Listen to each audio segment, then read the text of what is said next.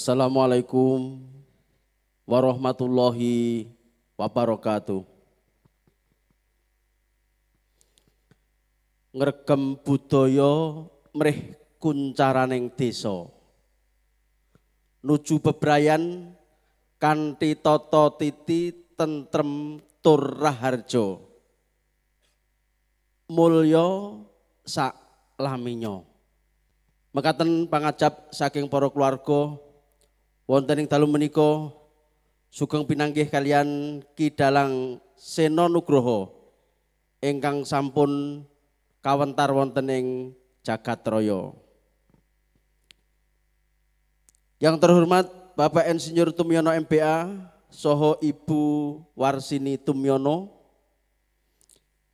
Yang kami hormati Bapak Soho Ibu Bupati Bu Sri Mulyani, Soho Bapak DPR RI Haji Sunarno SEM Hum, Bapak Ibu Kepala Desa Kawestoro kalau wonten Ibu DPR, Ibu Sri Murni, datang pun Pak Tristianto ingkang saking BUMN Jakarta, Poro Pandemen Budaya ingkang satuhu pantes sinudarsono. Datang kantun datang para kadang-kadang ingkang sami mirsani wonten ing sadengah papan ingkang satuhu bagya mulya winantu suka rahayu. Wonten ing pagelaran ringgit dalu menika kula badhe ngaturaken rantaman ing adicara derengipun kawiwitan ringgit purwa. Ingkang pisan nenggih Purwaka tumunten ngancik adicara kekalih atur sapala saking keluarga ing mangke nyuwun gunganipun dhateng panjenenganipun Bapak ingkang winantu pakurmatan nenggih Bapak Haji Sunarno SEM Hum. Parantene adicara ketiga nenggih penyerahan tokoh wayang ing mangke badhe kasarira dening panjenenganipun Bapak Haji Insinyur Tumyono MBA adalah ibu kaapet dening pun Bopo Haji Sunarno SEM Hum.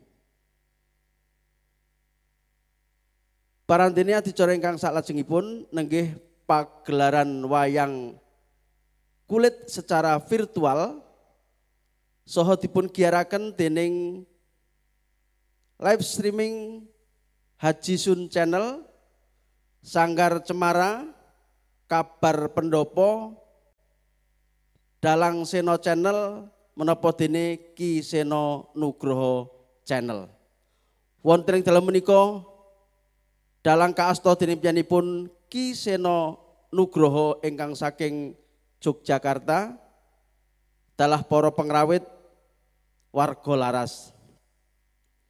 Mobil mekaten rantaman ngadicara jumbuh kalian swasana monggo wonten ing kalodhangan dalu menika. Sak sampunipun riwis-riwis Jawa ingkang nelesi dhateng Siti ing sadengah papan dadosaken papan menika ayen tentrem ngupaya tata titi tentrem kerta raharja tur monggo kita kanthi ngunjukaken puji miwah syukur wonten Allah sesarengan kalian kulo ingkang raso agama Islam kabuka kanthi lafal basmalah sesarengan. Bismillahirrahmanirrahim.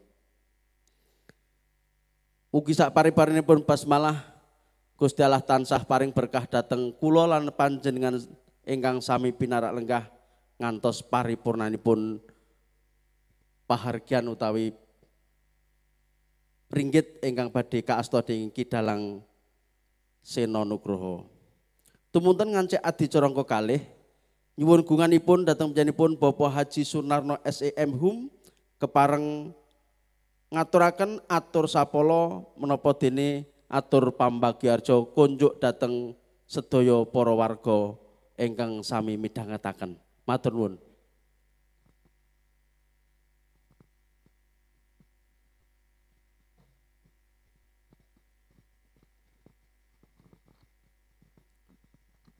Bismillahirrahmanirrahim. Assalamualaikum warahmatullahi wabarakatuh.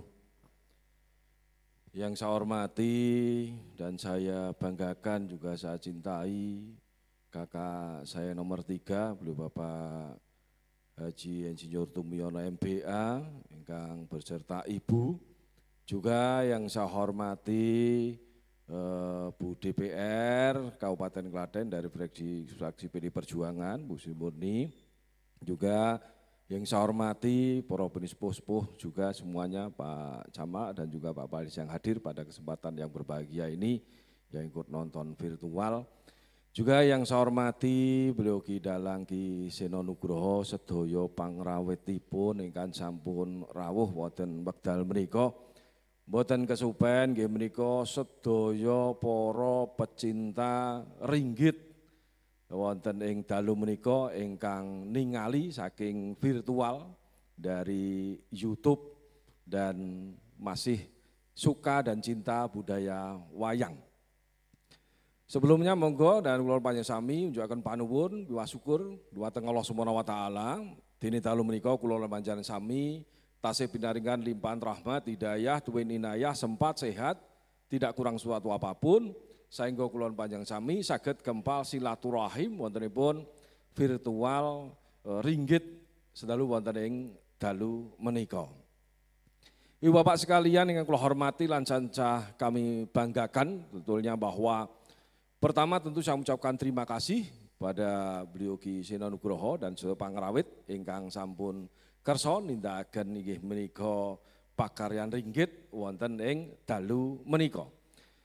Bilih bahwa Joglo Tumiono ini adalah bagian dari Widodo Makmur Group. Kebetulan Widodo Makmur Group pada saat ini, pada tahun ini, di bulan November ini, yang nantinya akan melaksanakan IPO, yaitu Initial Public Offering. Nah, menikah menopo, menikah akan melakukan IPO salah satu perusahaan, anak perusahaan dari Widodo Makmur. Namanya adalah Widodo Makmur Unggas yang akan dilaksanakan pada bulan November ini. Nah, IPO niku apa sih? Nopo sih? Jadi IPO meniko adalah salah satu pelaksanaan dalam rangka perusahaan untuk melaksanakan penjualan sahamnya untuk go public untuk bisa dimiliki oleh seluruh lapisan masyarakat. Nah, IPO ini menopo kenapa harus dilakukan? Nah, bahwa sebelum dilakukan IPO ini untuk perusahaan Widodo Makmur Unggas, Widodo Makmur Unggas ini yang memiliki sahamnya adalah Pak Dumyono, keluarga dan juga saudara semuanya. Nah, setelah nantinya dilaksanakan IPO ini pada bulan November yang akan datang, semua masyarakat secara umum bisa memiliki perusahaan, memiliki sahamnya Widodo Makmur Unggas. Pak kalau saya beli saham ini apakah aman atau tidak? Bahwa saham ini dijual itu adalah penjaminnya, ada penjaminnya, ada bank investasinya, dan juga ada pialangnya, ada perantaranya jadi secara legal aman dan aman sekali untuk berinvestasi mengatakan.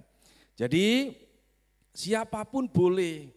Tapi apakah kami boleh Pak membeli semua sahamnya Widodo Makmur Unggas? Belum boleh. Kami melakukan penjualan tapi tidak semuanya boleh dimiliki. Widodo Makmur Unggas tetap masih memiliki bagian yang terbesar dari saham itu sendiri. Biarpun kita melakukan penjualan, tapi tidak semua harus dijual. Mengatakan. Untuk apa ini IPO ini? IPO ini adalah untuk memperkuat permodalan perusahaan. Investasi, kalau semua mau investasi, investasinya aman. Semua lapisan masyarakat boleh membeli, berhak untuk membeli, dan akan mudah untuk membelinya dan jaminannya jelas dari perusahaan investasi dari bank investasi dan juga lewat pialang. Pialang meniku perantara dari perusahaan yang melakukan penjualan sahamnya nanti. Monggo bahwa Widodo Makmur Group punya beberapa anak perusahaan. Salah satunya adalah Widodo Makmur Unggas menikah. Ibu Bapak sekalian yang saya hormati, yang sangat kami banggakan, Kang Kulo Tresna, Dilan Kulo Banggan, kebetulan kebenaran wekdal menika Kabupaten Klaten wonten pemilihan nggih menika pemilihan bupati ing Kabupaten Klaten. Alhamdulillah yang nomor satu dapat undian nomor pertama adalah istri saya, Ibu Haja Sri Mulyani dan Pak Yoga Hardaya. Beliau berdua diberikan rekomendasi dari PDI Perjuangan dan Partai Golkar. Ibu Haja Sri Mulyani adalah Ketua Partai PDI Perjuangan, Pak Yoga Hardoyo adalah Ketua Partai Golkar Kabupaten Klaten. Dan pada kesempatan hari ini kenapa pada waktu ini pada pemilihan ini Alhamdulillah Haja Sri Mulyani diberikan kepercayaan kembali, diberikan rekomendasi dari DPP PD Perjuangan oleh Ibu Megawati Soekarno Putri untuk melanjutkan pembangunan di Kabupaten Klaten tahun 2020 tahun 2024 yang insya Allah bahwa efektif nantinya kemungkinan ke depan itu sekitar eh, tiga tahunan mungkin kira-kira ke sana. Ibu Bapak sekalian yang saya hormati, yang saya banggakan, kenapa pembangunan ini harus dilanjutkan?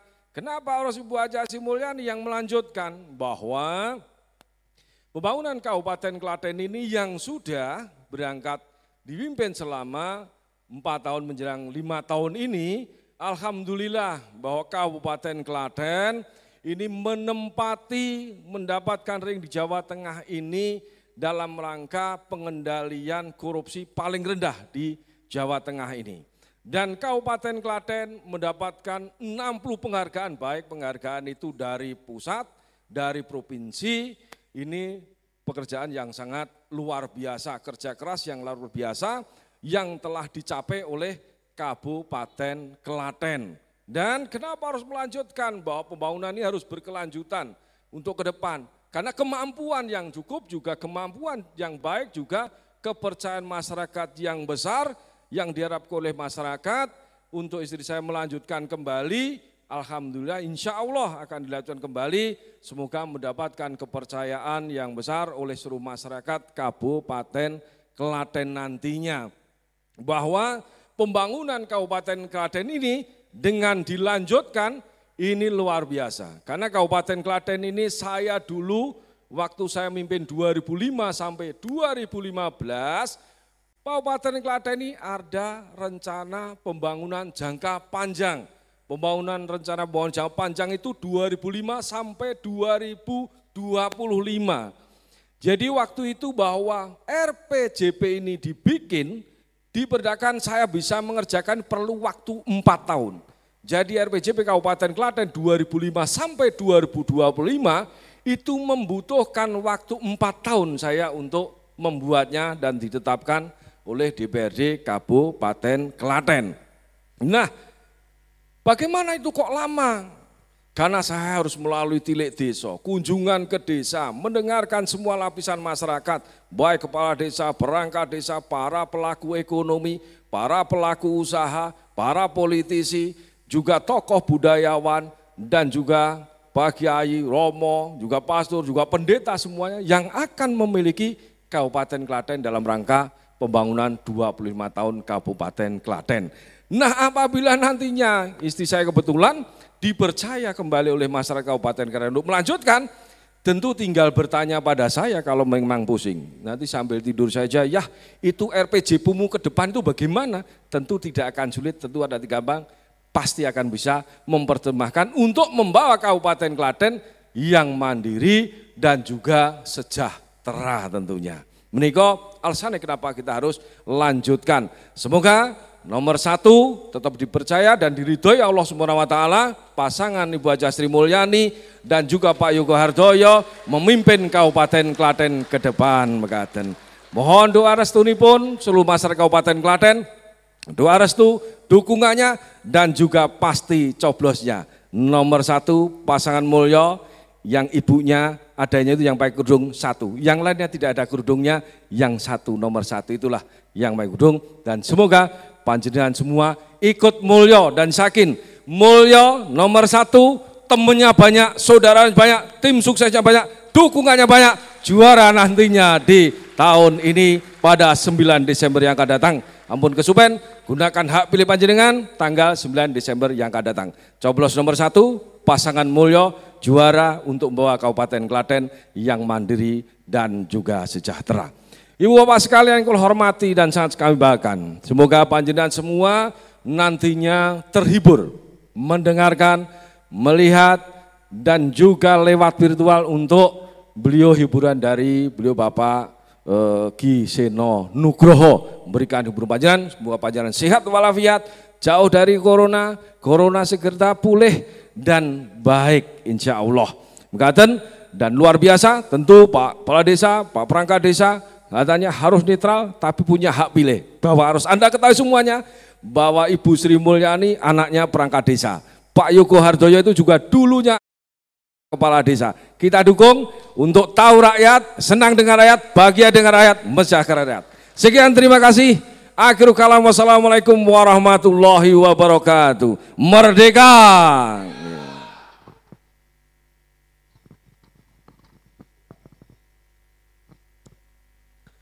Merdeka dan luar biasa. Apa yang disampaikan oleh Pak Sunarno, dasar beliaunya ini juga prestasinya luar biasa. Dulu saat menjadi bupati pertama, ini adalah menyandang gelar bupati termuda di Indonesia. Saat ini juga membuat pembangunan di Kabupaten Klaten sungguh luar biasa. Di antaranya Masjid Al-Aqsa, terminal Rumah Sakit Bagas Waras, dan disusul pendopo Tumiono yang megah ini adalah bagian dari perjuangan keluarga Widodo Makmur. Langsung kita menginjak pada acara yang keempat yaitu penyerahan tokoh wayang oleh Bapak Insinyur Haji Tumiono beserta Ibu didampingi oleh Bapak Haji Sunarno SEM Hum katur datang pun Ki Dalang Seno Nugroho.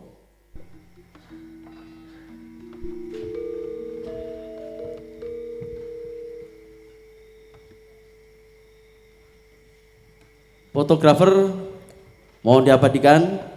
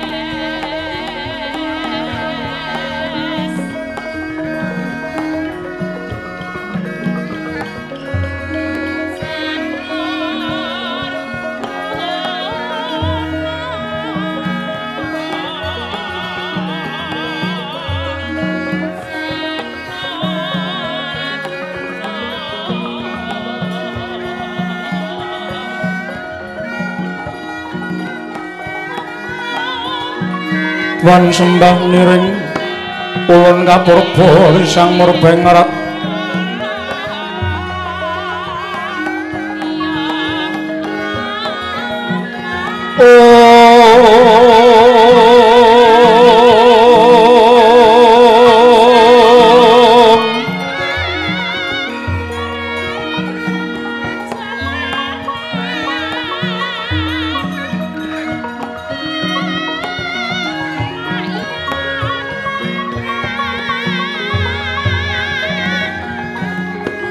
sahanan ingkang mringanan sing tasih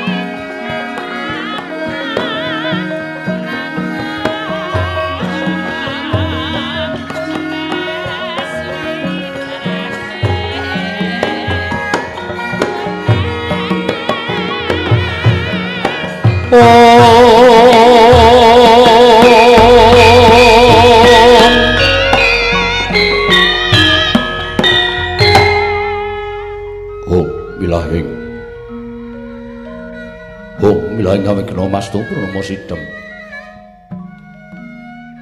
Awi kena mastu silat meriwang jagat karono silan tondo kawisisaning bisana. Sono sinawung langan kula pestu masih stantun lambang Buddha jinandur tutur. Kadelo tulat-tulat mrilap deng paradya pinursita apa memperam niskara karono giya tumyang jaman purwa. Pinardi tameng lalata mangke tekap pasraning Gowita. Tanpa nenggeng pralambang matumpa-tumpa marma panggeng panggung panggunggung. Sang murwengkata sebebyar dumadining wayang purwa. Barakaning kondhali narik rututing basa. Dongeng kuna ngemusrasa ninarasaya karaos. Mula jaira hang rasa wani mruhing diri rasa rumangsa rumangsani lir jalma ngilu kaca. Jarweh wis rinakuk caing carita lebece wis gemelar jroning pagliran. Yaiku sejati namriksani pagelaran ringgit purwa. Surya Candra Darumyang Kartika pinurba kodrating kawasa. Sarira triyangi dri bawana purwa tekeng duksina gilir kemanti. Temanda dipetanganing dina sasi warsi windu kang sarta abad. Tetukulan tangkar temangkar kaya sirambun kaya jawapating krembya. Dado padanging kutu-kutu walang atoga buron wonom yang buron toyo dado branaan tanpa wicalan. Padang terawangan nari sang Hyang Rawi ingkang arsa merbawani jagat. Mungging jagat witan mungup-mungup mungging haraning wirabang mrengangah lamun kaeksi yayahan dilat dilato bumi saya dangu saya dangu semono sang Hyang Arka. Kados mlebrak kanan kiri ngabang ismu jenar kaperbawan nari sang Hyang Basanta. Taneng duwe katon ijo royo-royo hamangku gunung ingkang biru moyo-moyo. Pucuking gunung ki nemu lan gendanu kasiring prabancana lenggat lenggut nganti kaya gunung makuta mega. Dan watawis dangu selaing kawula dasi. Dene rarsang upaya buga garap tegal sawahi. Anglur selur tanah pedote sinambi sesendonan sesindenan mikul garulukune hanggiring raja kayane sawen ana pirembagan sama ruwange Sang Hyang Arka saya dangu saya inggil kados nari jagat wis katon melok dening ing kiblat papat lor kidul wetan kulon. Senari jagat kang samrebut biyada rebut teja rebut kekuwung parandene datan ana ing madani kekuwunging praja ing Astina. Ya ing Gajahaya ya ing Liman Benawi ya ing Kuru Janggala.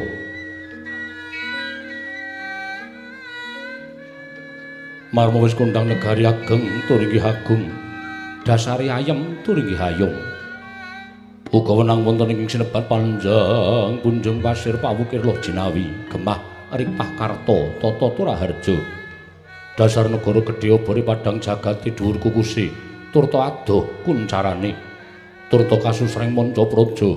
Lah sinenta wau? Ing asta pisaran ing adil praja ing astina menanggina sapna dosa namaning sang nata dosaraning 10 nama mesmestani jejuluk sanata prabu duryudana. Ya Prabu Suyudana ya Sang Dastras Tatmaja. Ya Sang Gendhari Suta ya Sang Jaka Pitana ya Jaya Pitana ya Sang Tripamangsah ya Sang Kurawendra Nyata lamun Indra guna ing apuna tan ngendhak gunaning jalma luhur datan kulung kliandhapan kasoring sesami yen to ginunging jajan luhuring keprabon sadalem mangke tenan pedhote pinunggal kang kawicarita. Risa juga sanata kepara mesti tinggil binaturata lenggah dampar. Kang pinalipiting kencana pinatik sesotya ana werna lelemek babut permadani. Sinebaran sari sari kumas nunda bisa cepat kasturi. Denayap sanggaring para byada manggung ketanggung Joko Paloro ingkang samya ngampil upacaraning keprabon. Banyak dalang sawunggaling kacuwas dipanggo kang sami rukma. Ginebutan aring manyura kanan kiring kongas gandaring sanata pindha prayangan blabar dumeging pangurakan. Tembene kang kuning sifat kamanungsane. Panjaya Sang Hyang Bathara Kuwira diwaning kesugihan angin Jawanta. Bebanggeng kang pasibaning Purwadjabala, para nayaka miwah para kawula. Mbegambir blabar Yayah Samudra datan tepi ya mantri muka palsaning praja.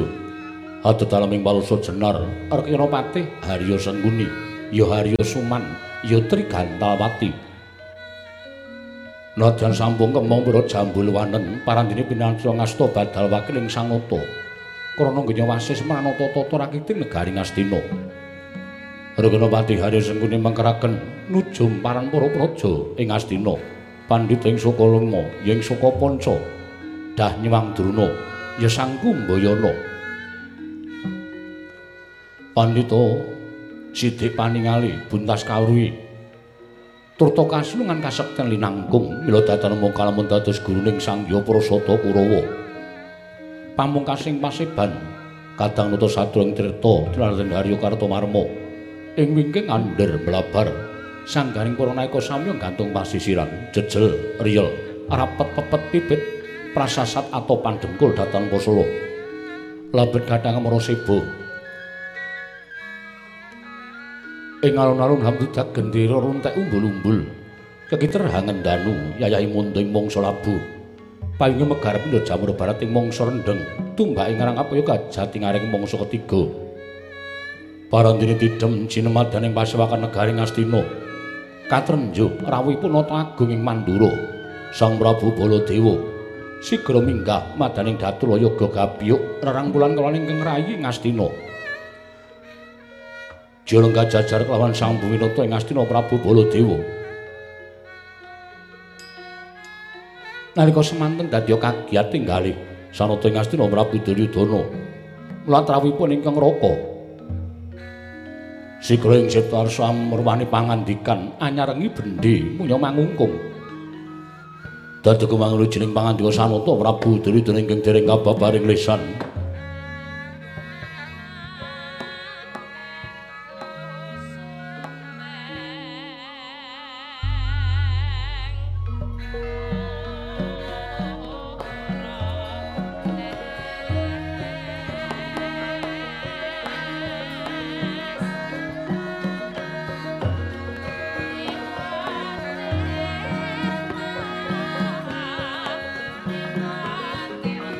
Sring Astina Maha Prabu Duryudana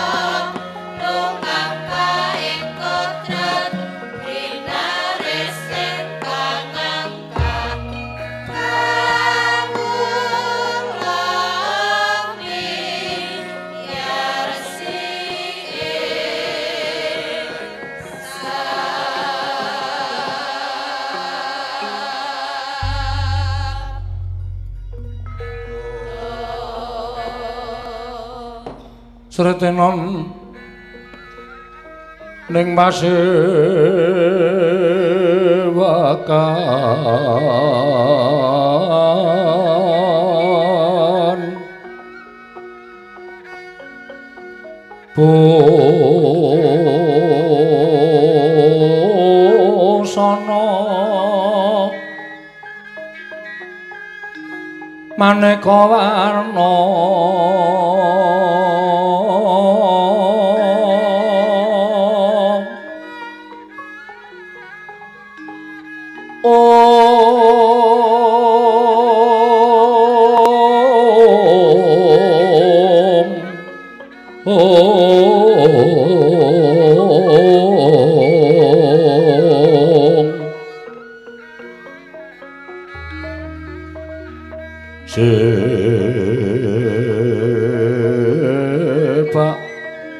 Puspiten udana?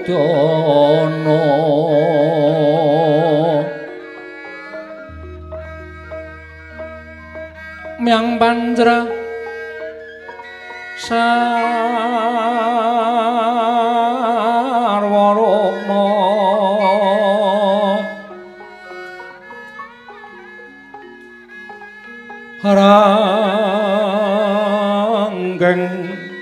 manik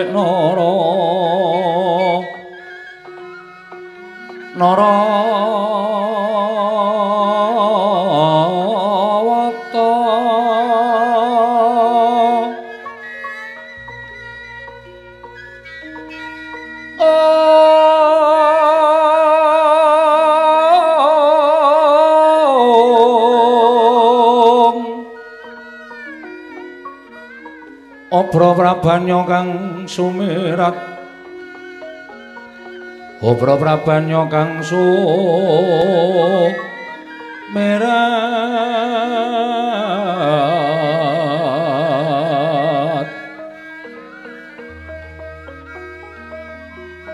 Kenyaring tejo laliwaran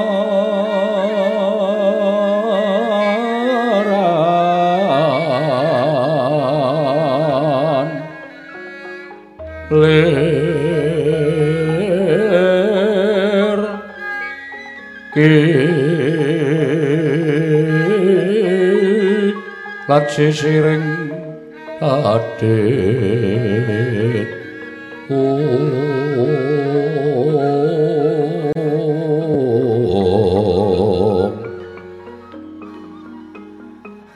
Wimbo kekanda mrek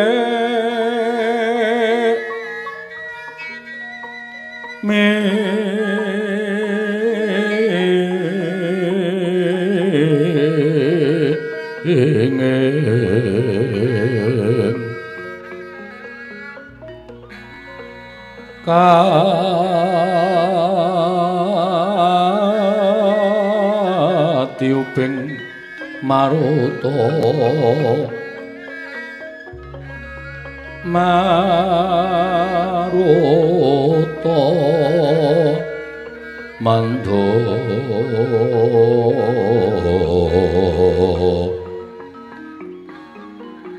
Om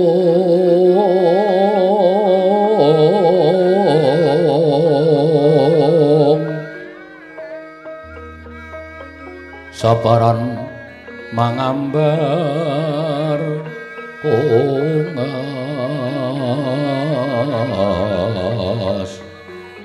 Om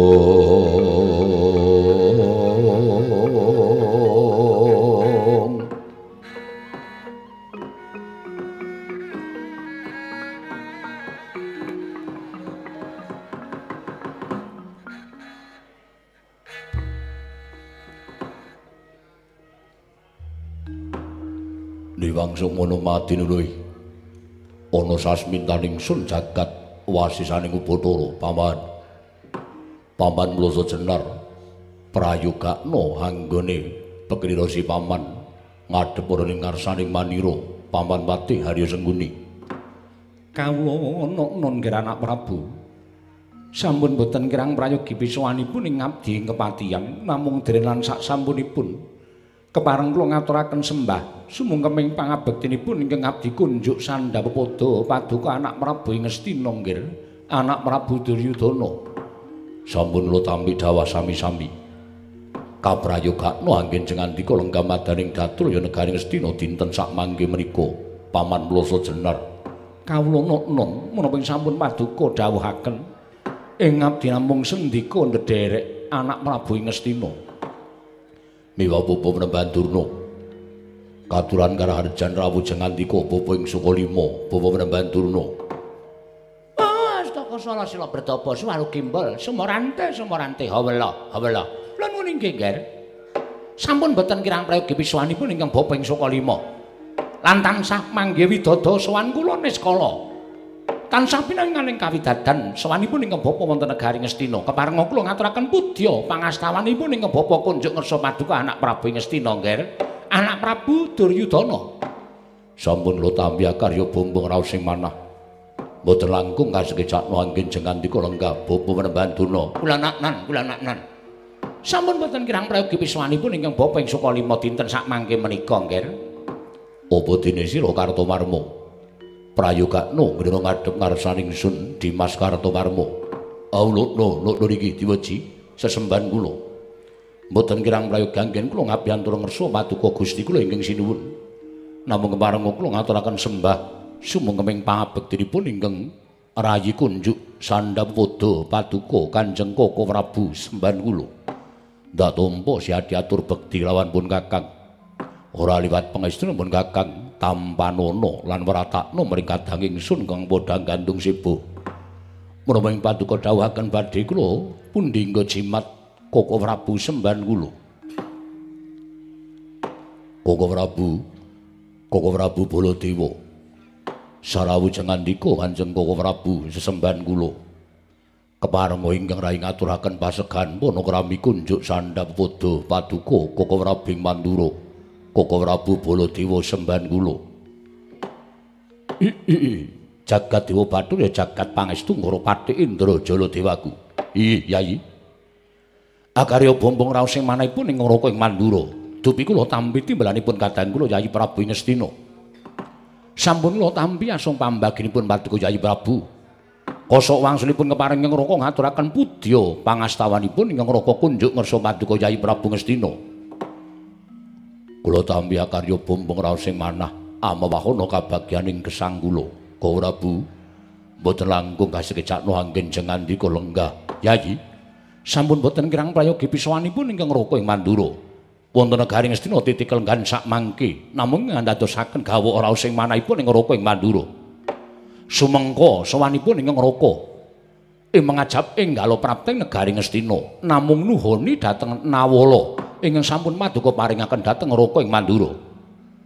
Yayi, dinten samangke Raka sampun kepareng sowan wonten negari Ngastina. Ujuping manahipun ing Raka namung cemadhong dawuh timbalanipun Paduka Yayi Prabu wonten wigatos menapa? Dene Paduka amboyongi dhateng sowanipun ing Raka ing Mandura. Kepareng wamedharone dhateng Raka ing Mandura kula dya ngangulungaken jangga nilingaken karna mastuti dawuh timbalanipun Yayi Prabu Ngastina. Yayi Prabu Duryudana hanjrah ingkang puspita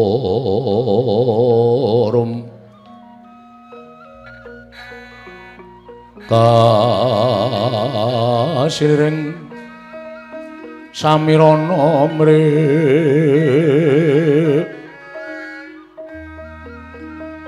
ong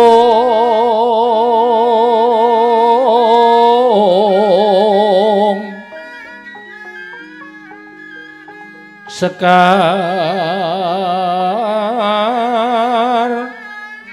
kadung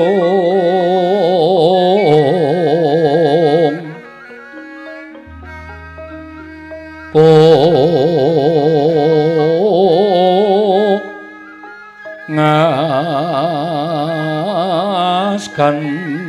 danyo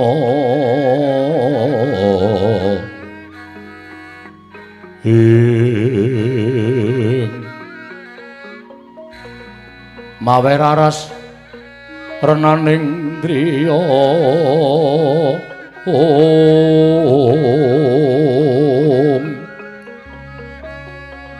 om om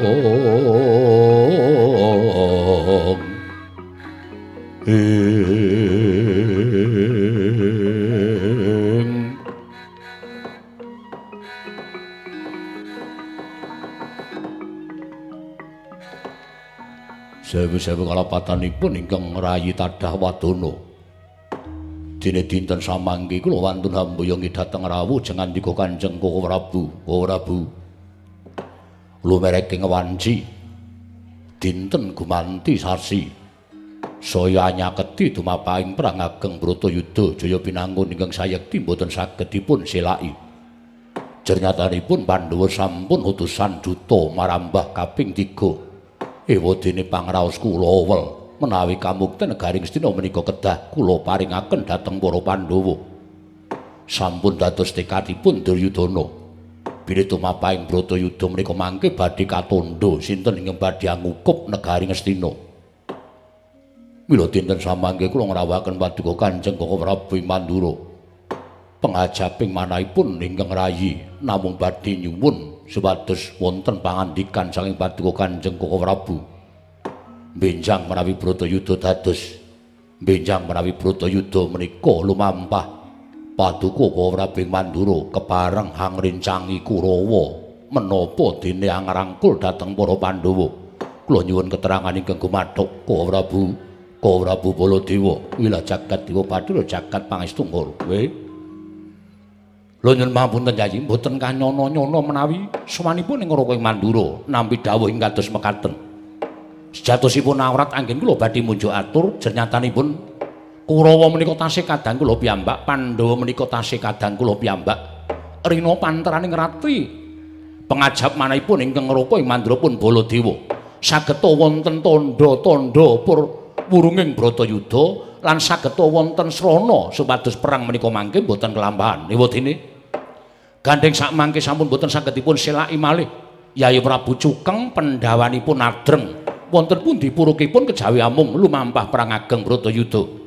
Mila ingkang saking menika kula nyuwun dawuh saking paduka Kanjeng Koko Prabu. Supados angantep-antepi dhateng manahipun ingkang Rayi Ngastina pun Duryudana. Kula nyuwun kanthi sanget dawuh paduka sak mangke keparenga paring dawuh benjang Bratayuda. Koko Prabu Baladewa mbelani dhateng Kurawa menapa dene menapa Pandhawa. Yai. Kula nyuwun pamunten menawi dinten sak mangke menika kula dereng saged matur. Kula dereng saged matur. Kula nyuwun pamunten nggih. Kersanipun anak Prabu Ngastina menika wonten dawuhipun anak Prabu Mandura. Krana menapa kula pitados. Nadyan wantun dikados menapa tiyang badhe nglampahi perang menika tertentu wonten raos was-wastuin sumelang. Kinarya ngantep-antepi dhateng penggalipun anak Prabu Ngastina kepareng anak Prabu Baladewa kula aturi paring dawuh. Minjang tumapaing Bratayuda menika jengandika anak Prabu Mandura menika mbelani dhateng sinten?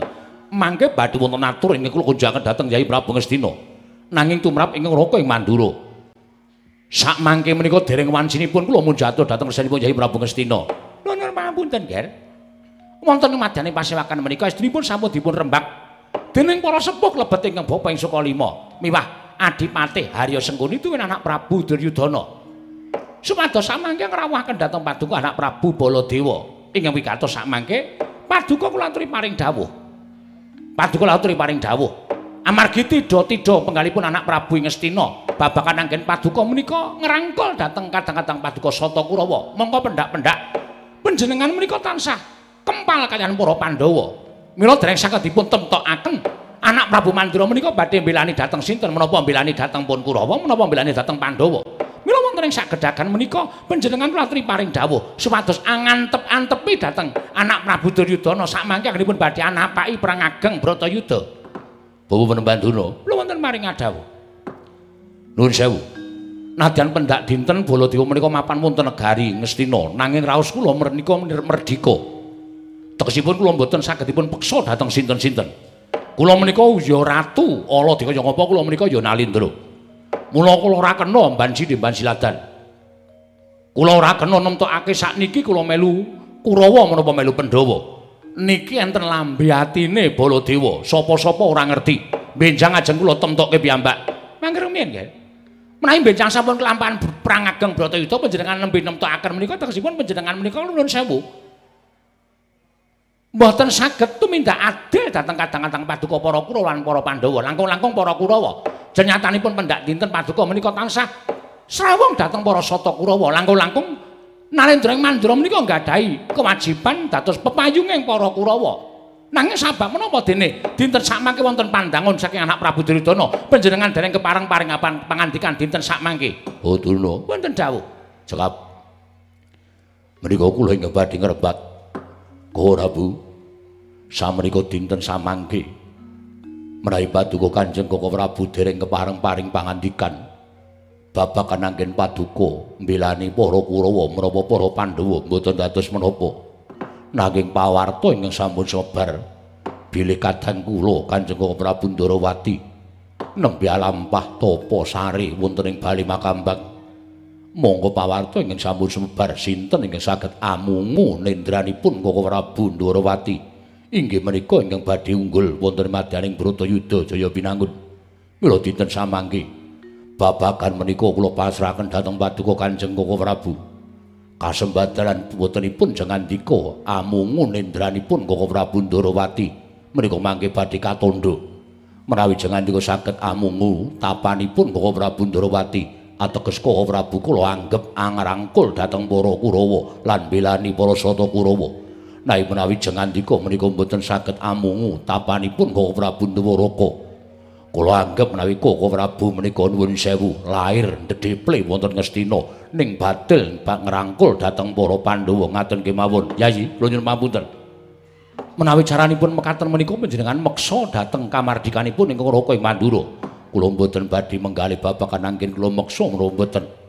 Namung sagah menapa mboten menawi mboten sagah kula temtokaken saiki cetha. Nek Koko Prabu Mandura menika mboten tresna dhateng para Sata Kurawa Koko Prabu Mandura menika langkung tresna dhateng para Pandhawa.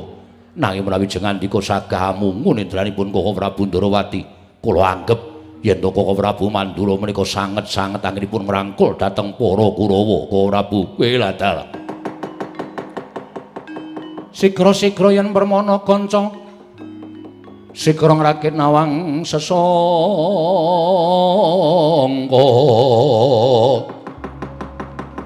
Om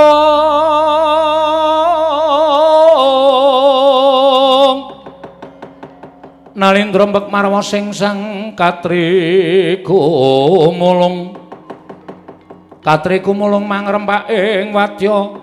Ong ong Kurda kura reka kiri kiri. Ro nanggono magawe gelari rawang wang ong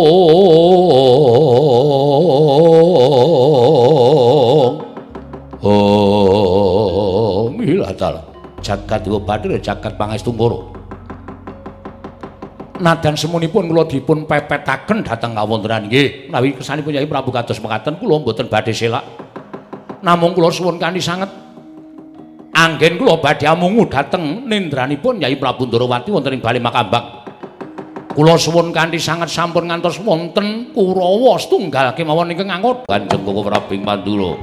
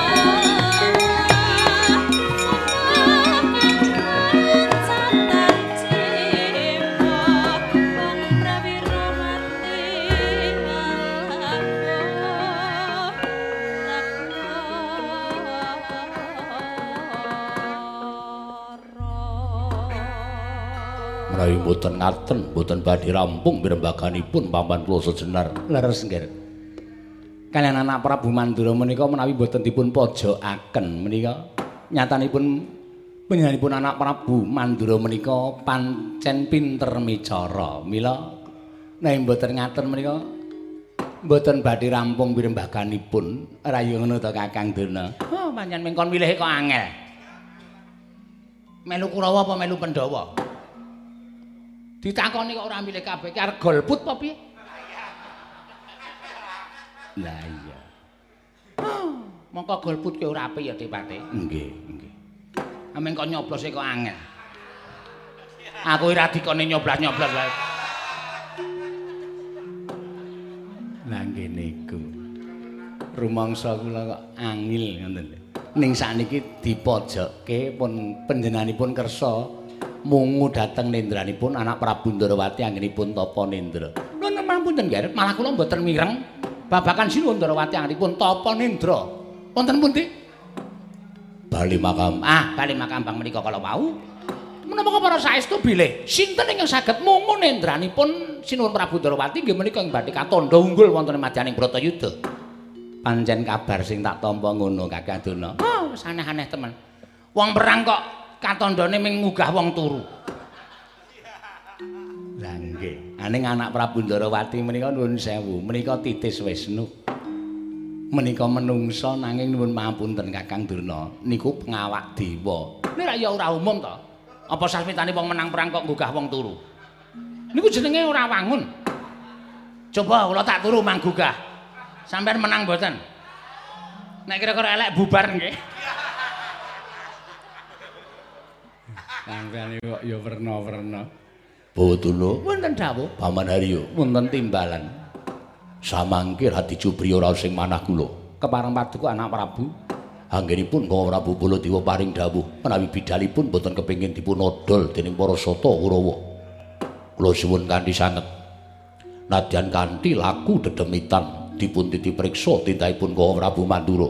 Inggih menawi mangke saestu badhe mungun indranipun Kang Prabu Mandura. Utawi Koko Prabu Ndarawati nanging menawi piyambakipun boten ngleksanakaken menawi dados dawuhipun ingkang putra ing Astina. Cetha menawi Koko Prabu Baladewa menika saestu boten tresna dhateng para sata Kurawa kepareng ambidalaken kadang paduka sata Kurawa kula semanggaken Boduna wonten dawuh Ger?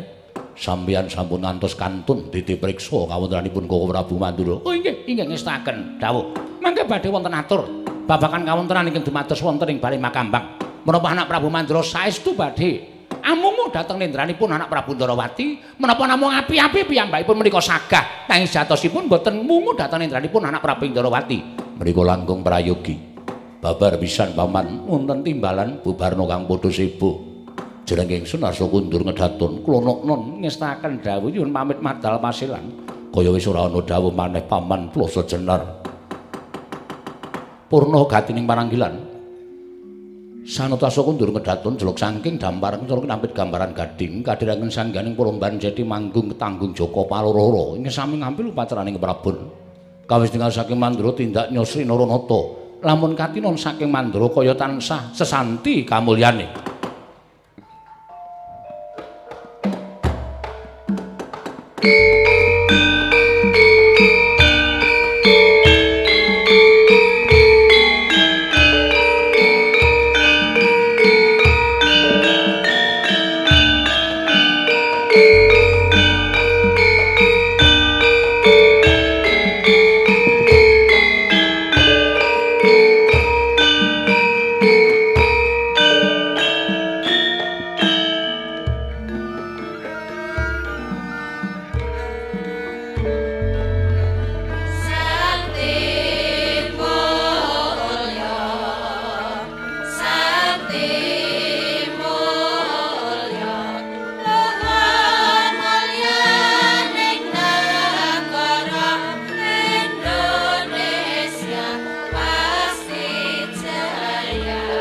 哦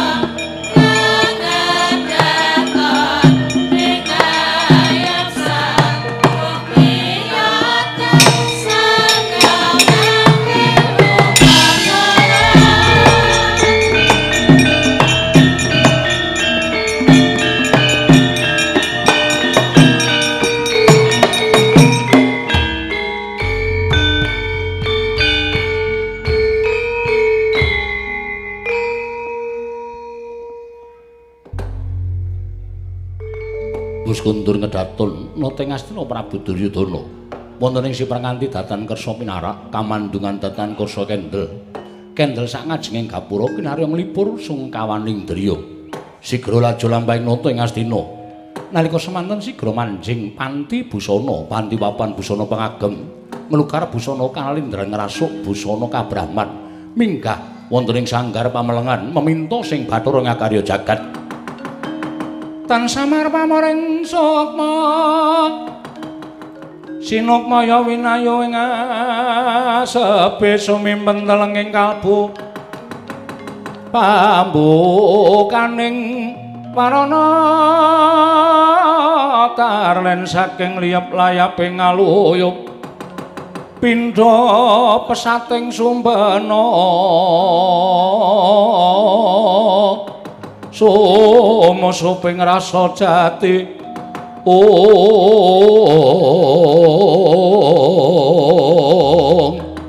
ong kyo mesem ana teng astina Prabu Duryudana. Sabirata genging dupa uda kawis sak ndasing dewi panggo tegese sak sirahing gajah. Den besemuk salmangsul parandiring mangke datan saged murup malah ludes. Bramanta inggalih nata ing Astina Prabu Duryudana anglo kadupak pecah mau dadi sak jlambrah. Sinigek ing pan wonten lenging sanggar pelanggatan.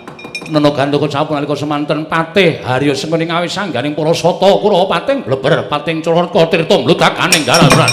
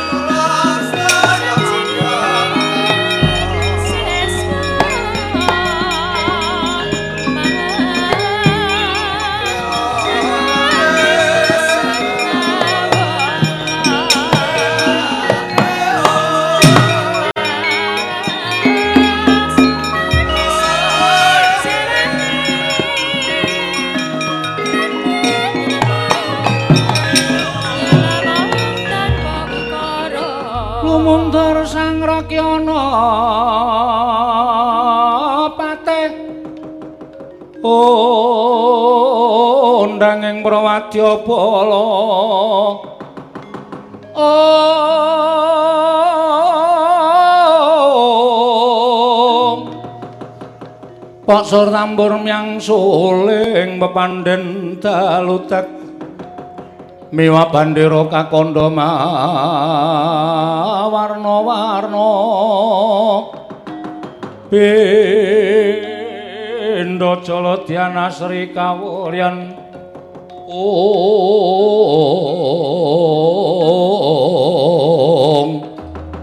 ong au au au au Maningkem putra Banjar Jungut pundur sasana cemadung dawuh. Ripun kabare? Sampeyan ngawi sangganing para sata Kurawa wonten ing pagelaran Jawi Negari Ngastina. Ingkang putra pundur sasana nyadung dawuh. Werta werti, werta werti. Manseng kunar metu nglatar numpak dukar kula Dursasana nungsung kabar. Mansengkuni werti medal Jawi numpak pitmini kula Dursasana nungsung pawarti. Werta werti man. Kang putra pundur sasana ngaturaken Hermina kata. Hermina kata iki tegese apa? Nun, Hermina kata iki tegese apa? Her menika toya mina ulam kata galak. Sak galak-galake ulam kesrambaing toya tesih galak atur kula man. Nyadong dawuh man ampun klecam-klecem mendel mawon. Pamanadyan putra pun Kartomarma. Kula cemadung dawuh kula ngaturaken sarpa mandalika. Sarpa mandalika, sarpa menika ula manda mandilika upas. Sak mandi-mandi upasing teksaka tesih mandi atur kula, marnadyan kula pun surtayu cemadung dawuh. Kula ngaturaken gandarwa mangsa jalma. Gandarwa menika buta mangsa menika mangan jalma menika menungsa. Sak galak-galake buta mangan menungsa tesih galak atur kula. Man. Saiman. Kula man, kuku kula ngaturaken Tirta Candaka. Tirta Candaka, Tirta Candaka, Tirta niku banyu caca-caca. Caca Maria Candaka. Candaka niku kodhok. Kados Paman Harya Sengkuni kaya kodhok. Jengkulmu melacat. Karo makne cilik kok semborona. Lah lah, Bat. Ya jadi ke putra bedil begati semata rugi kula cuma jauh kan. Ada apa? Paman Sekudi mengumpulkan segala para sata kurawa. Kepala ke putra cuma jauh Paman Alio, Paman Alio pun kendel bangun Paman. Dirsasana. Kula. Kowe ngerti ora pirembugan dina iki mau ngrembug apa? Ora ditebih nggen kula sowan.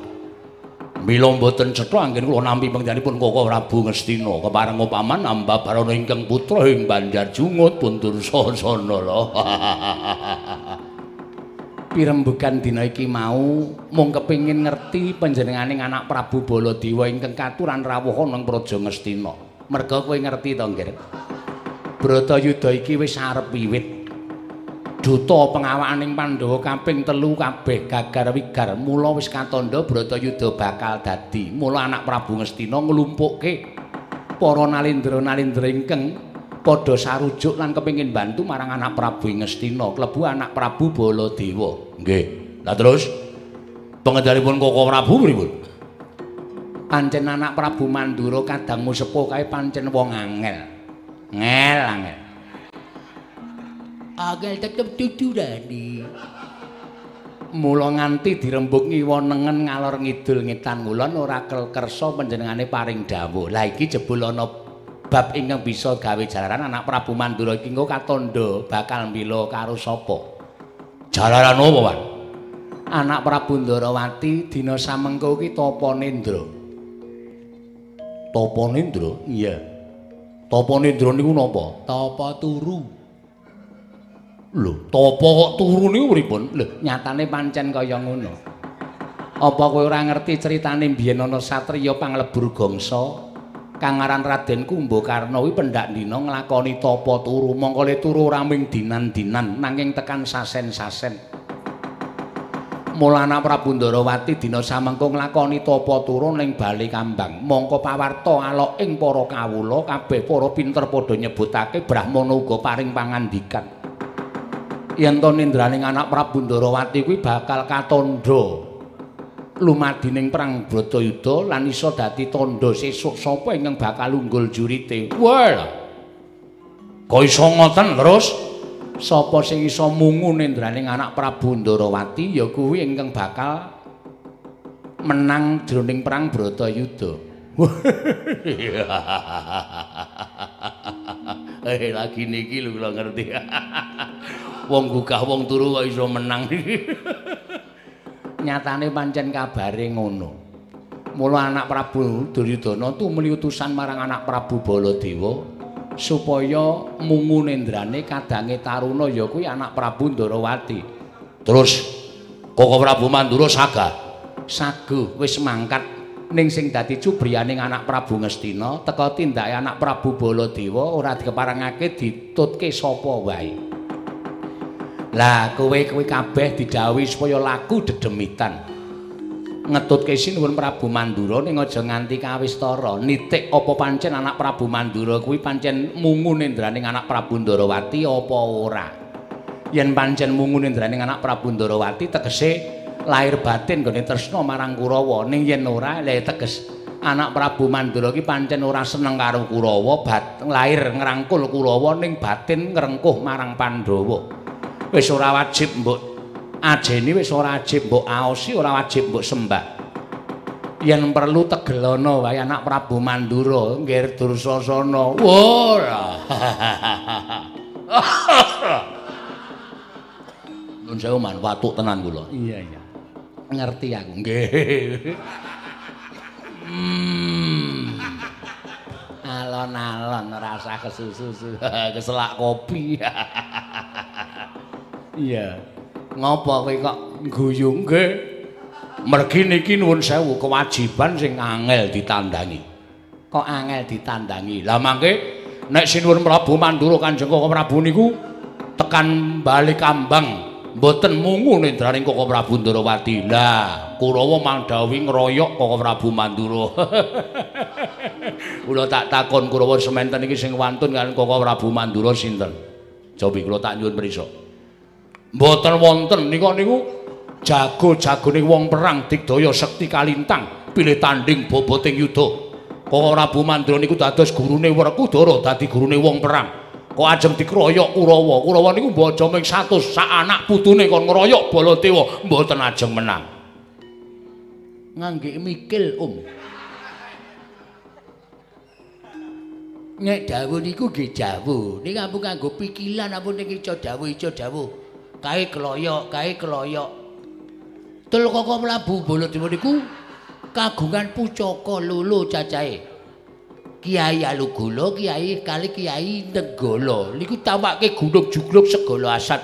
Kulawa niku lasakati dicelolok kanggo Negala, diatungi Negala wae kejek-kejek. Kok aja keloyok kok mlabu Mandula niku nalal sampean pripun? Sampeyan saya tuwa, saya tuwa, saya goblok. Ora tau mikil. Meh wato dawuh wato dawuh. Niki pun ajeng pelak Bratayuda lho Mas sik lodo pintel sithik. Pate kok petuk. Pate apa kuwi nggih man kedadipun penggalih. Nggih maman kedadipun penggalih. Sinten ingkang badhe wantun kan Koko Prabu Mandura? Man! Man! Iki. Yang ngre usul ming marai mumet sirah. Ning gandeng kowe iki Kurawa ya tak keparengake usul. Piye nenek-nenek. Cara kula. Heeh niku kok Prabu? Mama ma Mandura. Mandura? Nini niku mungkin nek pancen orang gugah Koko Prabu Ndarawati le tet tet tet tet tet. Topo. Topo nendra niku nenek pancen Kurawa mboten nonton sing wani nrajang kridaning Koko Prabu Mandura mang mang mang pasrahke Citarum anu Citraksi, Mas. Kowe wani po? Kukula niku wis dadi prajurit. Prajurit niku wis disumpah aja wedi kakak karo sapa-sapa tur kudu ngestokke dawuh ratu. Nenek-nenek dawuh ratu niku wis peparing dawuh kudu iso mbondo Koko Prabu Mamandura nek pancen Koko Prabu mboten gugah indranipun Koko Prabu Ndrawati nek pancen kakang-kakang Mas Dursasana Kakang Mas Kartomarma, Dur-durma Gati lan kabeh para Satakrawa ora ana sing wawani nyekel Koko Prabu Mandura, apike kula duwe ide. Kowe duwe ide apa? Koko Prabu Mandura kan nyekel polisi.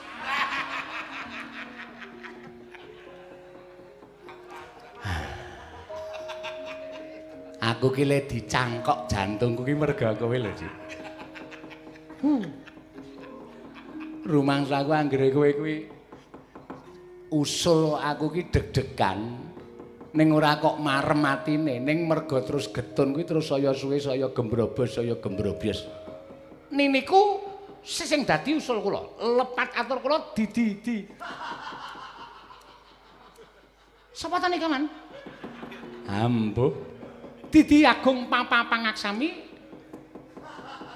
Cecet cecak. Cekap. Cecekap semanten. A a a. Ayo ayo ayo. A atur kula. Ning wonten lepat nyuwun papa. Panu kadas kurap gatak jan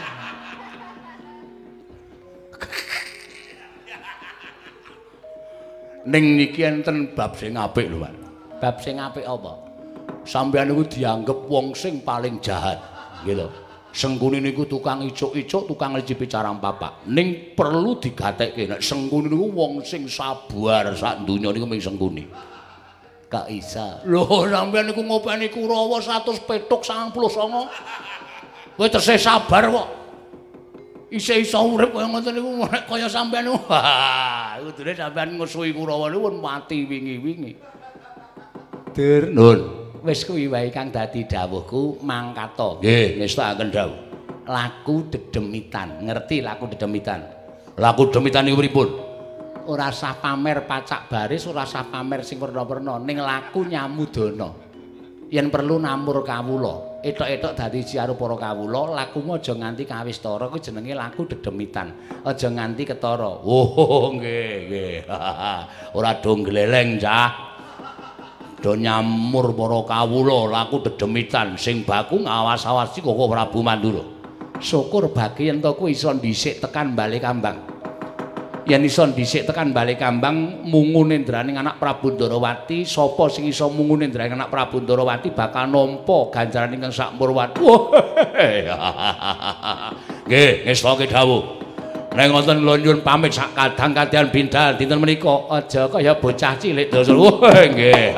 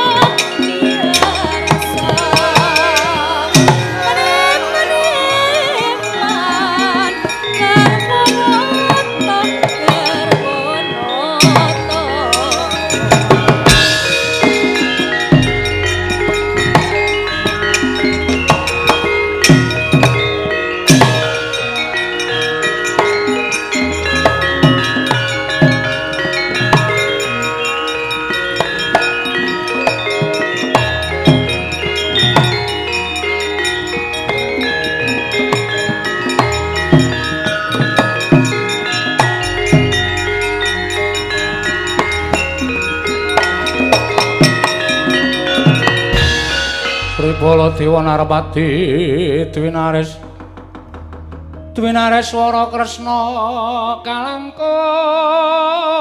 tresnanira marang Dyabanon Ong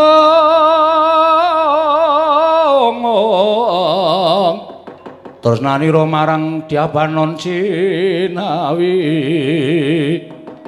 Oh, jagat Dewa Bathara jagat pangestu ngono lah ora kanthi kanyono-nyono jebul sowanku marang Praja Ngastina malah nampa kewajiban ingkang abot nganti ditanting dening Kyai Prabu Ngastina. Besok Bratayuda Baladewa melu ngendi? Monggo durung ana anteping pikirku nggonku bakal mbelani Kurawa lan Pandhawa isih ana pangarep-arep ana sawijining kedadian ingkang bisa dadi jalaran Bratayuda wurung. Merga yen nganti kedadian Bratayuda kuwi bakal dadi Baladewa bakal nyumurupi muncrating saka kadang-kadangku dhewe. Eh, Yai Prabu Ndarawati. Yai Kresna, aja kaget aku ingkang sowan ning bali kambang. Yai wungu saka Nendra pun Kakang Mandra ingkang sowan ning bali kambang. Yai Prabu Ndarawati.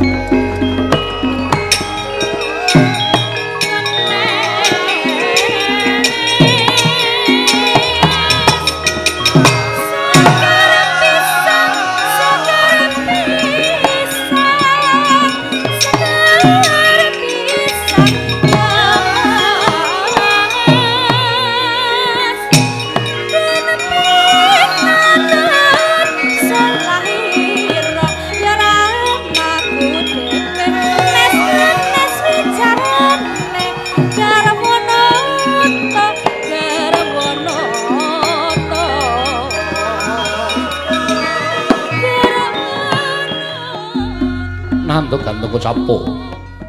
Datan winosin ada lumampah. Neno kawusa ing mapan. Wonten ing sak jawining bali kambang. Senopati Ndorowati satuning garbur Raden Setyaki.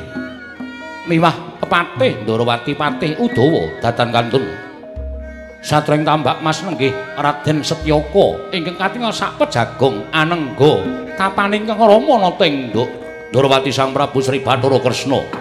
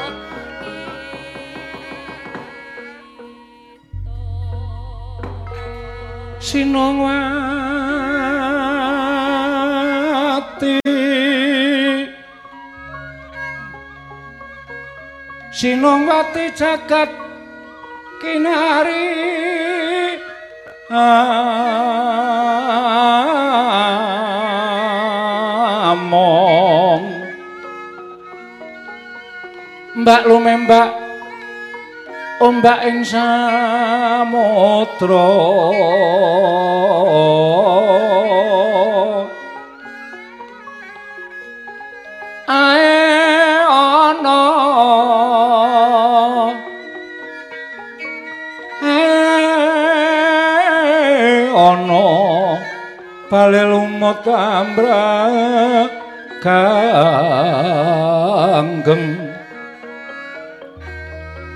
awito deden ceng den cengan oh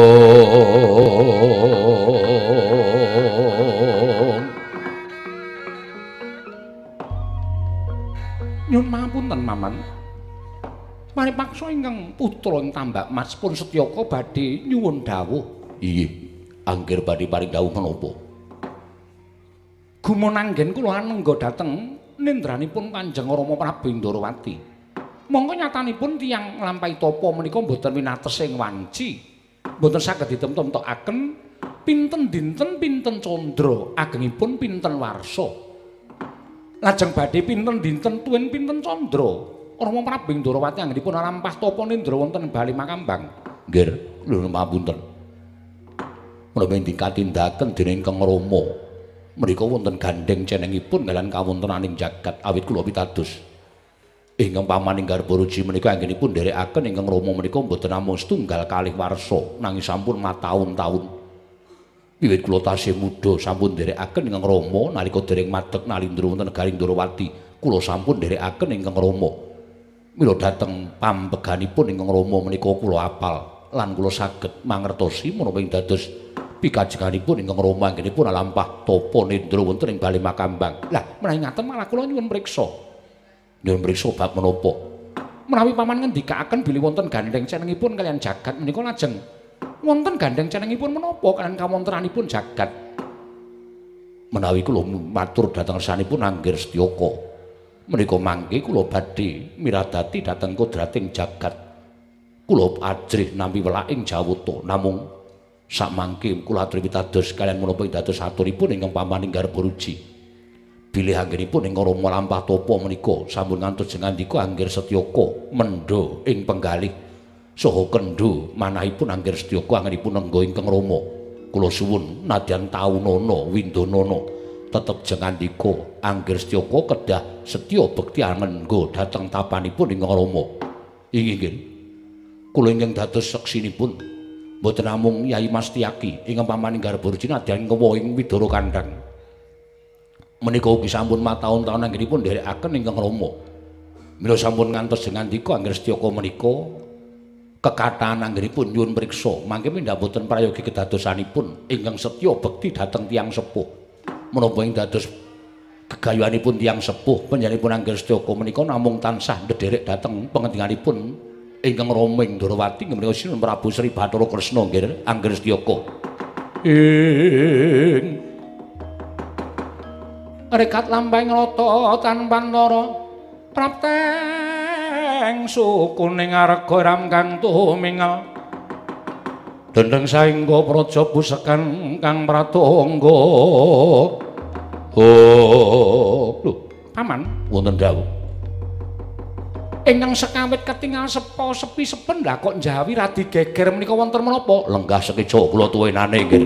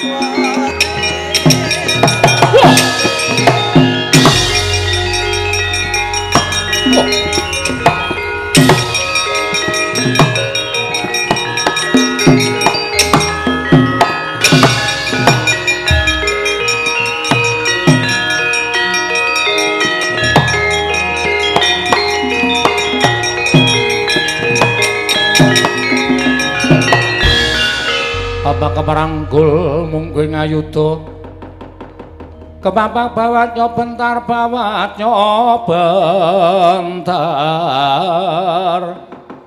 oh ngong Kepapangnya mung kowe ngaloka, mung kowe ngaloka. Oh, wah. Tak kira yen ora ana sing nunggu jebul ditunggu karo Setyaki. Dasar para nyata iki ora pangling Surtayu. Ya. Barisan Kurawa nyaketi bali kambang papan anggone Koko Prabu Ndarawati bak nglakoni tapa nendra ana ing bali kambang. Wigatine apa? Setyaki ana barat. Umbyake akeh padha nyebutake sarta padha rasanan.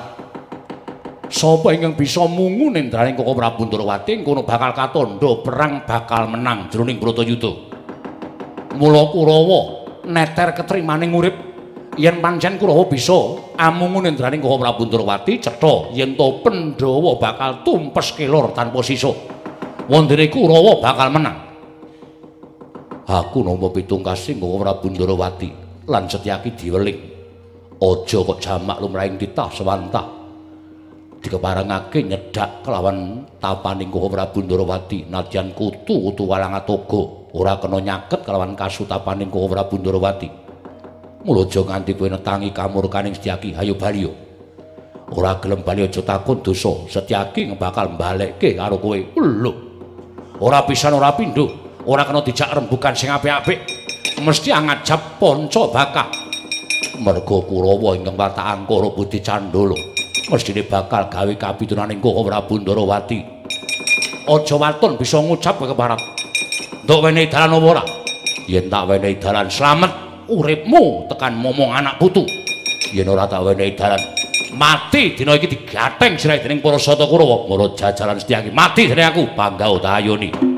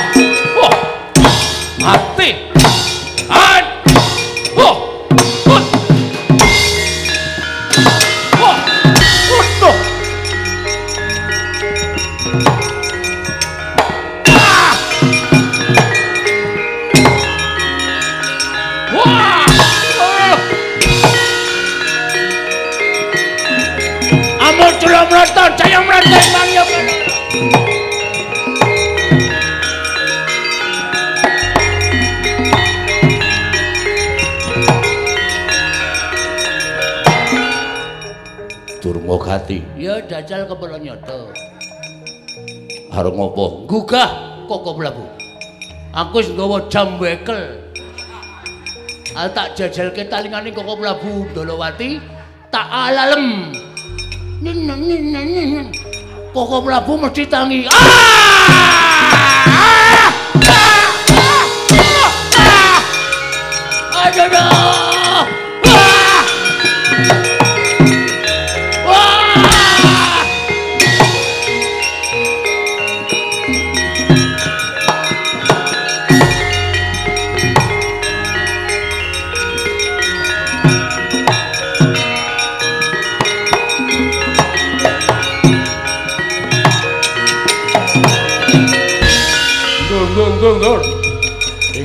Mundur, mundur, Kurawa ndelik, ndelik, mundur, mundur. Wah. Man geger, man. Geger piye? Kurawa bubar maut bali kambang ditenggo kali Setyaki kali Udawa. Kali Setyaka. Kurawa konangan lakune kalian Setyaki diajar kabeh. Saniki bubar maut mboten kanten-kantenan kula semanggaken. Setyaki ngamuk tenan,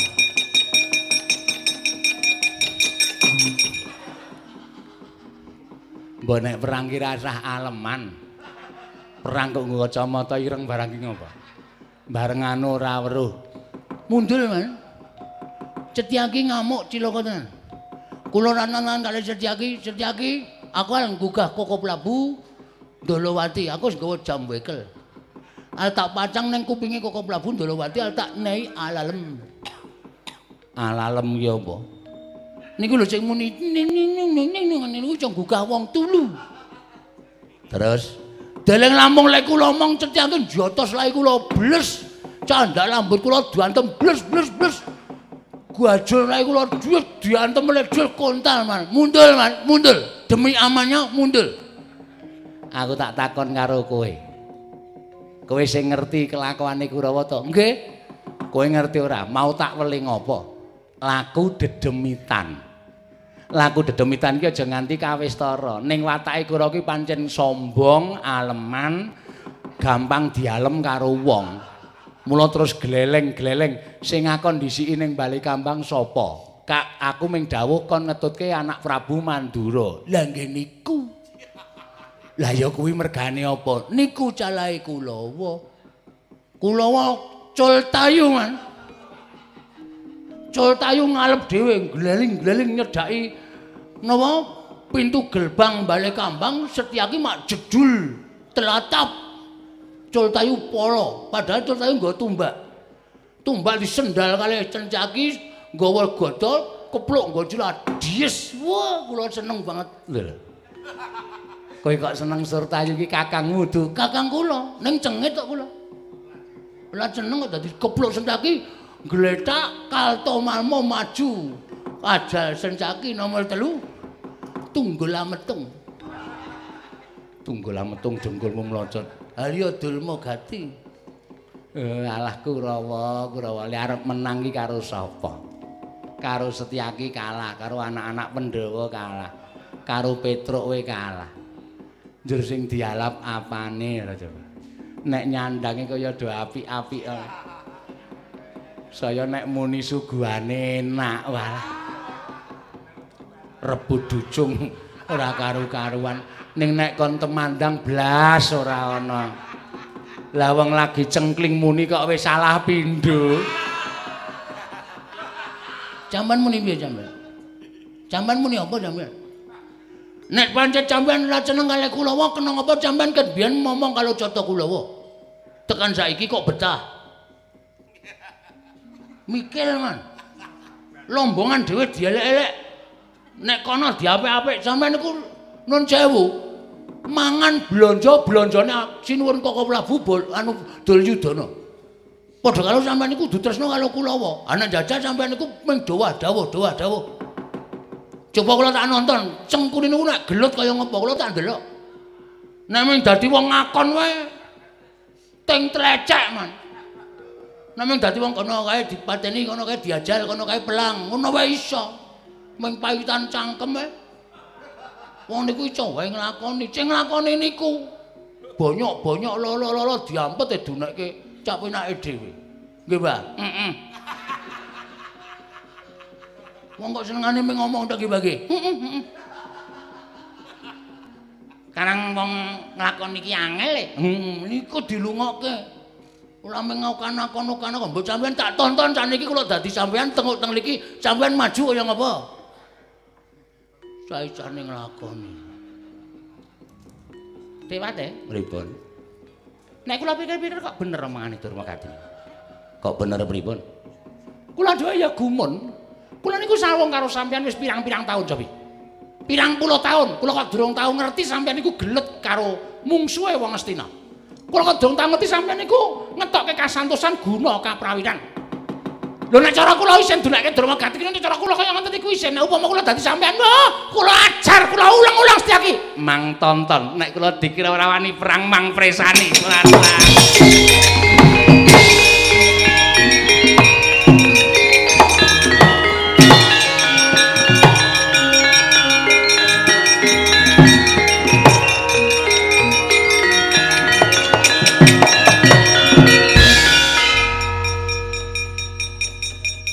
Paman kula sejenar. Heeh. Mrene arep ngopo? Kok ora basa? Mungsuh kok basa. Arjotosan kok basa iku ora dadi. Oh iya iya. Ning aku tekan kene ora arep jatasan kok sen. Lah arep ngopo? Aku yang njaluk tulung. Njaluk tulung ngopo? Aku iki mau dunek-unekke karo Durna karo Durmagati. Monggo aku ki patih. Patih ki wong nomor loro nang Ngastina kok ming dicangkem-cangkemke. Digoblok-goblokke.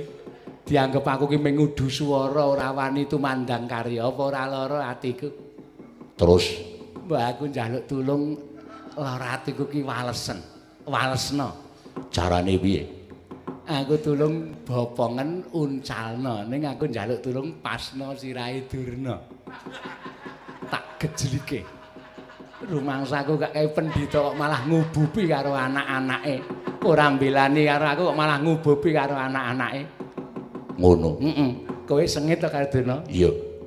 Kowe benci to karo Durna? Iya. Ah, iki uga nasrana nggonku bakal gawe mareming atimu.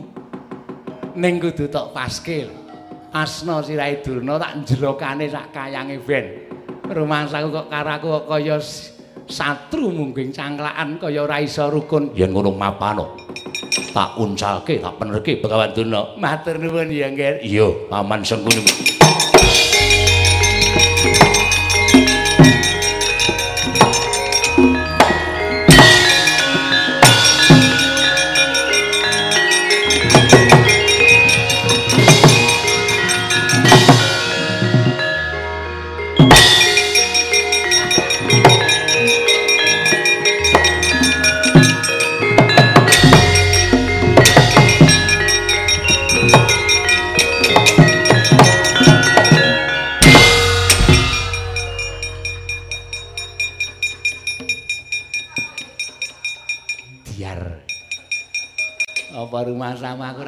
Balas karo Lorati.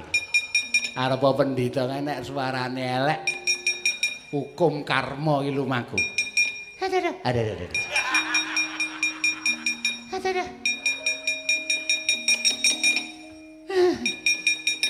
Ah. Ah, lole. Cek mate. Nggih. Pun perang. Empun. Ketemu karo sinten? Ketemu karo Sencaki. Sencaki kula tantang dheweke tanpa wangsulan ngantem kula dies. Dheweke ajeng ngantem tak saut tangane kula antem tangan kiwa diek kena nggon dada. Sencaki ngletak mboten. Candak sirah kula diantem oleh jil kula ngletak candak duncalke. Nuwun sewu, kula wis batin tiba ning Padasuri kok tiba kok mak kleduk penak. muji syukur. Ngersane Gusti. Dene sampean dawah wonten cengel kula. Napa nggih? Nggih, nggih, estu. Ning mboten napa-napa gandeng sampean niku kanca kula nek tiba nang tempat dasar sampean mesti remuk. Nggih. Padha kula karo kula nyametke kalih sampean. Nggih, nggih. Ning kula lara ati karo Setyaki. Mergane perang karo Sengkuni kok njata Sengkuni tibane iso pas kula.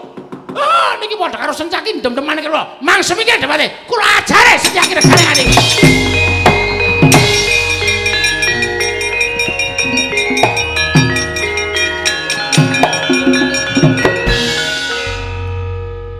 Kaya ora penak to ati. Aku ngerti pakarti ning Begawan Durna ya. Sajake tipuku ketahuan. Yes, anggringku kon nguncake Setyaki tiba ning sirahku wak kapak gegere dies es mbuh tadi.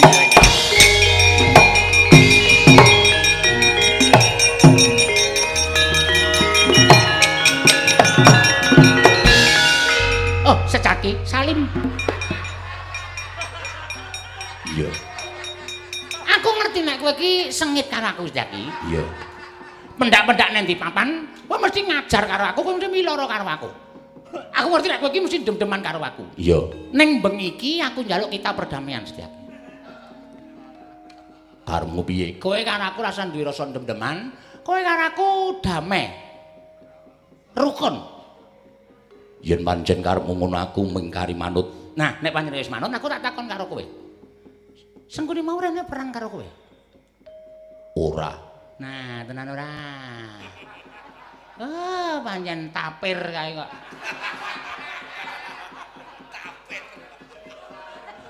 Tapir ki apa? Tapir ki kewan kaya gajah ning traline cilik. Ning mak entet-entet ngono. Iya. Nah, ngono tenan ora perang karo kowe. Ora. Yakin? Yakin. Ora ngapusi arahku lho. Ora. Sengkuni malah ngomong karo aku. Amang piye? Amang piye?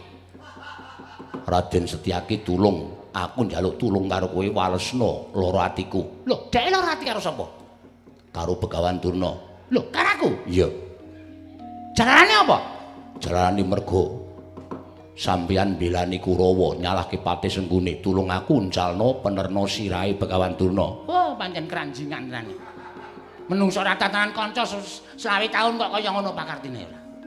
Dadi pancen ki niate Patih Sengkuni iki pancen njaluk dijunjung terus dikon nibake ning cengalku. Iya. Nah, Setyaki, aku njaluk tulung karo kowe gandeng adik saiki wis rukun. Aku nyuwun tulung karo kowe, aku tulung umbulna.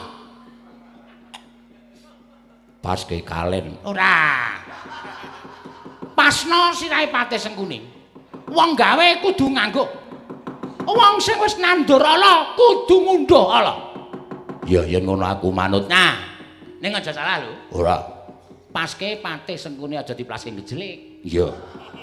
Larang kok dipaske ngejelik. Ora. Mergo kowe sengit karo aku ning saiki ade wis rukun wis damai, tulung aku turut ana karepku ya. Ya. Sik tak ganti sandal. Kena ngopo dadak ganti sandal? Ganti sandal sing regane 5000, pakune entek 12000. Iki kena sirah mesti ajur kumur-kumur. Iki wis tak ganti. Lili, Ya. wis aku uncalno. Mapano tak uncalke. Matek.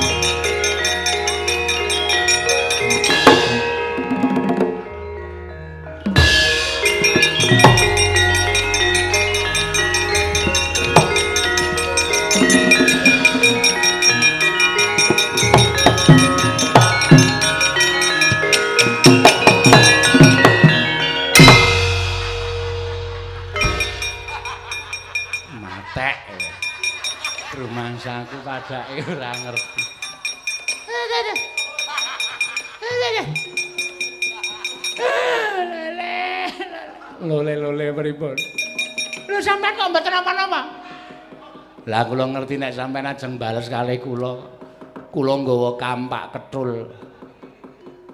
Kula kok ora iso sikil sik kaya sampean nggih, Depati. Lah pripun to? Kula mumbul niku kula krasa. Sirah kula kaya abot nika lho. Terus nak gentayang. Sirahe nang ngisor. Kok abot sirahe nggih, Depati? Mboten ngerti kok. Sampeyan iki mau iso sikil-sikil kula sirahe sik. Ae saben wong niku dhewe-dhewe kok ya. Ah, kula wis tap-tapan, lah kok sirahku kok dadi nang isor kepiye iki? Clorot clorot clorot wis pancen setiap apa digawe karo senyak mboten ngertos. Ah, pripun Dek Pate Kurawa ora iso mungu nendrane anak Prabu Ndarawati. Wangsul mawon napa ndelik teng kiwa tengening bali kambang niki mawon. Noh, menika langkung prayogi. Lho, Paman Senguri Bapatra teng mriku apa iki?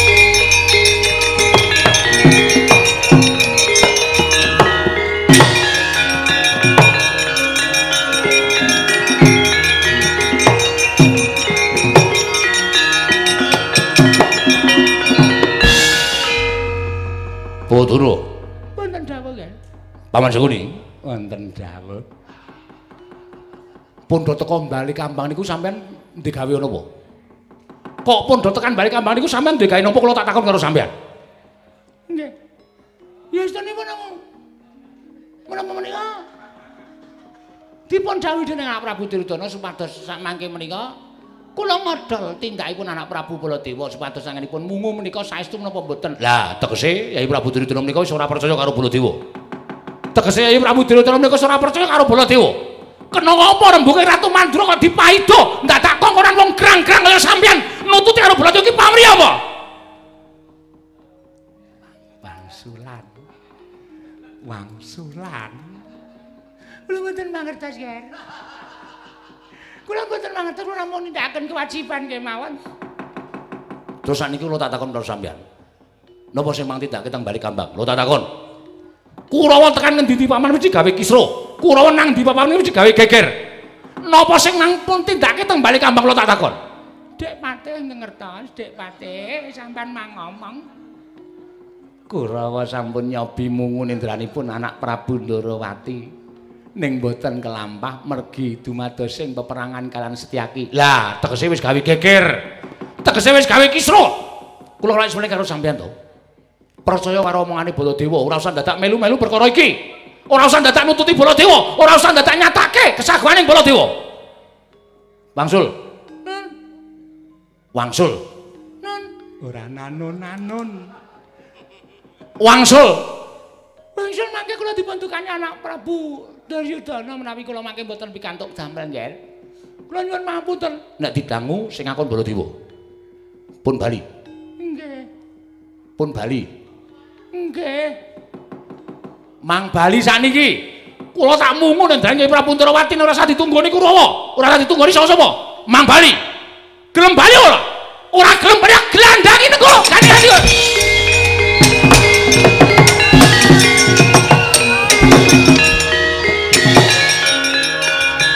Sumpah basah.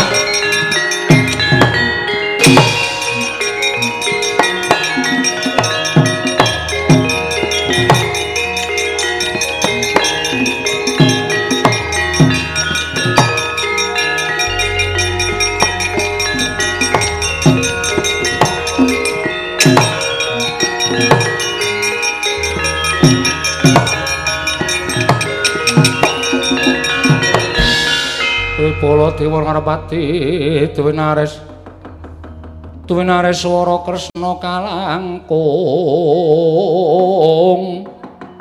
Kalangkung tresnanira marang Dyah Banon Sinawi.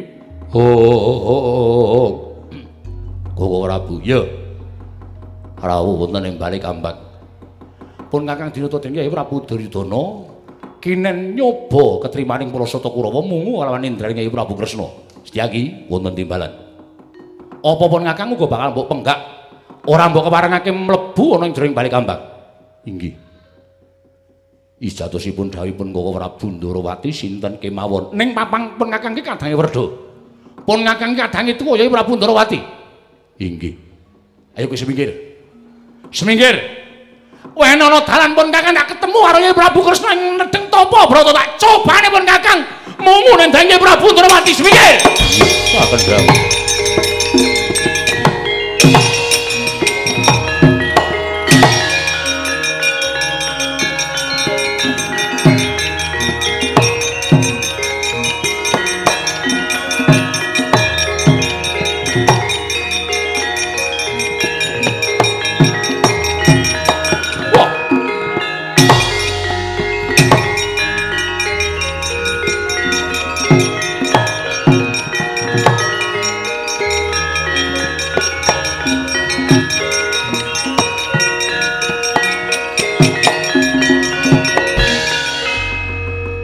Pandhawa tata kate Wisraya Indriyaksa Sara Maruta Pawana Bana Margana Samirana lan Warayang Oh Wala Mung tapa nindra wae lah kok dadi wujud yaksa semono gedene.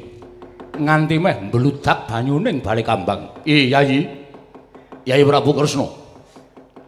Pun ngakang ing mandra ingkang sowan ning balik kambang. Yayi. Pun ngakang nedya mungu lawan indraning Yayi Prabu Ndarawati. Yen pancen siadi ora kepengin diwungu dening sapa wae nanging elinga. Lamun pun ngakang kuwi kadangmu werda. Pun ngakang kadangmu tuwa. Apa kirane Kyai Prabu Ndarawati ora kersa wungu yen pun Kakang Ingkang wungu nendraning Kyai Prabu Kresna? Kresna. Kaya aja nutangi marang kamurmaning Baladewa. Siadi ngerti yen pun Kakang kuwi darbe watak getapan. Siadi ngerti yen pun Kakang kuwi darbe watak gampang nesu, gampang murup atine pun Kakang. Mula aja nganti netangi marang kamurkaning Baladewa. Siadi wungu. Kresna. Siadi wungu. Iyai Prabu Ndarawati. Wah, darah iblis lanat.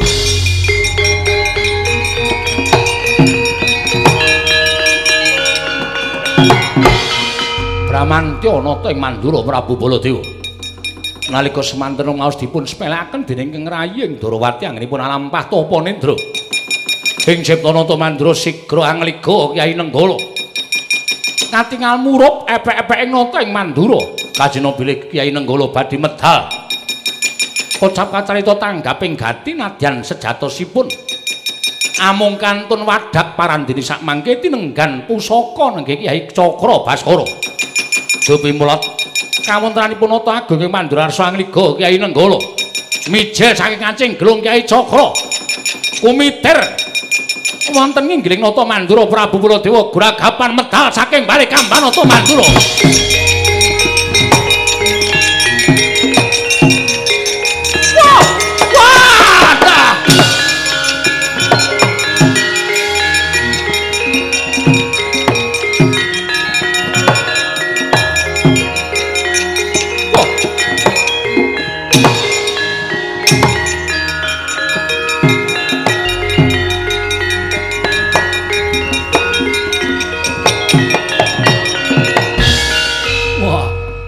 Gugu arepe dhewe.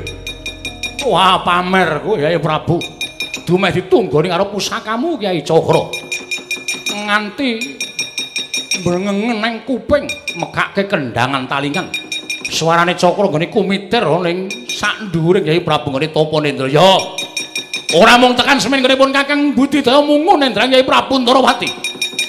Sedelongas pun Kakang bakal bali marang balik kambang. yen nganti yati ora gelem mungu aja kelakon terus aku mentolo karo Yai Kresna.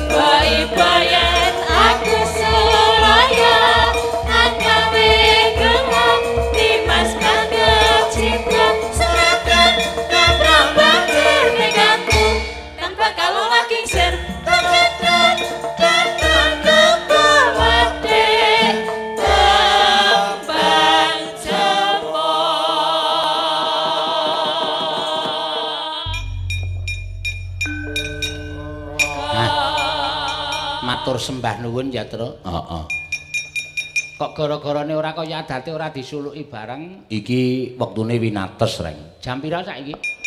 Setengah 11. Setengah 11 ki engko iso blandang ki engko, Tru. Heeh. Monggo dawuh panjenengan Bapak Tumiyono mung tekan jam 12 syukur blandang setengah jam. Berarti setengah siji. Setengah siji. Ya ora apa-apa, acarane terus terang ora usah dadak ditutup-tutupi jer kabeh para warga saka Klaten wis padha prisa. Ya. Iki pancen wayangan hiburan kagem para warga nadyan lumantar streaming. Ya. Ning akeh sing padha mrisani ya, Tru. Ya. Pemenangan ya kuwi calon bupati panjenengane Ibu Sri Mulyani. Ya. Kalau ngene Bapak Yuga, Oh, oh. utawa disebut Mulya nomor siji Ya. aja lali merga iki wis bakal dua periode. Iki lan wis akeh penghargaan sing wis diterima. Menyane Ibu Bupati Ya. sing tahun wingi. Ngono ya. Piala Adipura. Lan dan hasil audit wajar tanpa pengecualian dalam waktu dua tahun berturut-turut.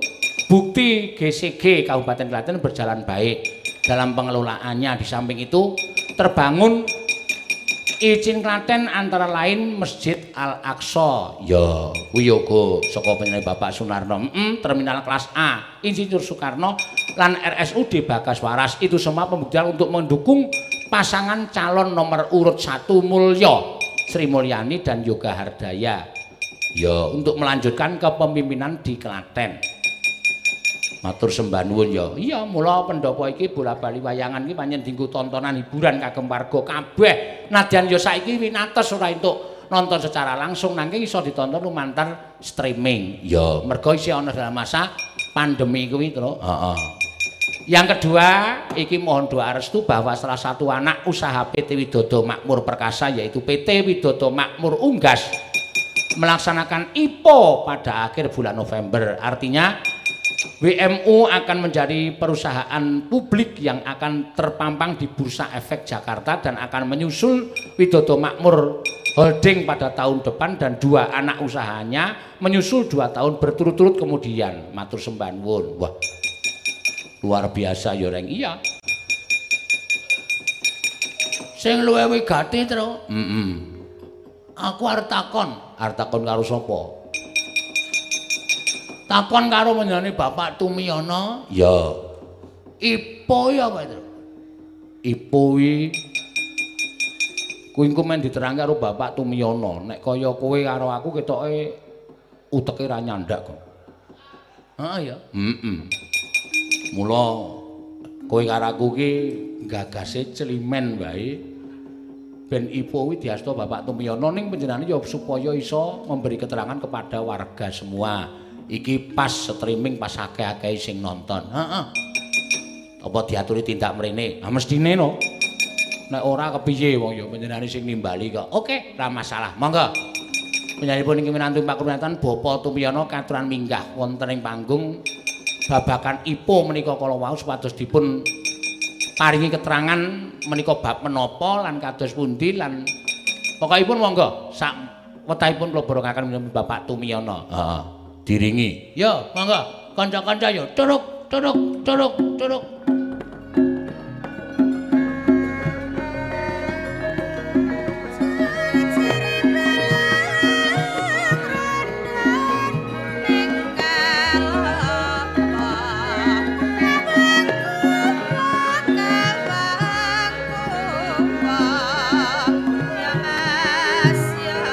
Curuk tuk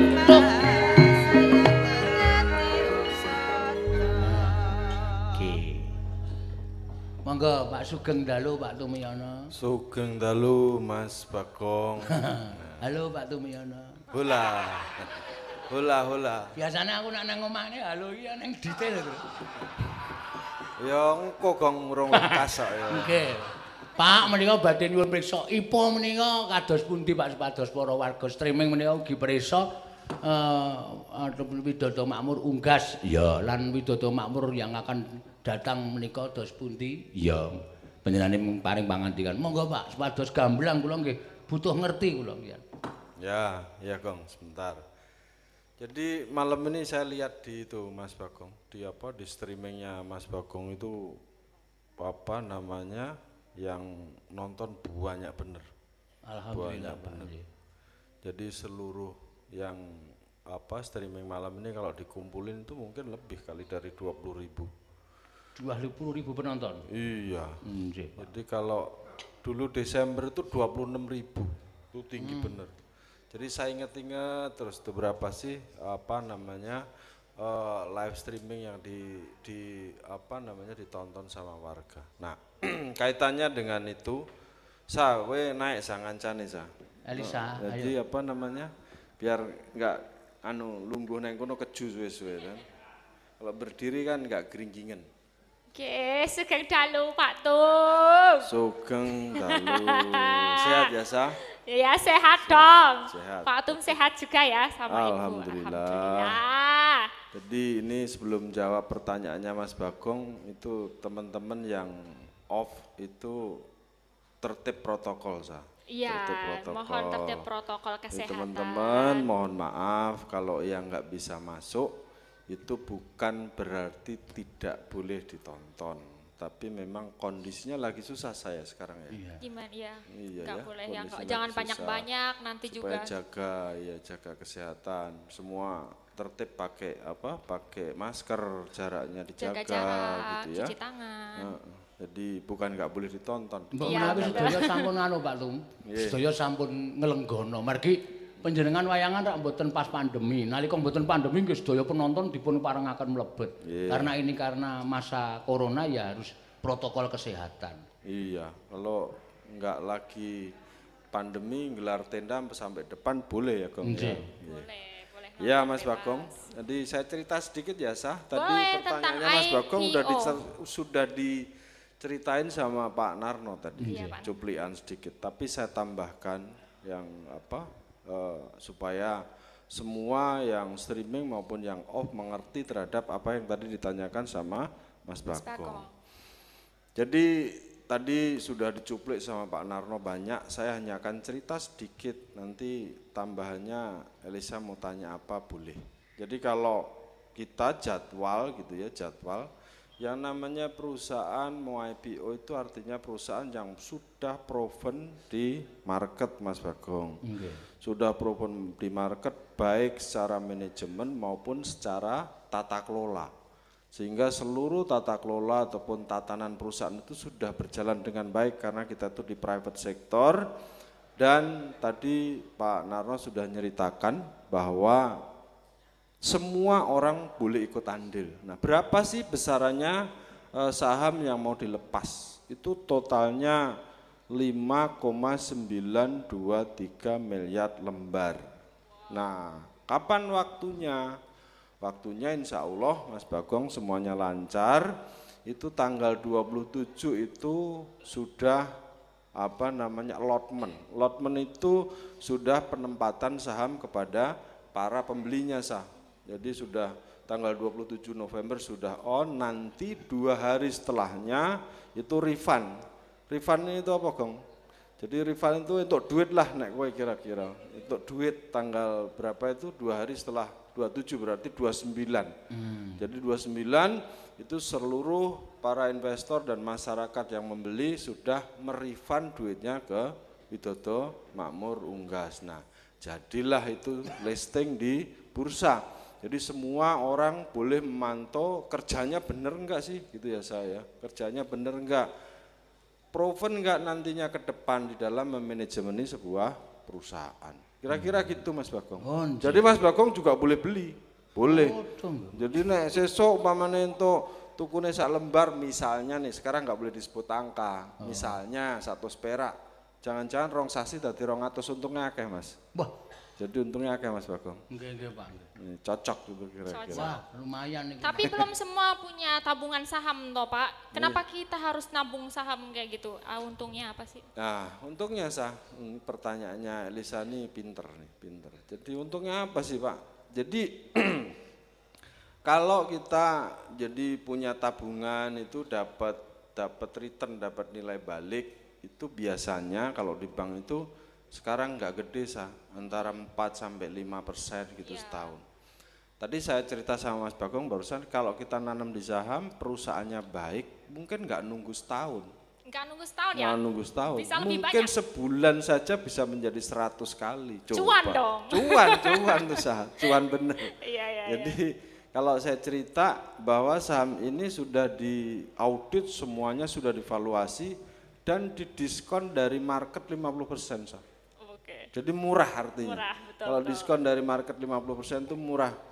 Jadi Bu Bupati juga boleh beli gitu. Boleh beli loh. Bupati. Bukan ditabung boleh beli biar dapat banyak gitu. Iya, gitu Sah. luar biasa. juga boleh beli. Boleh ya, Daripada tahu. Tabung, aku gitu. belum masih newbie nih kalau soal nabung saham, tapi pengen tahu gitu. Jadi kita Hmm. yang orang-orang tradisi juga nggak buta, bisa Ya. mulai lagi dengan nabung cara lain. Jadi orang dilebokke nenggon dipan terus yo. Iya bener. Jadi duitnya saya kerja dewi. Sing kerja wong liya Elisa dapat apa namanya feedbacknya lebih besar Lebih besar. daripada deposito maupun tabungan. Luar gitu, biasa. Kira-kira. Ya, ya Gitu. semoga sukses untuk eh, Widodo Makmur Ungkas ya bisa banyak investornya ya dibeli masyarakat gitu. Terus ngomong-ngomong ini soal ini Pak kita mau ngomongin tentang sekarang kan nggak cuman IPO nih kita mau ngomongin tentang Ibu Sri Mulyani juga iya, sebagai cocok. sosok pemimpin ya kan. Pemimpin yang bagus tuh yang kayak apa nih Pak? Mungkin bisa diceritakan nih. Bapak kan juga pemimpin, Pak Seno juga pemimpin. Iya, ya, saya cerita ya Mas Bagong ya. Elisa ini pertanyaannya ini sama dengan anak saya nomor dua, anu, Mas Bagong. Tapi pertanyaannya udah tajam, jadi nanya langsung dalam. Artinya apa? Itu apa? Ada kecerdasan tersendiri. Gini sah, ada kalau di dalam buku yang pernah saya baca dan saya pernah dengar Pak Seno itu kalau dibilang tuntunan itu sama sama yang saya ceritakan sedikit nanti saya tambahin. Salah satu kriteria pemimpin yang diharapkan itu eh, kalau di dalam hasta brata itu salah satu contohnya kayak angin. Bener ya Mas Bagong? Nggih. Nah, angin itu mengisi seluruh ruang, seluruh ruang. Saya baca referensi yang lain. Jadi kalau saya baca biografinya Mahatma Gandhi, tahu ya saya? Tahu Sopo Mahatma Gandhi? Mahatma Gandhi itu seorang tokoh pemimpin yang luar biasa. Oh. Dia memimpin tuh bagaikan apa menggembala dari belakang. Oke. Elisa Wis boleh. ngandani aku. Boleh juga nih kau. Elisa boleh juga. Boleh, boleh. boleh. Pak Seno guruku. Iya, top. Jadi salah satu kelebihan Mahatma Gandhi itu kalau dia balik ke kantor, sebelum balik ke kantor dia keliling ke seluruh rakyatnya. Dia dapat feedback banyak hal, dapat masukan. Setelah dapat masukan seluruh rakyat di India, dia balik ke kantor, diaturlah itu para menterinya. Kamu mengerjakan A, dua mengerjakan B, tiga mengerjakan C, dan seterusnya. Jadi salah satunya tadi seperti angin itu mengisi seluruh ruang kosong ya Mas Bagong ya, mengisi ruang kosong. Sama. Jadi Bu Bupati itu kalau nggak salah nih, saya tangkep namanya sambang warga. Sa. Sambang warga apa itu Pak? Sambang warga engkau tak kok Bu Bupati, tapi yang saya tahu sama. Itu adalah menggali seluruh permasalahan yang ada di wilayah dibawalah ke meja rapat supaya permasalahan yang ada di lapangan bisa diselesaikan. Jadi kalau punya pemimpin yang apa entengan bukan enteng tangan loh sa. Oh iya, entengan sama entengan. enteng tangan beda. Beda, ya. enteng tangan Itu- tuh tak-tak gitu kan. Nah, enek oh, ngerti juga maksudnya. Jadi kalau entengan itu artinya gampang, gampang Oh, gampang. keliling, lihat gitu terus dibawa ke ruang rapat, pasukannya ditata untuk bisa feedback. Kalau punya pemimpin kayak gini kira-kira cocok nggak Bapak Ibu? Cocok. Cocok Coba sekali banget. lagi yang keras, cocok nggak Bapak Ibu? Cocok. Cocok. Cocok. Nah, Jadi itu salah satu kelebihannya. Dan dari situ sa, dari situ kalau saya melihat kepada kondisi yang akan yang sekarang terjadi, Elisa ngerasa sulit nggak hidup sekarang ini? Sulit. Sulit ya. Iyalah, apalagi Dengan pandemi. kondisi kalau saya membahasakan itu terjadi equilibrium baru. Equilibrium ter- tata kelola atau tatanan dunia ini berubah luar biasa. Betul. Sehingga kayak malam ini yang misalnya Mas Bagong gelar clear itu nonton sampai ujung sana saya dipasangin tenda, sekarang cukup streaming. Cukup streaming semua. Jadi Mas Bagong ini ngerewangi wong liya juga yang nontonnya 4 jam itu sing entuk duit wong akeh ya wong liya juga, Gong. Nggih. Pak. Jadi jadi Mas Bagong entuk sithik ana wong liya sing entuk akeh. Tapi itu harus direlakan, itu harus direlakan. Balik kepada pemimpin Mas Bagong Mbak Elisa. Jadi eh, mau cari yang seperti apa gitu. Kalau tadi saya ibaratkan angin masuk gitu ya. Buat program namanya Sambang Warga. Sudah keliling dapat dieksekusi bagaimana melerai kesulitan yang ada di lapangan. Jadi itulah pemimpin yang diharapkan. Itu udah cocok, udah pas programnya. Sehingga sehingga eh, kalau kita mau dalam kondisi yang sulit mencari sosok pemimpin baru yang dia baru mau mereview itu sudah tidak pas sekarang Nggak pas, Nggak pas. Kenapa? Karena kalau orang masih baru terus mengobservasi sesuatu, kita itu harus sudah melakukan eksekusi. Ya. Jadi kalau tidak punya bekal terhadap apa yang terjadi di lapangan, bagaimana mau eksekusi? Waktunya sudah tidak ada Nggak ada, betul. waktunya ndak ada. Jadi itulah mungkin saya yang di pertanyaanmu tadi tidak ada hal coba-coba. Kalau saya pernah cerita itu eh, kemarin beberapa saat yang lalu masalah ekonomi saya ceritakan eh, bagaimana perkembangannya. Tadi Mas Bagong cerita masalah kalau bicara fisik ikon yang ada apa semua sudah ada. Nah, kalau orang ataupun sosok pemimpin salah satunya tadi bersifat angin, kedua itu juga punya sifat api, benar Mas Bagong ya? Betul. Betul ya. Jadi ada delapan, saya nggak perlu jelasin satu-satu, nanti Mas Bagong nggak jadi mayang. Kalau nggak mayang aku nggak nonton, sa. jadi punya api. Jadi api itu kalau lagi apa dibutuhkan gitu ya, ya diperlukan. Karena Elisa masa nggak bisa nggak dapat. Tapi mas, api itu sifat api itu sebagai mesin pendorong untuk menggerakkan sebuah resources gitu ya. Resources supaya kita semua bisa melakukan banyak alat dengan dorongan yang dimiliki pemimpin yang punya sifatnya seperti api gitu sah Luar biasa. jadi enggak, enggak boleh. Pak Narno itu umurnya tang itu udah proven mimpin sudah jadi DPR sudah. Artinya sudah melakukan dan sudah ada pembuktiannya kalau ada lagi Mbah Daryono tuh umurnya seket. Rada diopopo. Nggak boleh coba-coba. Jadi harus bareng saya aja. Jadi second liner nggak boleh. Nggak boleh mbah. Namanya wis umur seket nggak proven melakukan sesuatu nggak boleh coba-coba. Relnya orang tok pakai rusak kabeh nanti. Kalau cocok Pak nggak? Seno piye, Pak? Pak Seno achievementnya luar biasa, luar biasa. luar Bayangin biasa Pak. coba.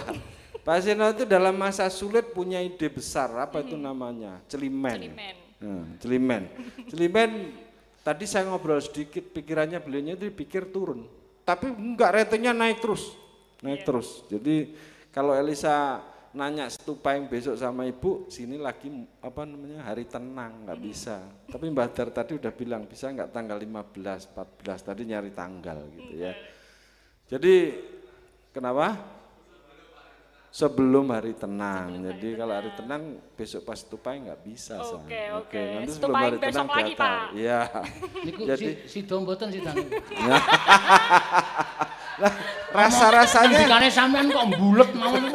rasa-rasanya jadi rasa Oh, alhamdulillah. rasa-rasanya gitu ya.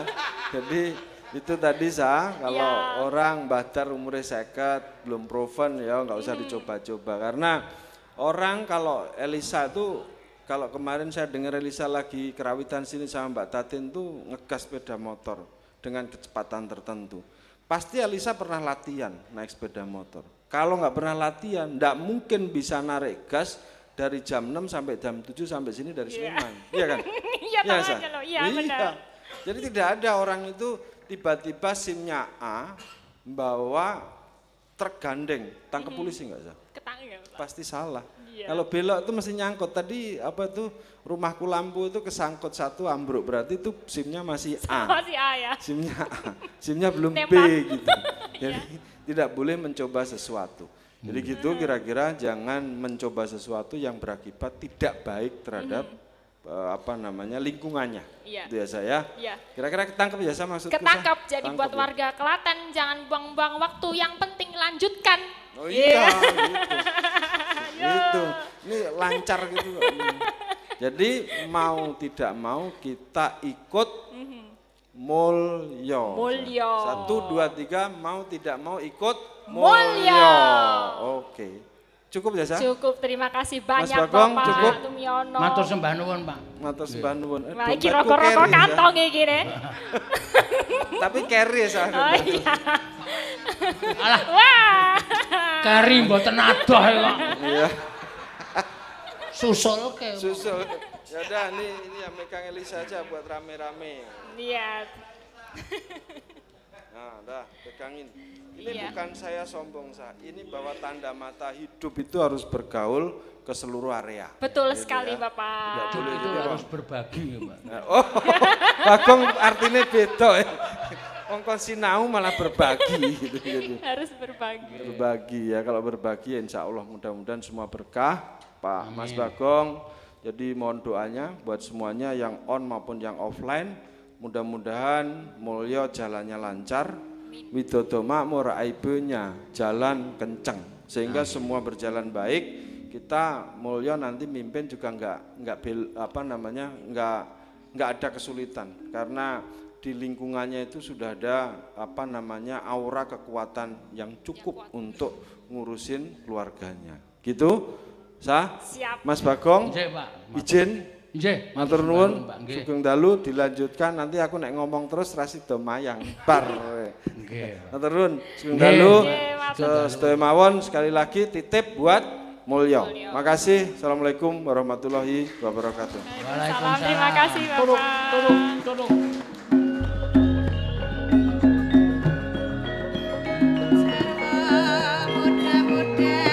Turun, turun, turun.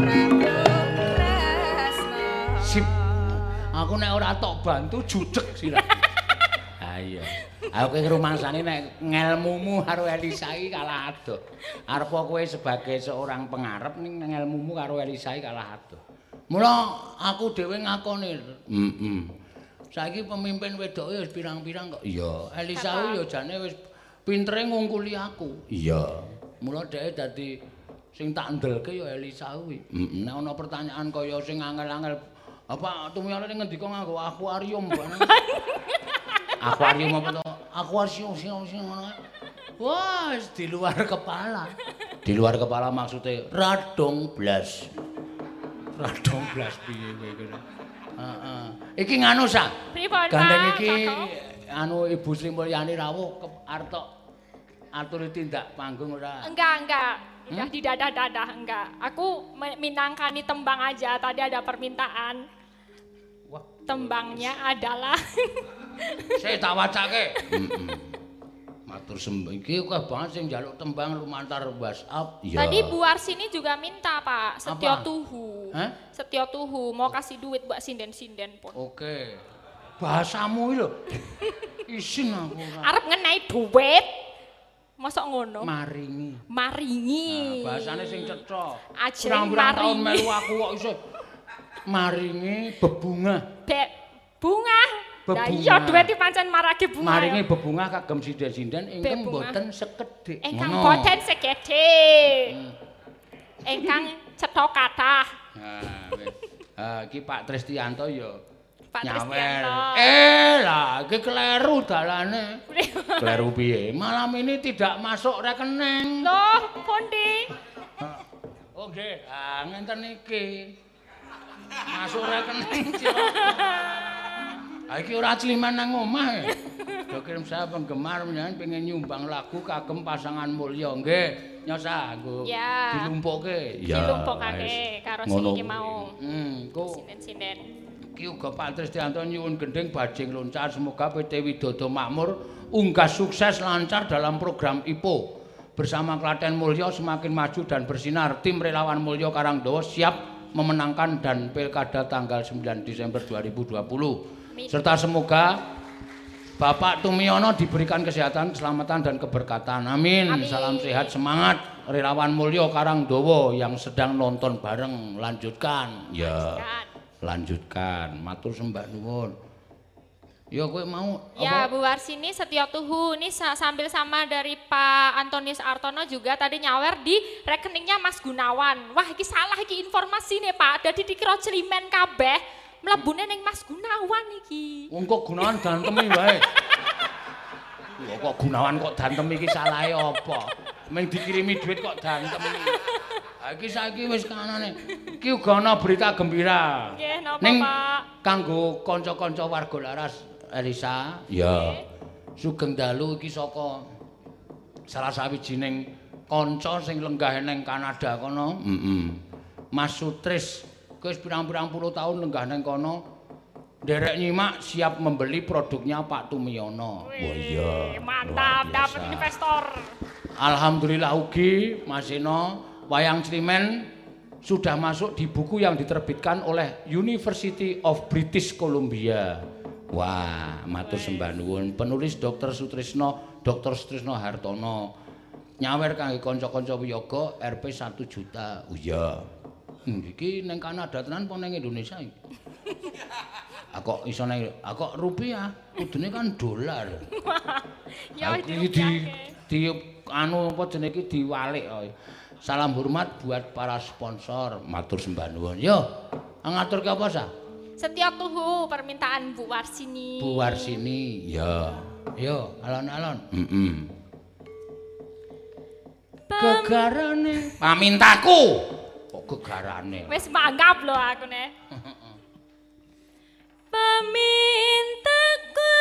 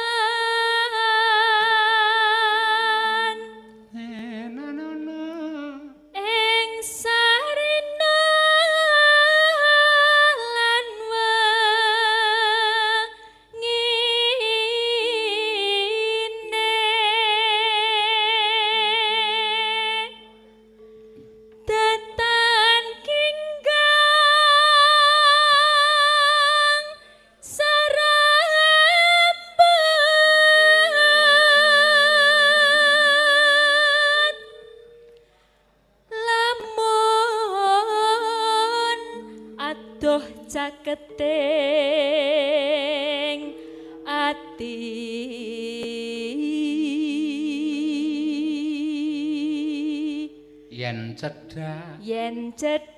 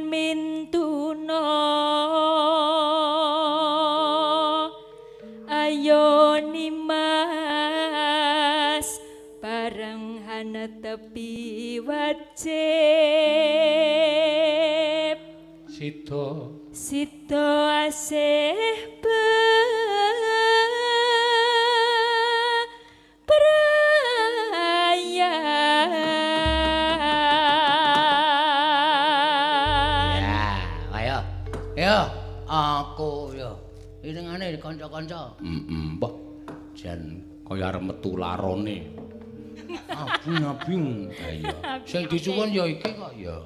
Pak Tumiono ngendika pokoknya seragamnya merah, merona. Iya. Mangga, ya.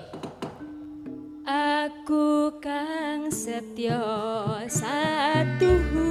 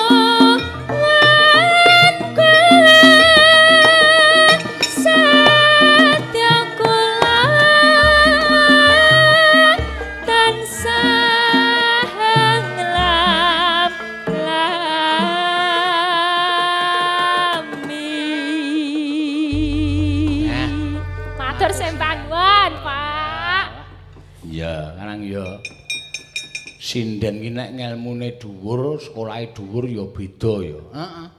Karo sinden-sinden sing ngelmune ora dhuwur.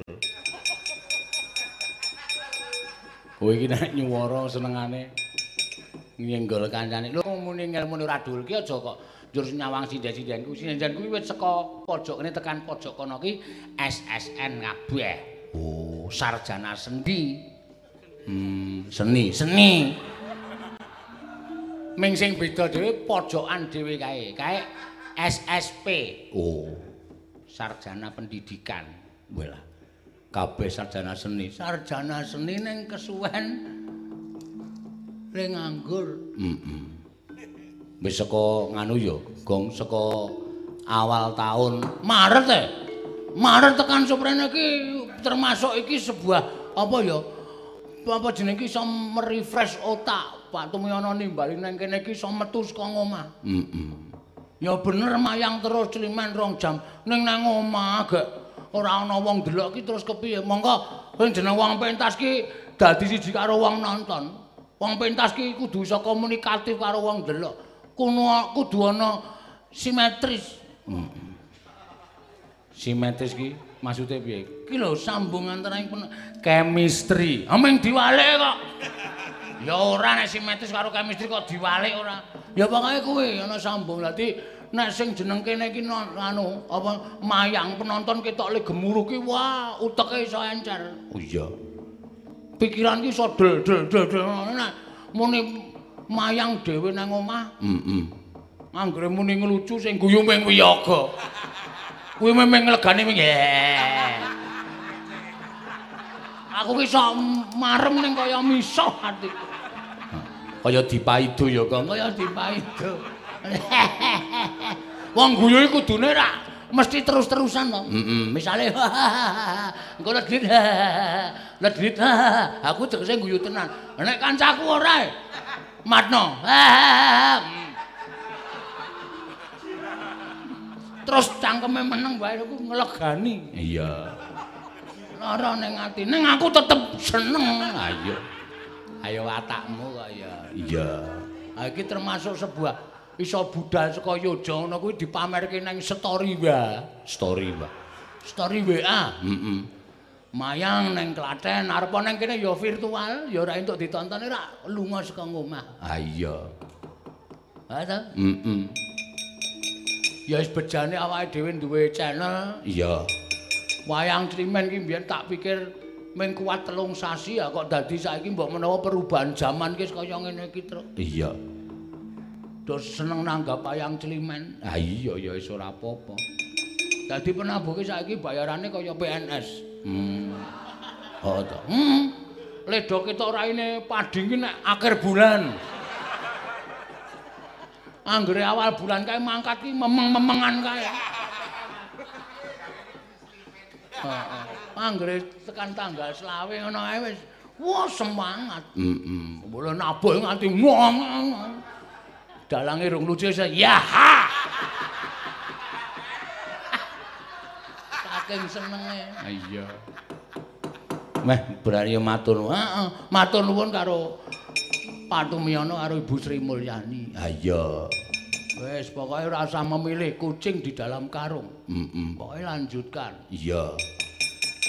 Sing jeneng pembangunan kira bakal selesai lima tahun. Iya, dinaik kasih waktu lagi untuk melanjutkan periode selanjutnya pembangunannya bakal rata rata rata rata sejahtera aman, tertib, ayem tentrem dan mulya. Ah iya. Adi wong yujo ya ditimbak. Weh, Abu Sri Mulyani ki nimbali awake dhewe ngalun-alun klaten kae. Oh iya ya, wis tau ya. Wah kowe iki nek ditentek lali. Iya wis tau aku kelingan. Nah, deling-eling tro, ora mung sapenae dhewe. Heeh. Jaman semono ae. Iya, ya ditimbali panjenengane mulak dhewe wajib melu nguyung-nguyung anyeng kuyung. Hmm, ya bener. Ah iya. Tur saiki apa-apa ki wedok wis akeh banget aja kok terus mensangsikan piyai perempuan ki aja. Heeh. Kondektur wedok akeh. Tukang becak wedok wis ana. Ana apa ora? Eh, ana. Ah saiki becake ora genjot e. Nganggo mesin e. Jenenge betor. Nek cara Yojakana, mingkari ngesah. Kuwi wedok wis ana. Dadi saiki piyai wedok ki padha karo piyai lanang. Ah, ya ana sing beda, Reng. Nek padha tenan kacau. Tempiling mencelat kowe ora. Yo diaturke tembangan meneh. Ki sindene iki pilihan kabeh. Tegese sing dikersake saka Pak Tumyono ki ditulis jenenge ki ki ki ki ki. Wah ta? Heeh. Cirolu Patmo 6 tu. Pitu apa wolu ki? Pitu. Heeh. Orisa, Ika, Elisa, Rido, terus apa? Tatin, Ayu, Prastiwi. Heeh. Ayu iki jane ora tak jak wong meteng. Ha iya. Mesakake ado-ado, meteng saya gedhe saya gedhe kok nek mumbul. Kaya wis awake lemu meteng, engko nek pas maju ngadeg terus ngerti dung dung dung dung dung. Kaya balon kae malah kangelan ling gondeli ta. Heeh. Mbak gondeli carike ucul ae cilaka banget. Nembang gong, reng. Ayo. Tembangan apa? Hei pamundutan tak tilikane. Heeh. Oh, iki mau ana pasumbang saka penggemar wayang. Ya, sing uga apa jenenge menjadi uh, panjang kuyung mulya. Ya, arep nyumbang lagu ki mau amplope tulisane apa? Sa? Sing jaba-jaba, ndak ada ndak ada. Oh, pinter ning lamur. Ini loh Pak, cuman tulisan Pak Seno, saya penggemar panjenengan pengen nyumbang lagu kagem pasangan Mulyo. Sopo iki ra ono tulisane? Ya maksudnya kuwi sing tak waca. Oh iya, tapi wonge nge- sapa? Aja ngeyel to, pinter kowe ning pengarepe iki aku Oh iya iya. Ya. Nggih, Bos. Nah, ngono kuwi. Nggih, Bos. Ya, sapa sing kepareng? Ambo ki piyaine sing endi aku rani. Monggo Bapak sing kepareng ajeng nyumbang katuran tindak. Monggo, Pak.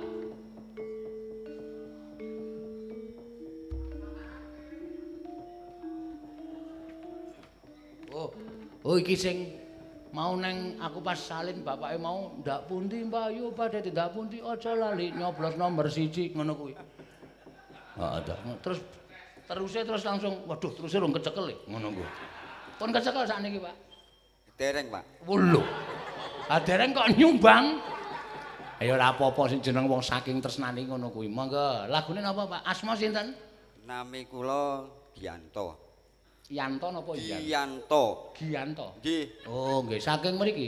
saking Dukuh Klaten. Pendukung nom paslon nomor 1. Oh, nggih. Bu Acah Sri, Sri Mulyani. Leres, nggih. Naming saderengipun ngaturaken nyumbang bawa saya nun sewu nggih, saya mewakili warga masyarakat Klaten khususnya saya pendukung paslon nomor satu Ibu Hajah Sri Mulyani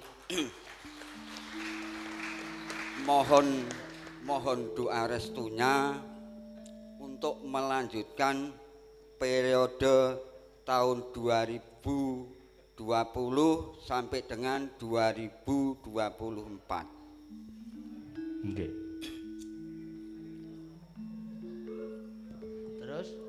Kula badhe nyumbang bawa ngidam sari. oh nggih. Nggih. Monggo. Anone Ngidam sari. wah iki genah piyai seni gitu. Heeh. Suarane apik. kakidung memanis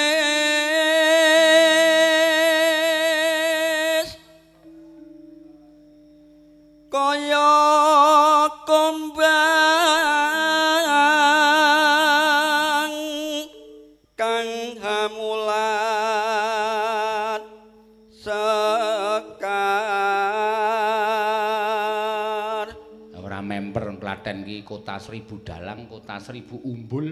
Iya. Mula suarane apik-apik. kepengin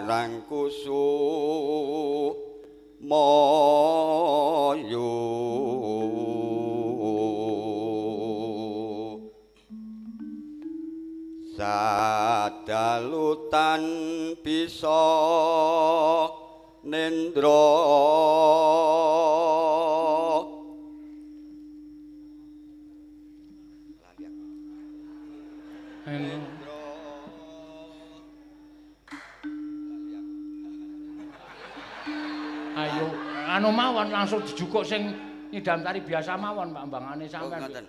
Ayo bareng. Ah. Ayo bareng nimas hana tepi wajib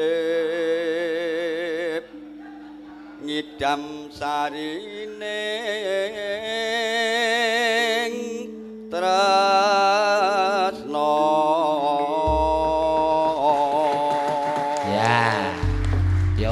mokal kok ya ning ngarepe piyai akeh tur piyai luhur kabeh. Sing jeneng nek ora mental baja ya. Oh, Kaos nggih nggih. Pak nggih. Ah kula niku kulino kok mayang niku kleru niku kulino. Oh nggih. Heeh. Mboten ming wis kulino mayange nek nang ngarepe piyai-piyai sing medeni-medeni kuwi kadang kala lakone sok kleru, le ngetokke wayang sok kleru. Heeh. Le ngombe sok kleru. Asbab tak ombe ayo cangkeme kebak tegesan saking gugupe. Monggo Pak, dawahipun menapa Pak? Ngidam sari dipun lajengaken Butatin. Ibu Tatin. Nggih. Kaya Tin. Wah. Ya Tin. Nah, ya, pancen ya kowe iki bintang. Heeh. Ya. Ibu Tatin. Nggih. Sugeng dalu, Pak. Sugeng dalu. Jenengan mriko napa pundi? Kula mriki mawon. Oh, nggih. Nggih. Wah. Ayo dicet. Kowe iki dipilih iki supaya ora adoh-adoh, cedhak ra apa-apa. Kan jaga jarak, Pak. Hah? Social distance. Sing. Muni piye? Hah? Muni piye lambemu, Mam? Ora muni. Muni wae. Wong aku Krung- krungu kok krungu apa? muni piye. Krungu apa piye? Krungu wae. Munine piye? Tut ngono. Muni piye? Sosial apa? Distancing. Ah, kok mengarmoni social distancing kok Engko nek kleru lho nang ngarepe Pak Tumiono. ora apa-apa. Pak Tumyono wis ngerti kok. Nek Kowe aku muni social distancing kleru ki Pak Tumyono langsung oh Tatin kae iki ngelmune mek semene. Nek wis ngerti. Ngapunten nggih, Pak. Nggih. Duet napa piyambak Mbak Tatin, Pak? Manut Duet mawon nggih. duet nggih. Kajenge jenengan ampun ngadeg Oh tok. nggih, kula tak ling Pripun? ngajengi. Nggih. Wah, malah wedi ya ketoke. Jare Pak milih ya. Gianto malah wedi. Mboten sah wedi Tatin niku galak ming raine tok kok. Anu wedi karena anu kegemukan. Napa? Karena kegemukan. Ngandel ora. Jeneng niki kula mboten gemuk lho, Pak. Oh, ngaten nggih. Biasane luwih lemu saka iki. Ngandel ora. Kowe iki ora ming aku to sing ngunekke, saiki percaya ora kowe tak unekke kowe kelemon tin. Bola-bali mesti kelemu nggo napa? Endi? Mubeng-mubeng awake. Kelemon. Aku iku nganggo sandangan ngono kuwi rak mergo kene tok pletet nganggo stagen, dadi ketok cilik. Nek nang omah Napa? mlaku wae iso mak. Mulane nek ten mriki kula wis gawe cilik lho, Pak. Niki iki nek ten ngomah luwih lemu. Luwih lemu nggih. Nggih. Jenengan pengen weruh. Wah, nek weruh medeni. Oh, berarti ora ming dalange sing ngomong. Ah kandhane. Ha ya aku wis ngomong cilikno. Olahraga ya. Ha iya. Eh selagine sing piyai sepuh-sepuh pit-pitan, sepeda. Ya, Jenengan to? sepeda gembira. Heeh. Aku tahu sepeda arep semaput ya ora dadi sepeda gembira. Lah napa? Sepeda sedih wong arep semaput. Ya, Kula ya wedi nek Pak sepeda. monggo. Apa kok mergane? Napa? Kok numpak sepeda wedi mergane ngapa? Mboten kuat le Medan. Ayo jujur wae. Napa ta? Wes. Ngapa lho? Iki omong ora sak omong ora gelem ngartekke kok. Ngapa rasa do omong wae. Keruake bapake lho mau nembang nggih to, Pak? Aku ngerti. Aku ngerti ki nek ora neng pendopo Pak Tupiyono tak omongke. Kowe ngopo tok sebabe ngepit kok wedi aku ngerti ning gandeng nang kene ya tak jaga mulutku. Ya, diamlah kau. Soale aku melu goleki ya mbiyen. Kok iso le goleki nandi, Jal? Ayo neng kiwa tengen sepeda kono kok iso ora ono ya. Monggo. Nggih, monggo. Ya. Ya ya. Upama sliramu sekan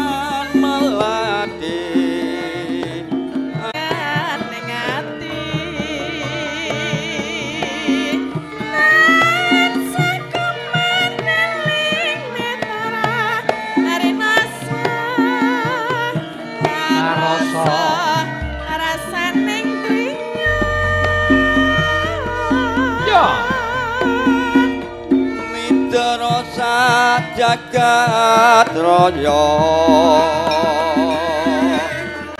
Kaling ana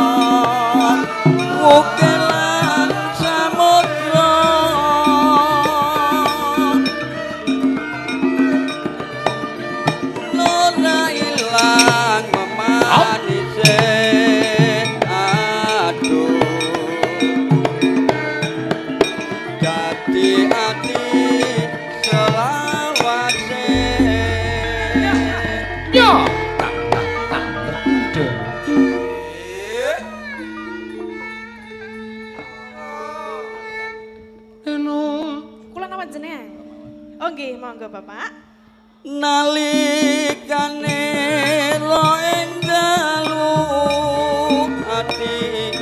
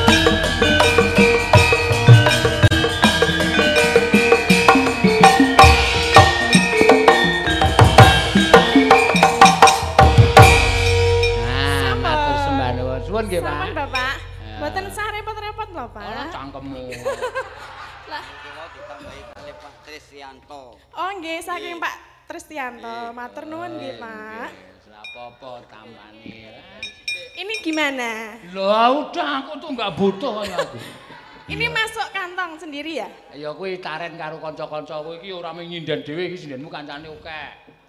Ora Kalau taren kali jenengan ini masuk situ enggak? Enggak, mboten, mboten. Oh ya, terima kasih. Kalau kok kamu kok malah tanya sih ini masuk situ enggak itu? Maksudnya, kok toh ngono kuwi lho senengane. Maksudnya masuk kantongku. Ora ya. Biasane nek celimen iki niki rak dikumpulkan. Mm. Iki dikumpulke ra? Ora. Wis kuwi kabejane Ibu-ibu Waranggono karo kanca-kanca penabuh. Oh Ya. nggih, matur nuwun, Pak. Ah ya ngono aku ki pemimpin kurang piye. Ya biuk nyah-nyah. Ah iya to. Aku nganake celimen ki rak ya mikir kanca-kanca kuwi. Heeh. Wah jan ki arep tekan taun kapan wah nganake apa iki ngulir budi. Pak Tumiyono tahu paring pangandikan di masa kesulitan kita akan mencari jalan keluar. Oh, ngono ya. Hmm. Mula terus mikir piye carane. Nah, ketemu celimen. Iya. Dilala kok celimen do disenengi, do ditresnani. Tekan seprene isih mlaku terus. Alhamdulillah. Lah iya. Kanca-kanca isih iso nyambut gawe. Heeh. Arep tekan kapan ya truk kahanan kaya ngene iki. Wis posoke pasrah. Pokoke kok posoke. Pokoke pasrah. Heeh, pokoke pasrah karo sing gawe urip. Ning mesti ada anu apa jeneng habis gelap terbitlah terang. Kuwi ibu kita Kartini. Ya. Pokoke anggere bar peteng mesti padang, nek padang jinglang kae kabeh kanca seni iso nyambut gawe kabeh, Truk. Ah iya. Syukur ana piyai-piyai sing kersa nimbali ngene iki jan nyenengke tenan. Kaya nemu tetese ngembon ning mangsa ketiga, Ah iya. nyes ning telak. Heeh. Jan temonjo. Ya iki kesenengane Pak Tumyono diaturake. Apa? Kesenane panjenengan iki bajing loncat. Oh iya, Mongko iki Pak Tumyono ngersake Mbak Rido supaya bengi iki nindaki sowan mrene. oh iya. Mbak Rido ki saka ngendi? Majenang. Oh. Endi? Bener ya Majenang ya. Majenang. Oh.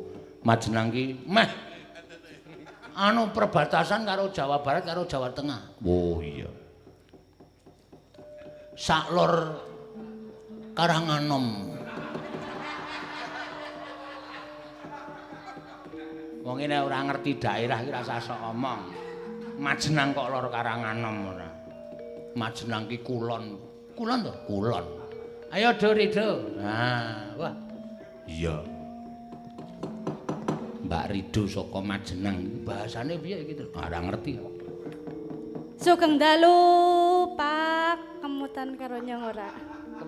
Kemutan karo nyong ora? Isi kemutan apa ora? Wo, cara kulon, Tru. Ah iya. Minggir. Kepriwe, kepriwe? Rika tesih kemutan karo nyong apa ora? Ya isi lah kayak kowe. Tuli nyonge ya ora bakal lali mari Rika. Temenan. Ya temenan sih. Orang lembok. Apa? Orang lembok. Ya ora ngapa? Ngapa sih nglimbung maring Rika? Kene Nyonge tetep kelingan maring Rika. Tuli Rika wis tau melu nyonge pirang-pirang bengi kayak kowe, Kak. Kaya kowe, Kak. Kaya kowe, Kak. Kaya Kak. Kaya kowe, Kak kowe ta. Kaya kowe ta. Hmm, angel basa. kono. gue, Mbok. Iya, ki Iya. maring daleme Pak Tumiyono. Iya, Bapak Tumiono kali Ibu Warsini nggih. Iya, ki maring pendapat Tumiyono Bayat Klaten Jawa Tengah. Bayar. Apa nih sing bayar, Pak? Bayat, Oh, bayar. Tuli nom rada budek ya kayak kowe. Krunguku bayar. Bayat Klaten. Ujarku masa nyong diundang nyong sing kon bayar. Priwe? Ujarku nyong sing diundang masa nyong kon bayar. Bayat. Iya mulane salah kurungune. Tuli kupingnya kulina diresiki ya. Iya pak. Ah, ayu-ayu budek Rika. Mending anak ayune. Kepriwe? Mending anak ayune. Jajal neng elek-elek budek keprimen. Wah, kalau deking jagat ki ya. Piye, Reng? Ayo wis elek budek kalau deking jagat ta? Heeh. Tuli ki Pak Tumiyono ngersakna apa kowe Apa? ketembangan bajing luncat ya. Iya. Nembang siki apa ngesuk? Aja khawatir, tuli nek sing tembangane apik, tuli diparingi duit maring Pak Tumiyono. Ora nyong ora tau kuatir masalah duit. Tenan? Sing penting diamplopi. Diamplopi jerone telek lincuk gelem Rika.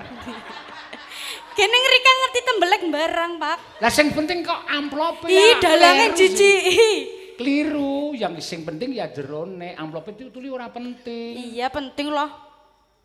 Ya penting loh. Nek Rika diparingi duit mangka ora ana amplope, Rika gelem apa ora?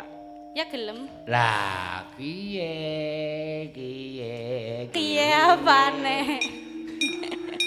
Aku jane ngomong ngene iki mikir lho, Tru. Sinau. Ya. Ya, nembang Bawa ya. Ya. Ya. Rina. Rina ngopo? Aku kelingan Rina ya, Mas. Ayo, sapa? Rina.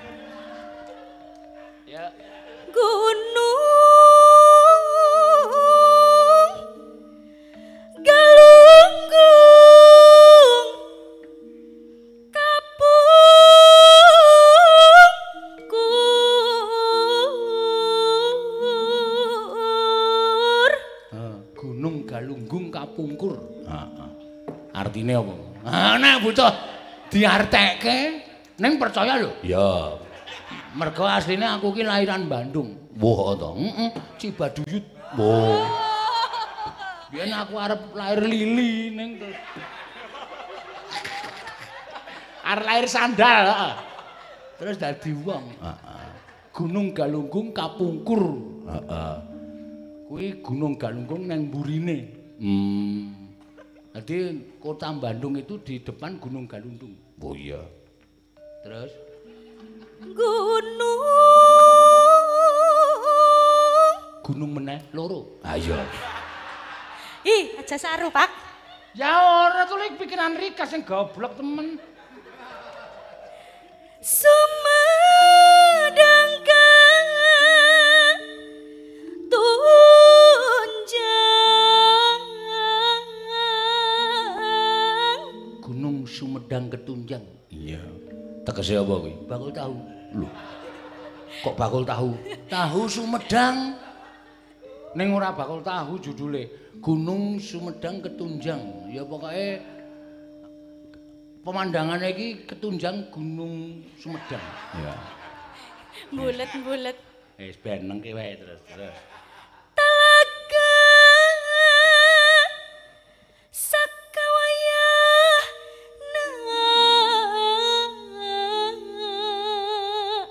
Sangkawayana iki semuanya. Oh iya. Sadayana. Heeh.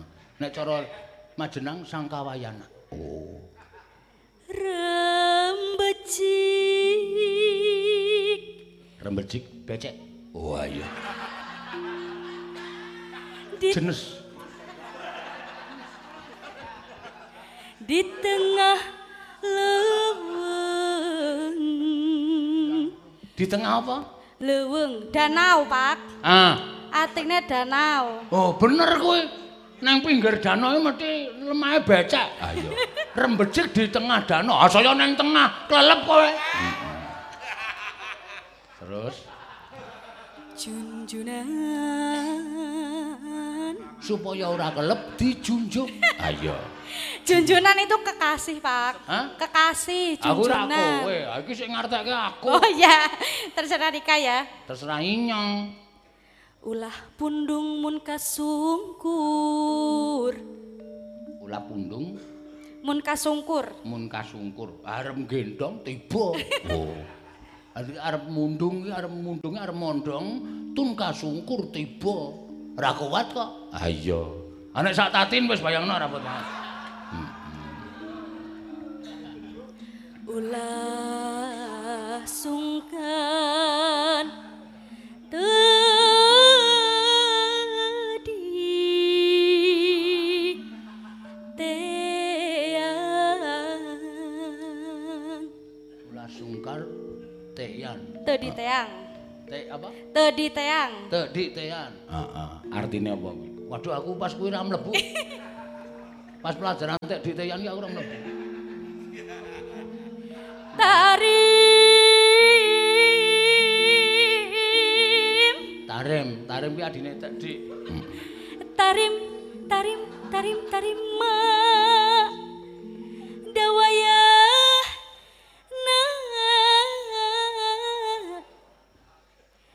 ngancik di negara dina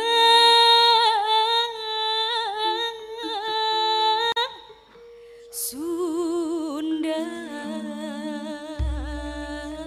Sampun bawane Iyan suarane iki jan pancen suara Sunda ki nganggo kandel tipis ngono iki. Oh, ana. Dina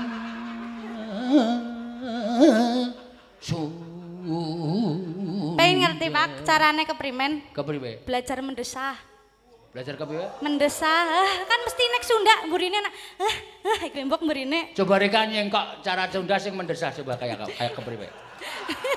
Kepriwe nyonge diajari kayak aku gejlik mudar reka. Apa kuwi basa kok gejlik mudar? Kepriwe? Contone, duh, aduh. Mbok kena kayak gue mbok. Iya, apik ya. Jajal Rika.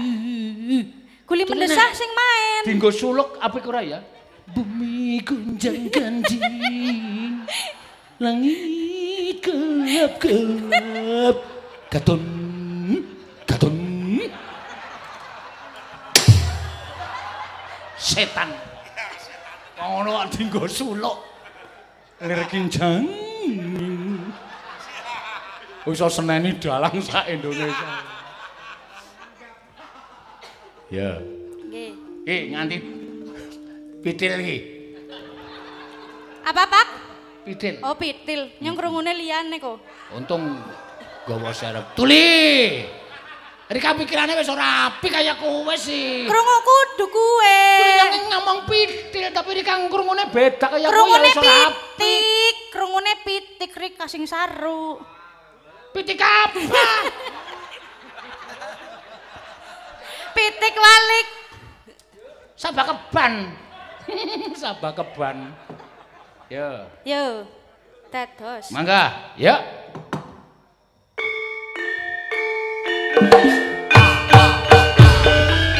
Wah.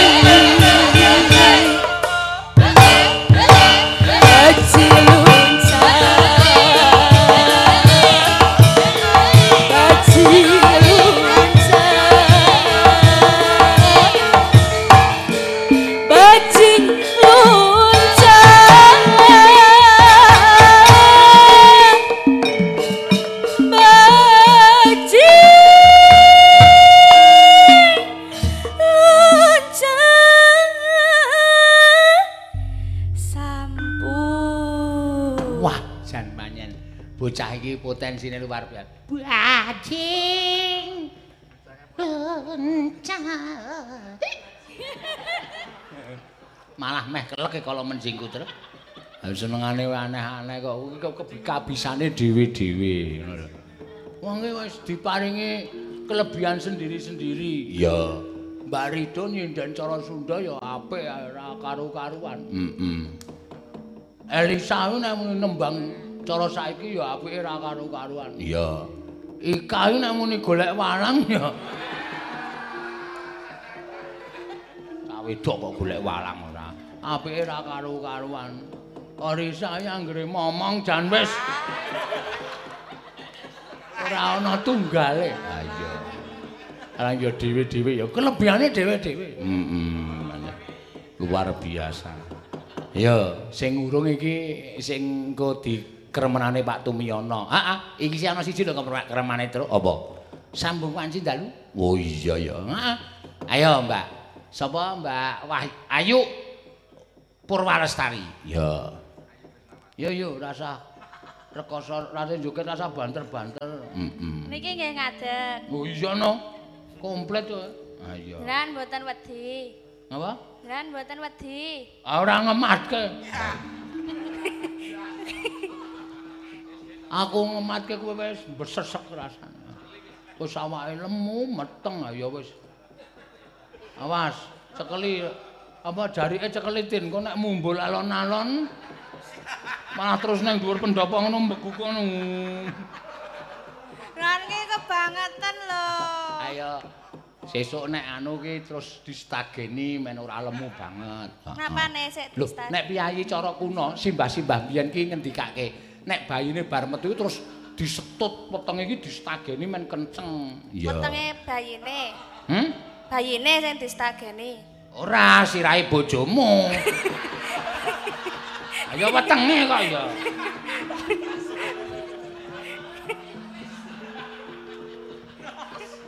Aneh-aneh Sambung wan cindalu. Truk. Hmm.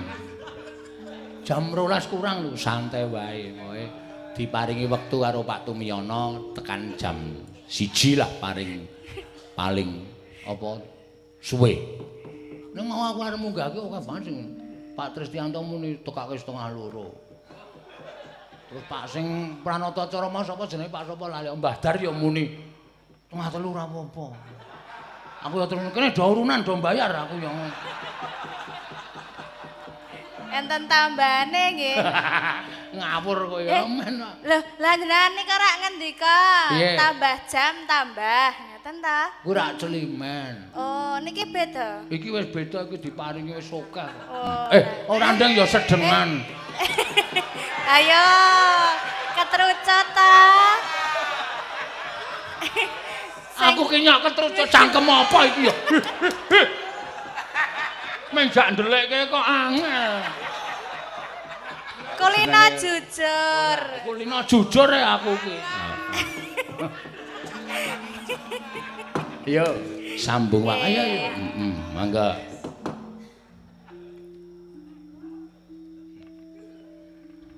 Senadyanto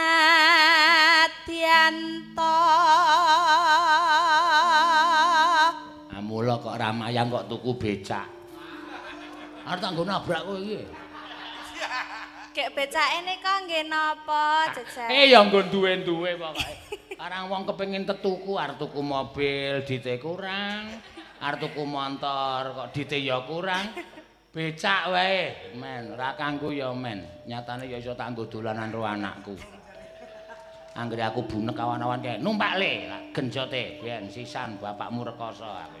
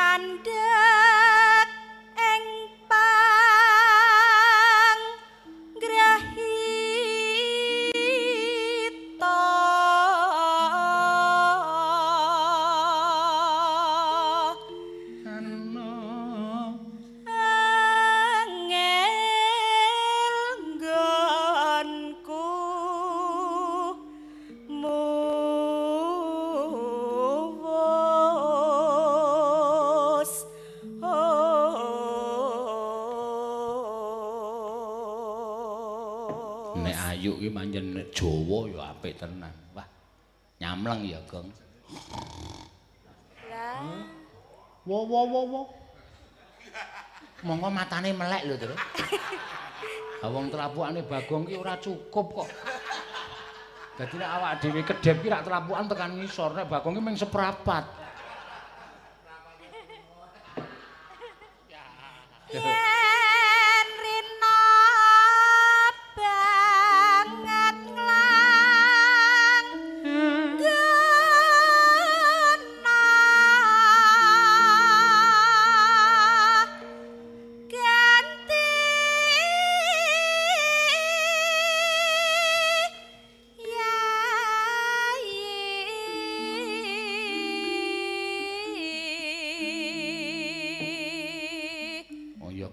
Isa-isane to ya.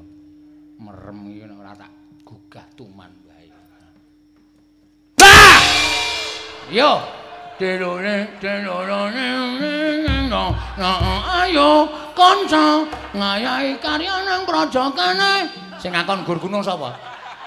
Sing ngakon gugur gunung sapa? Iki ta tembange. Iki iki iki sambung wancin dalu. Wah, asem aku ngimpi gugur gunung. Ngimpi kok jadi tembang ke ora. Yo. sambung ing wanci Rendeng. ratri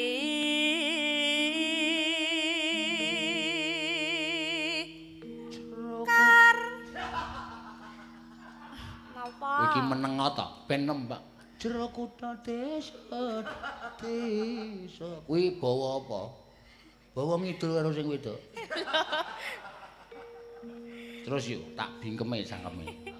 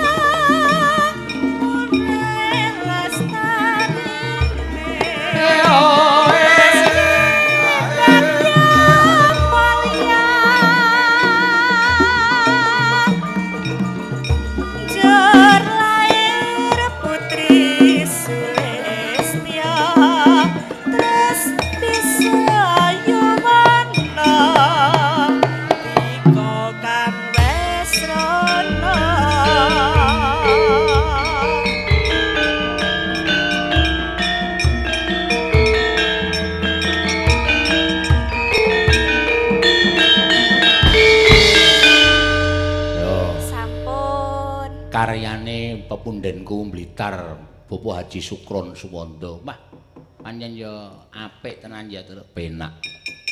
Sampun, Pak. Sampun. Oh, nggih. Wis kono. Nggih. Mabur. Hah? Mabur-mabur ora. Sampun, Pak Tumiana. Nggih. Parah.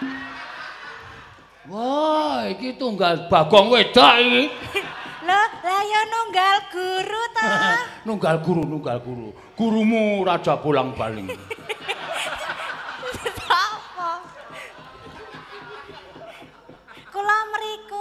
napa Eh, dengan eh ora sopan kowe iki. Pak Tumyono kon tindak-tindak. Lah kok nek buta ya mara. Oh, kula mriku. Heeh. Oh, ajeng di anu napa disalurke. Oh, disalurke. Aja liwat bojomu. Nggih niku bahaya. Nggih, matur nuwun nggih, Pak. Nggih. Mbah Dar. Mugi-mugi tansah sehat. Amin. Panjang yuswa. Wah, iki bar mangan sari cerewet iki. Sampun nggih. Ah, wis kana wah jan pinter kowe rejeki anak soleh. Rejeki jabang bayi kuwi. Amin. Wis jan. Eh piye nek wong meteng iki gampang to golek rejeki. Ayo do meteng. Aduh kon meteng ora nek kowe meteng kabeh Bu Asi kowe ra ndek sinden piye sindenmu do cuti kabeh. Mangsane ora. Mbok yo yo kae kok ndara Janaka kok ngampiri bapak. Ayo wis mangkat sekolah to, Dok. Ndara Janaka kok sekolah ora. Oh iya, Dik. Mbok sajake ana wigati. Ya iya.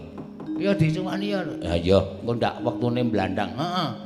Janeng yaning talaka kati langit eh oh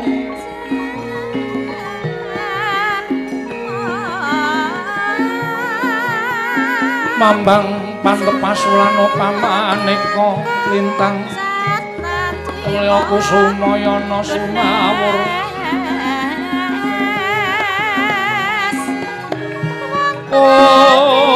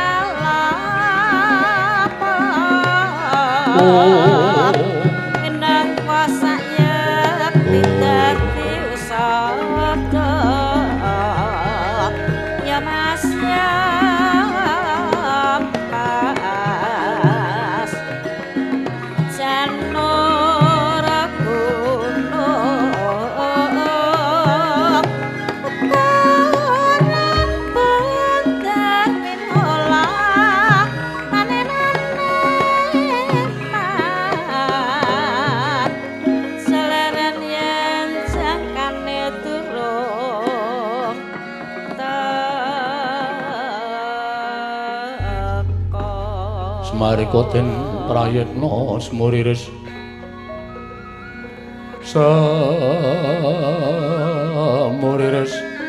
eko balik om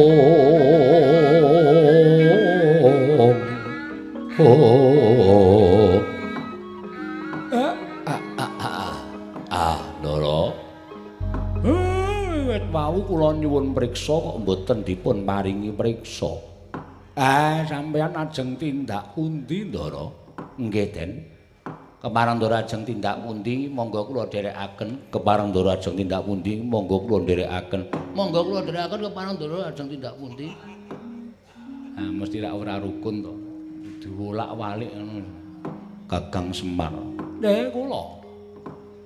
Mundi dawuh timbalaning Kanjeng Koko Prabu Darma Kusuma lamun aku didhawuhi supaya sowan maring Bali Kambang. Ya Bali Makambang. Eh eh gatosipun. Ngerti ya Kakang? Lamun Koko Prabu Ndarawati dina samengko nedeng nglakoni tapa nindra ana ing Bali Makambang. Mula umbyaing pawarta ing semebar warata saindenging jagat sapa ingkang keduga lan bisa amungun indraning Koko Prabu ya kuwi ingkang bakal besok katandha. Jroning brata yuda bakal ungguling yuda. Mula kang sangka kuwi kakang dina samengko Arjuna Dyasowan marang Bali Makambang. Budidaya mung lawan indraning Koko Prabu Durawati wondene Koko Prabu Punta Kakang Mas Jodipati apa dene yayi kembar? Samengko bakal sumusul kelawan lakuku nggon kusuwan ngersaning Koko Prabu Ndarawati Kakang Semar. Semare koten prayetna samure reseka balik. Ong titiyani gandayani trisanya purnama sasi gilar-gilaraning latar milang lintang bima sekti. Ah, ah, ngoten ampun ngantos kedangun anggen sampean kendel wonten ing wana mriki. Awindara digelak tindake kula dherekaken. Monggo Gus dipun gelak tindakipun. Monggo den kula dherekaken. Monggo ndara sampean kula dherekaken tindakipun. Bidal wonten ing Bale dahar. Pahit iki ora. Bali mak heeh, bali makambang. Anak mojo ning kengkeri Kakang Nayantaka. Molat mara sang Arjuna semuanya kang kamanungsan. Oh, oh.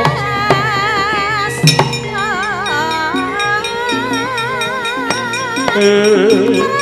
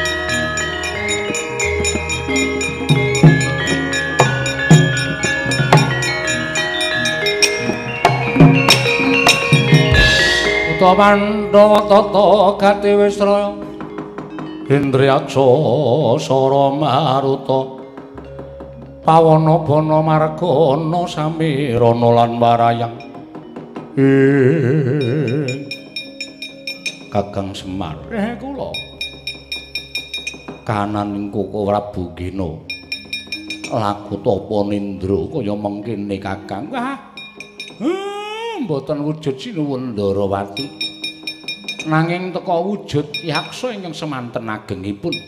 Eh monggo Ndara. Gandeng sampeyan pun dugi wonten ing Bali Makambak.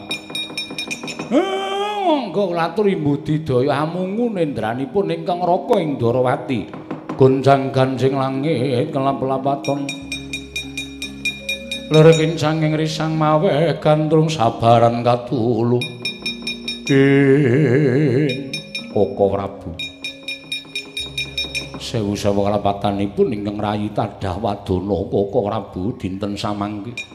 Kula ingkang sowan wonten ing Bali Makambang.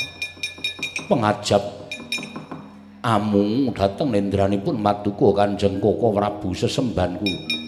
Koko Prabu monggo kula aturi midhangetaken aturipun ingkang rayi ing Maduka.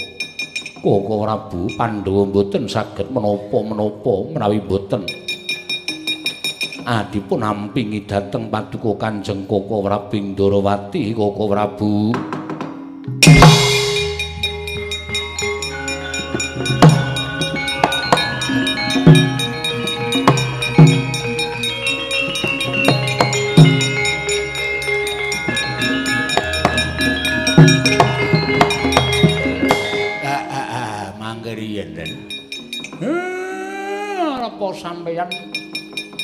paring pangandikan ngrepa dhateng ingkang raka ah.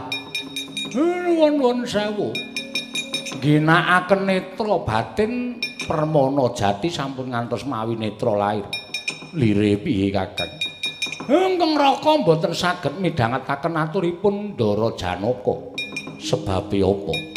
Ah niki ngibarate kurungan niki peksine pun boten nonton kantun kurungan tok manuke mabur nanti ya ambu Semar iki nek omong ora cetha. Cah saiki radong sasmita. Kandange kelangan manuk muti madodoyak-oyak tegesipun niki ming kantun raga. Sukmane ora ana ndara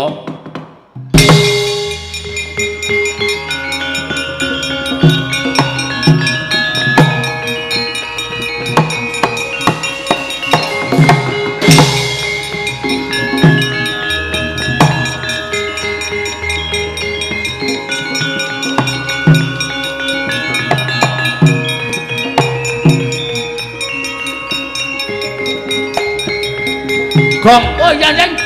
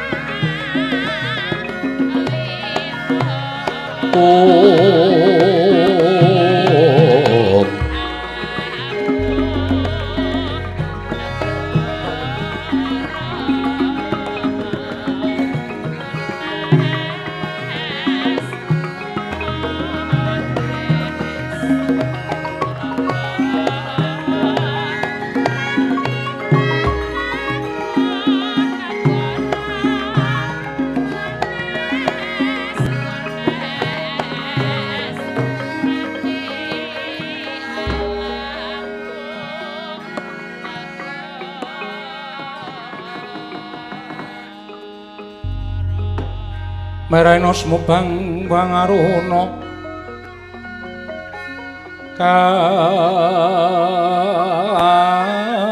kadinetraning uga rapuh. Sabdaning kukila rengkane kara sakatar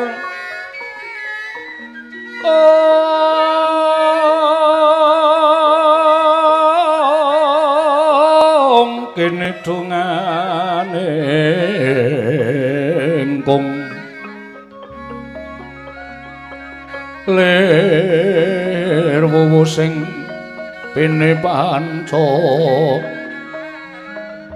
Om Om. Pepetoking ayam wana merak mangwuhing pagakan. Om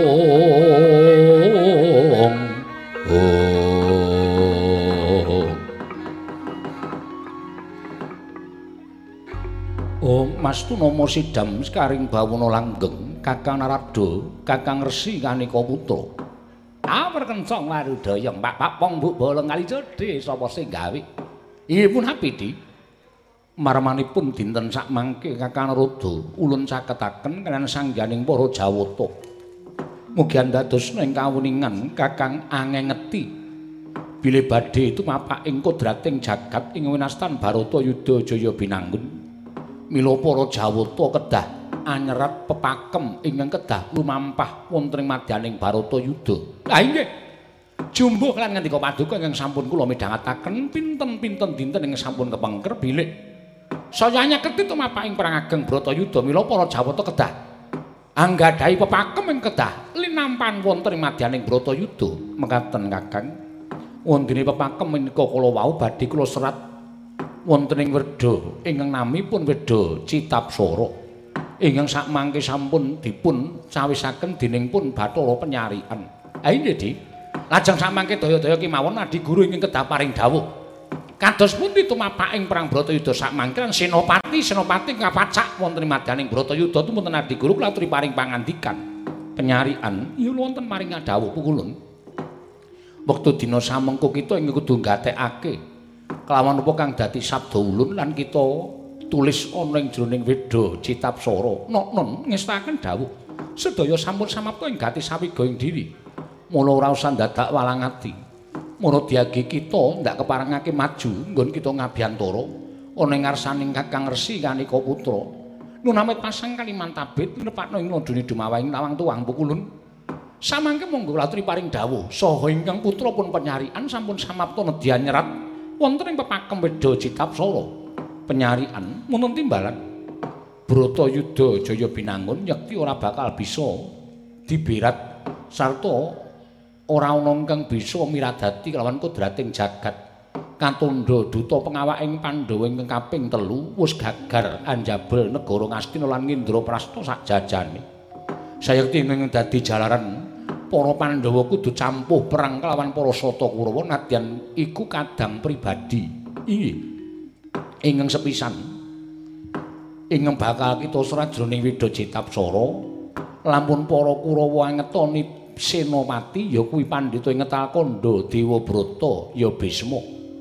Nalika semono kodrat wis kudu lumaku Senopati saka negara utawa saka para Pandhawa tanulya kejaba mung Senopati Pawestri ya kuwi wujud para Srikandhi. Jroning pepakem wis kinodrat keparenging dewa Begawan Bisma Sirna sarta senopatining Kurawa gugur dening Wara Srikandi. Nokno nistakaken dawuh wondene ingkang ngangka sak banjure senopati ingkang pinatah saka negara Ngastina nalika Jaba mung nalindring Mandura Prabu Baladewa. Wondene senopati saka Pandhawa tanalika Jaba mung satring jangkar bumi ya kuwi atmajaning Si Werkudara Raden Antarja penyarian. Sarating pandam sumula amadangi jroning pasarean ngenangi wadana katon remu-remu kalingan ngangrengeng sang tiak manaheng kocap kacarita.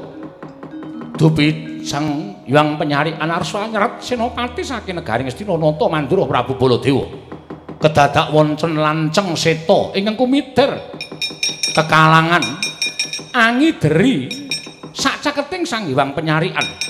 Nalika semanten saya wani saya wani abure lanceng seta satemahan nyampluk mangsi ambleber wonten madyaning wedha Citapsara angi cali serataning nata mandura Prabu Baladewa kaget kadra kasan Sang Hyang Bathara Guru wau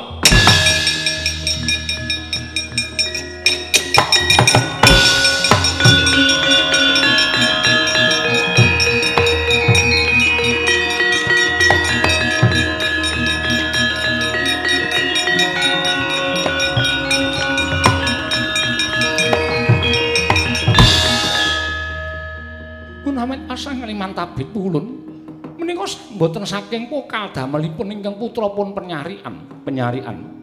Kita ora usah dadak rumangsa luput ulun wis ngerti sapa ta sejatine. Ingkang darbi pakarti ing kaya mengkono. Mara kita mapana ning pepungkuran ulun sadilo maneh bakal ana titah ingkang sowan ngabiyantara ning ngarsa ulun penyarian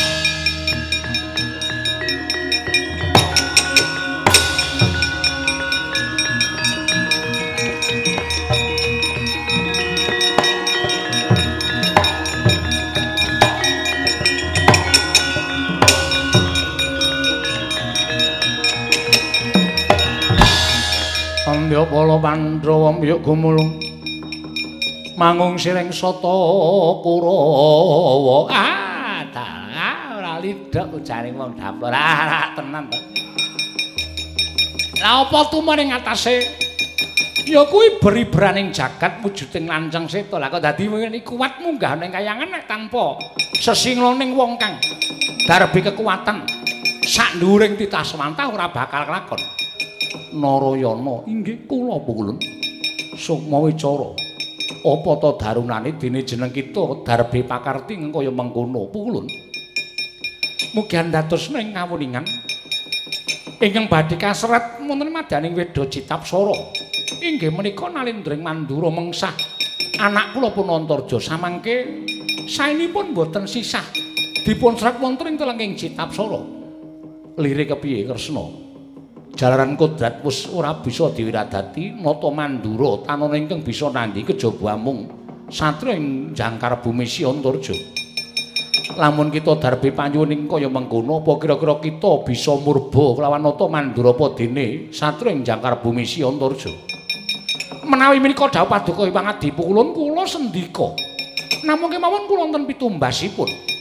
Pitukane apa Menawi paduka pulun pasrah dhateng ingkang wayah pun Narayana inggih pun Sukma Wicara. Supados sakmangke kula murba dhateng kawonanipun Koko Prabu Mandura miwah Antarja anak kula.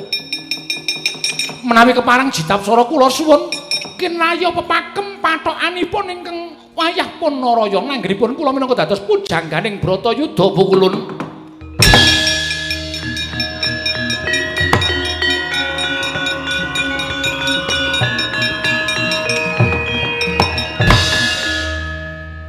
Kakang rada kados pundi? Ah, sing mau wicara iki njaluke aneh-aneh wae. Among nggih dipun basa ngasta paduka Adi Pramesti Bathara Guru. Narayana, iki wonten dawuh. Apa ingkang dadi panjaluk kita ulun udaneni? Nanging ulun uga njaluk pitukon. Pitumbasipun menapa? Gandeng jroning Bratayuda wis ora ana ing bisa bali urip meneh. Aja kongsi kita tumindak ing ora prayoga sekar wijaya kesuma ulun suwun. Monggo kula aturi nampi wangadi pungulun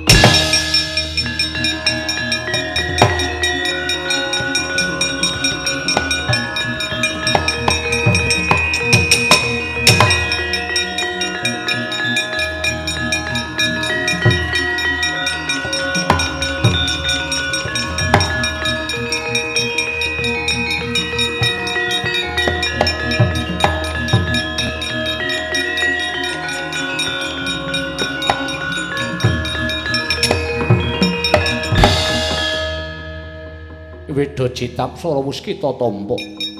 Nanging kita mboyaken mblenjani lawan janji kita. Lamun kita ingkang wenang murba masisa lawan Nata Mandura apa dene Si Antarja, nata ngestaken dawuh. Kanthi kaya mengkono ulun paring dawuh lamun kaya wis rampung kasutapan kita nggon kita Anakutapa Nindra. Jumbuh kalawan apa ingkang kita suwun lan jumbuh kalawan apa kang dadi gayuhan kita. Bali marang Bali Kambang. Kresna ing kono bakal katondo sapa ingkang bakal ungguling Bratayuda. Kula nyuwun pamit sing ati-ati aja kaya bocah cilik Narayana.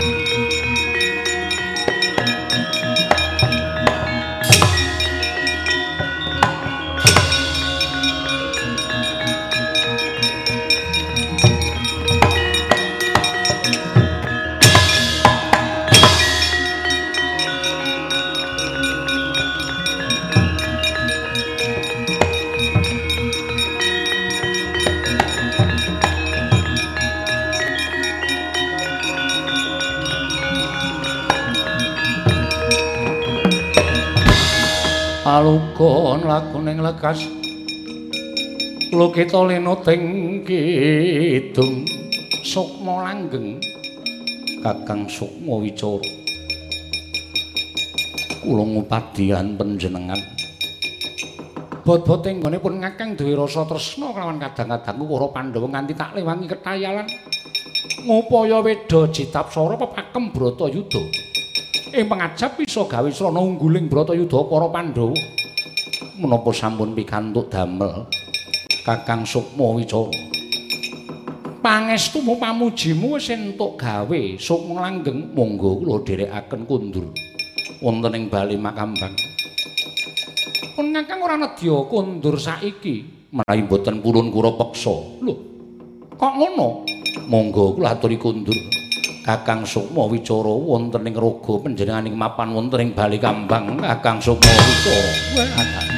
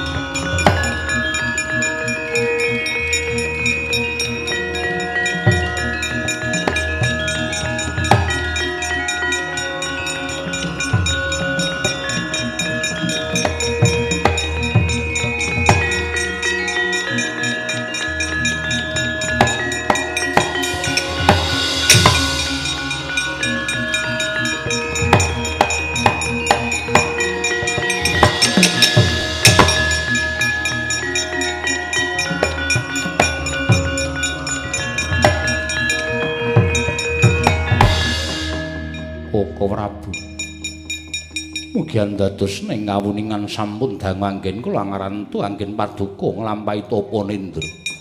Koko Prabu sampun winanci jengandika Koko Prabu nin. Wong anggenipun alampah tapa Koko Prabu.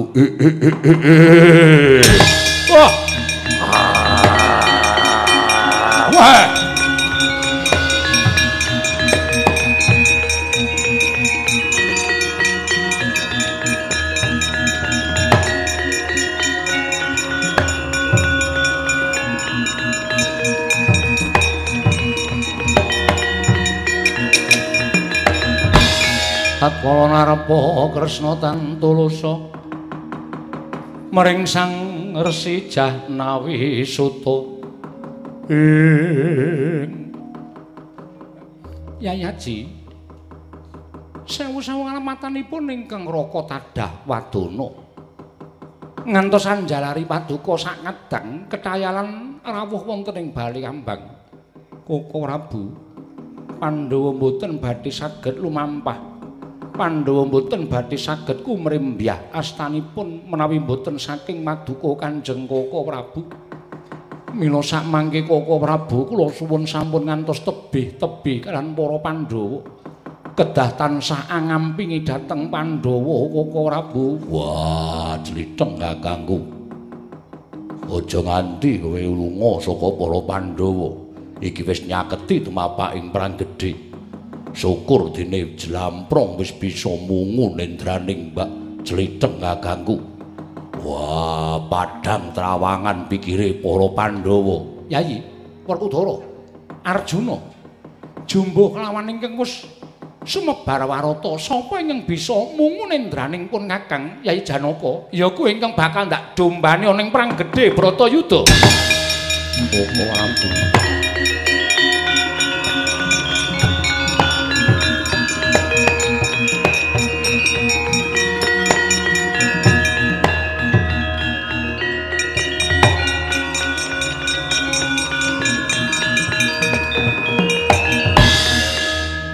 Ngaturaken panuwun ingkang tanpa pepindhan. Ya ya Janaka. Mundura. Wonten menapa ana rembug ing bakal ndak rembug kelawan si Werkudara. Koko Prabu aturi paring dawuh. Kok sik to mengko gampang. Nggih. Dara. Nggih. Nggone pun Kakang nglakoni tapa nendra iki sejatine mung gedhening rasa tresnaning pun Kakang lawan para Pandhawa. Gandeng pun Kakang wis bisa mangerteni ento perang Bratayuda ora bakal bisa diselaki tetep kudu lumaku. Wah, iya. Tumulipun Kakang nglakoni tapa nindra? Iya. Apa ta wigatine pun Kakang pun kepengin ngerti pepakem jroning Bratayuda ingkang wis diserat dening para Jawata. Lan ngerti yo? Weda Jetapsara wis ana ing tanganing pun Kakang. Pun ngakang ing mangerteni lumakuning kodrat lumampaking Bratayuda. Senopati sapa ingkang bakal maju lan mungsuhe sapa mengko pun kakang wis ngerti. Wah, syukur yen to kaya mengkono. Perkudara? Iye. Mara coba saya kok tak takon karo kowe. Kowe arep takon apa? Jroning pun kakang sowan marang Sang Hyang Pramesti Bathara Guru nalika semana pancen pun kakang tumindak ingkang ora sak mestine. Pun kakang membo lanceng seta tumuli nyampluk mangsi ingkang kinarya nyerat sang hiwang penyarian ana ing jroning Citapsara. Apa to sababe dene pun kakang kudu tumindak kaya mengkono merga yen to nganti seratan kuwi mau serat ana ing Citapsara sayekti Bratayuda ora bakal bisa rampung gedhe-gedhene Pandhawa kalah. Sebab apa? Sebabe Siadi bakal tak paringi priksa. Sebabe merga senopati negara Ngastina ya kuwi Koko Prabu Baladewa. Lah, senopati saka Pandhawa ya kuwi anakmu Si Antarja. Tumuli seratan kuwi mau kudu ilang merga ketumplakan mangsi ingkang tak sampluk nalika pun Kakang mujud lanceng seta. Iya. Doro pun Kakang entuk pangapura ning Sang Hyang Manikmaya nanging pun Kakang sinampiran kewajiban ingkang ora enteng. Kewajiban apa? Kewajiban pun kakang kudu murba kelawan Koko Prabu Mandura lan si Antarja anakmu. Mongko dawuhing Sang Hyang Jatimurti. Yen nganti iki mengko aku ora kelakoni, tegese pun Kakang nyidra ing janji lan para Jawata. Pandhawa bakal tumpes jroning Bratayuda. Ora usah mbok kalang-kalang. Tegese piye? Apa yang kudu mbok tindakake? Antarja kudu dadi tabuk tawur kamenanganing para Pandhawa tegese Antarja kudu mati Werkudara. Wah! Oh.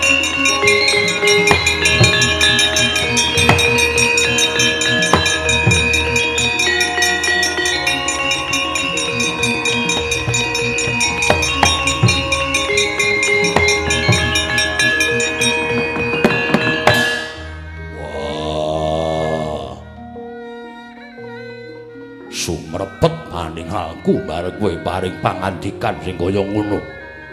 Antarja anakku. Kena ngopo? Kudu mati sadurunge Bratayuda. Bola bali Antarja matur karo aku yen pengen dadi senopati, pengen labuh karo wong tuane. Nanging kena ngopo garising pesthi Antarja kudu kaya ngono? Werkudara, kosek to. Sabar. Ya bener. Kowe tak kandhani ya jroning Bratayuda mengko kuwi kowe ora mung nemoni patine anakmu, ning bakal nemoni patine wong pirang-pirang. Ing sak temene kabeh mau nabet ana ing rasamu tegese wong-wong sing tresnani mengko bakal gugur ana ing Bratayuda. Kena ngopo kudu Antarja? Werkudara. Siji pesthi loro jodho telu tibaning wahyu kuwi diasta dening panguwasaning Dat Kang Murwengdan. Menungsa mung sak derma nglakoni. Digadang-gadang kaya ngapa? Sing jeneng anak kuwi saka tembung ana. Ana merga sing gawe urip, dene kowe mung dititipi momong karo sing gawe jagat. Yen sing gawe jagat wis njaluk bali, kowe bisa bangga apa aku tak takon. Kelingan ora? Patine Stija Buma Narakasura. Patine Samba. Anak-anakku sing tak gadang-gadang kudu tekaning pati mergo aku weruh kelawan kodrat ing kudu lumaku kelawan si Setija apa dene Samba. Ning apa pun Kakang tau getuni. Apa pun Kakang tau gelo karo sing jeneng kodrat? Ora. Mergo aku mesti nampa karo kahanane. Aku nampa karo kahanan, aku nampa karo apa sing digareke sing gawe urip. Yen kowe ora nampa karo sing digawe sing gawe urip, apa kowe iki ngungkuli panguwasamu karo sing gawe jagat? Ora caturan. Oh.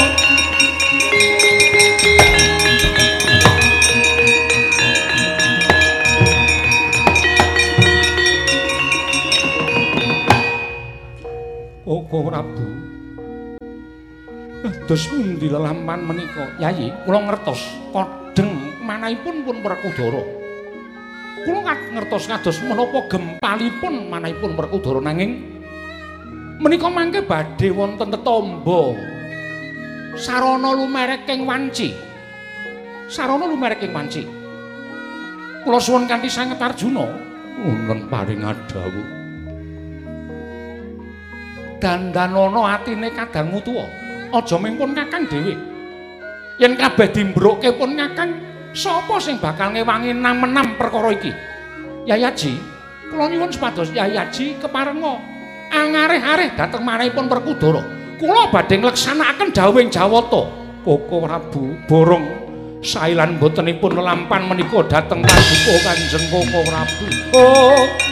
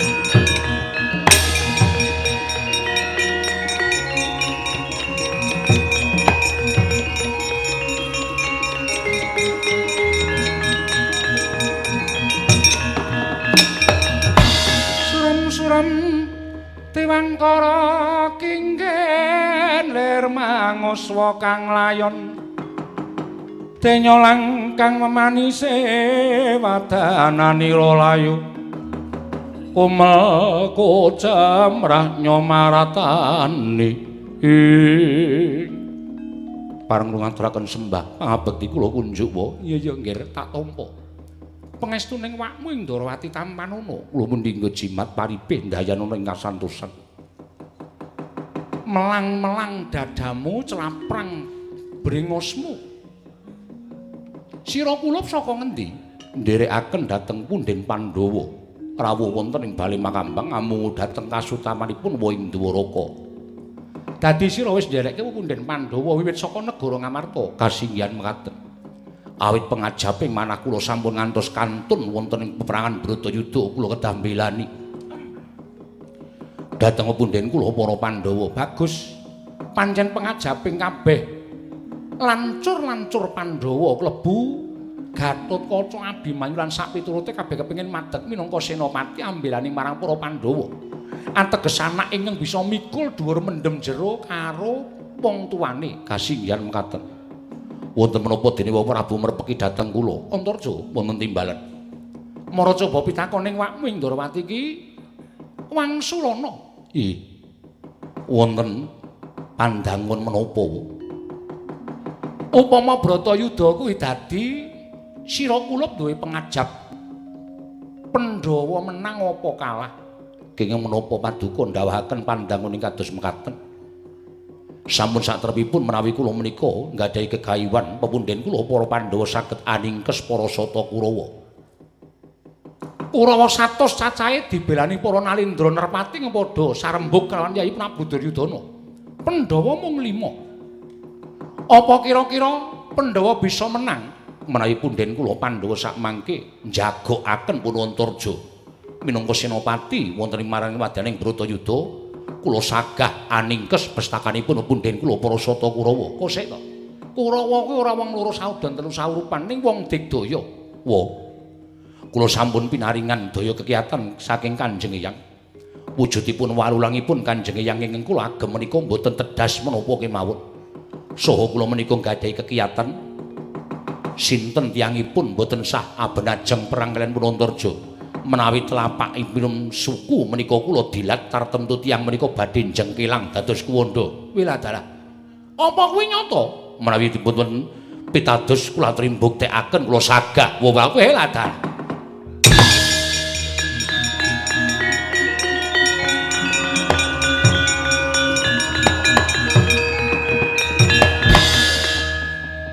Maraja boyen pancen kaya mengkono tegese sira kula pus pantes minangka dadi senopati. Lah saiki aku tak takon, wonten pandangan menapa malih? Upama to. Upama to anakku jangkar bumi kuwi kampuping rono Madyalaka tegese mati jroning peperangan. Apa kowe ikhlas? Inggih. Sampun kula udhakaken jiwa raga kula, kula ikhlas. Nadyan kedah dados tabuk tawuring peperangan Bratayuda menawi menika kagem kemenanganipun para Pandhawa kula sagah. Antarja wonten timbalan. Tembungmu mau dudu wangsulanmu lho. Detek wangsulan kula dados pundi? Tembungmu mau dudu wangsulan pitakonku. Apa kowe jroning perang mengko tekaning pati kowe ikhlas nanging kowe matur kelawan aku Nadyan kula dados tabuk tawuring aprang kemenanganipun para Pandhawa kula ikhlas tegese. Yen patimu iku dadi srana kemenanganing para Pandhawa kowe ikhlas. Ikhlas lahir batus. Lahir batin? Lahir batus. Kanjeng Prabu. Mboten badhe kula mingkuh mboten badhe kula nggadahi raos awel sarta anggrundel lahir batus kula mboten badhe nggadahi raos menapa-menapa. Ikhlas kula manjing alam pamancak nanging Pandhawa kedah unggul wonten ing perang Bratayuda Jaya Pinangun. Anakku, nggih wonten. Oh.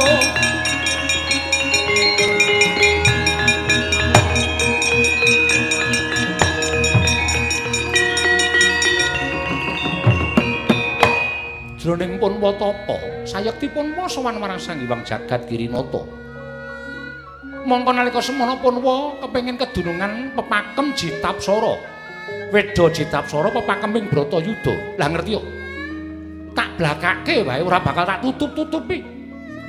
Nalika semono aku weruh Sang Hyang Penyarian nedya bakal anyerat Senopati Ngastina lan Senopati Pandhawa. Senopati Ngastina kuwi awakmu ing Mandura, Senopati Pandhawa ya kowe Kulup Antarja. Ya ming saka emanku. Yen nganti sira Kulup Antarja kuwi dadi senopati, satemah Bratayuda kuwi ora nganti telung kedheping paningal. Kurawa tumpes kelor tanpa sisa. Klebu wakmu Mandura mesti bakal tekaning pati mungsuh kowe. Tegese dewa le gawe kodrat utawa le gawe pepakem mau wis ora ana gunane. Inggih. Mula tumuli tulisan mau ndak tumplaki nganggo mangsi srana pun wa membo lanceng seta. Tumuli pun wa entuk kewajiban saka Sang Hyang Jagat Girinata. Bakal ora ana dumadining senopati saka Mandra lan Jangkar Bumi nanging aku kinen murba lawan kowe Antarja tegese. Karepe dewa aku kinen gawe srana. Kowe aja nganti melu Bratayuda kowe aja nganti melu Bratayuda yen perlu kowe kudu sirna sadurunging Bratayuda kinarya kemenanganing para Pandhawa nggir Antarja. Oh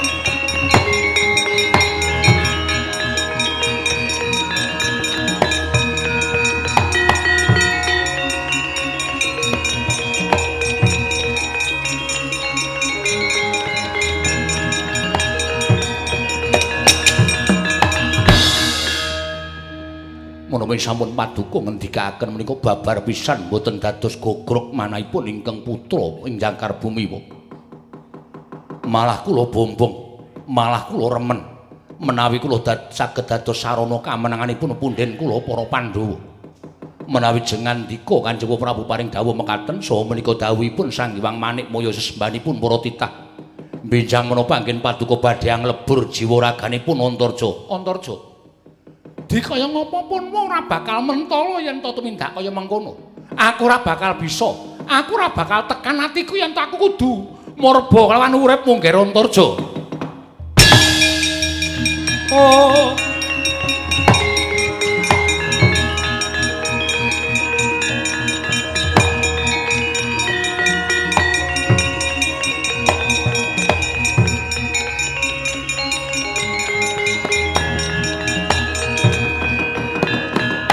Menawi paduka Kanjeng Prabu mboten mentol.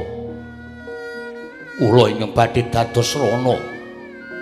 Kula ingkang badhe pados rana supados sak mangke kula saged netepi dhateng menapa sampun paduka ngendikaken. Antarja. Sranane kepiye? Sranane kepiye? Paduka sampun ngantos kodheng penggalih paduka. Kula sampun nate matur bilih kula nggadahi kekiyatan. Ingkang kekiyatan menika mboten dipun darbeni dening sinten kemawon. Wo. Gratian jurung dateng donga pangestu Paduka Prabu. Dinten samangke kula nedyan dilat dateng tapan kula piyambak. Kula ikhlas. Ingkang putra ikhlas manjing alam pamancak manjing wonten ing loka boko. Nanging menawi sak mangke Pandhawa mboten unggul krana sampun kula dados kurban kinarya tabut tawering aprang. Kula badhe anutuh dhateng Prabu Ndarawati kula aturi mresani wong.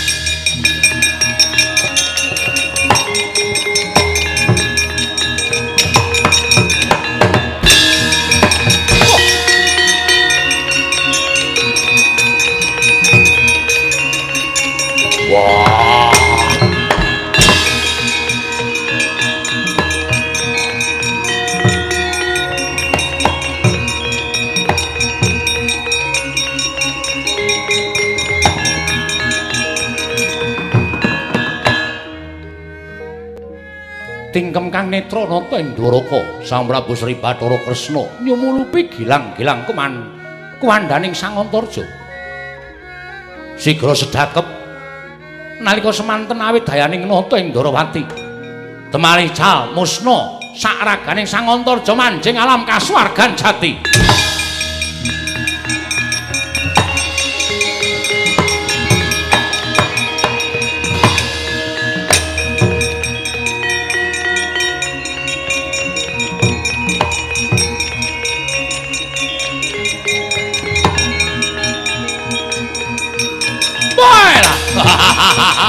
Yayi Prabu Ndarawadha.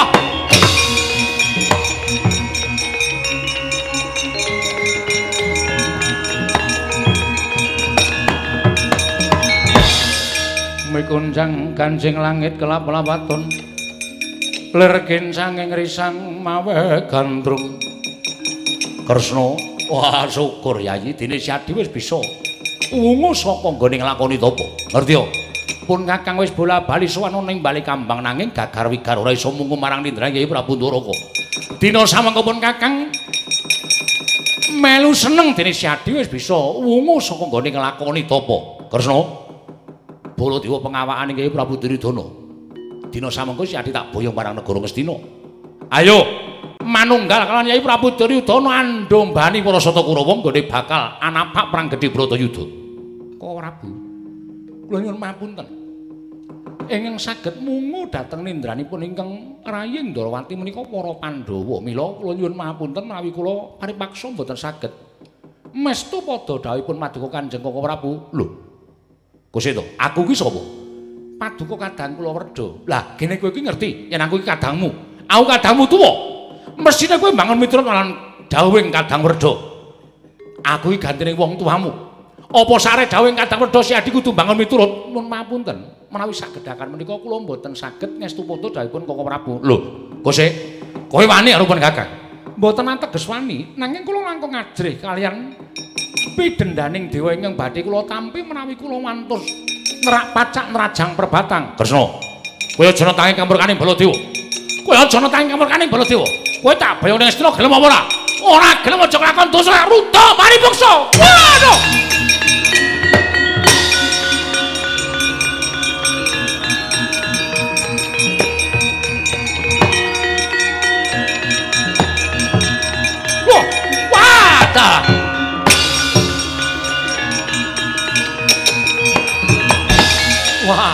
Wah Janaka keparat. Lah kok dadi kowe wani karo pun Kakang? Hm? Kowe nerabong pun Kakang tanpa taha-taha. Tanpa nganggo tata krama kowe ngantem marang nata mantura Prabu Baladewa. Kowe wani karo Baladewa. Sing tak wedeni apa? Wah!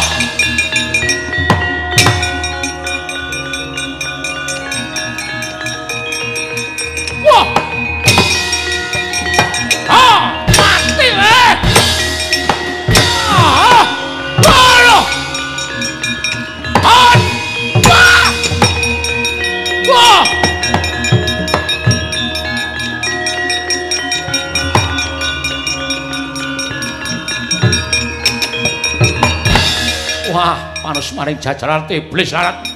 Wis ora ana tanceping tata krama karo dulur tuwa. Kowe wani karo Baladewa ya. Ditemtoke dina iki. Baladewa mbelani Kurawa. Ora sudi aku mbelani Pandhawa ya wani karo wong tuwa. Eh, Janaka, ora minggat cloro ngalugara jeblok ketemu pate.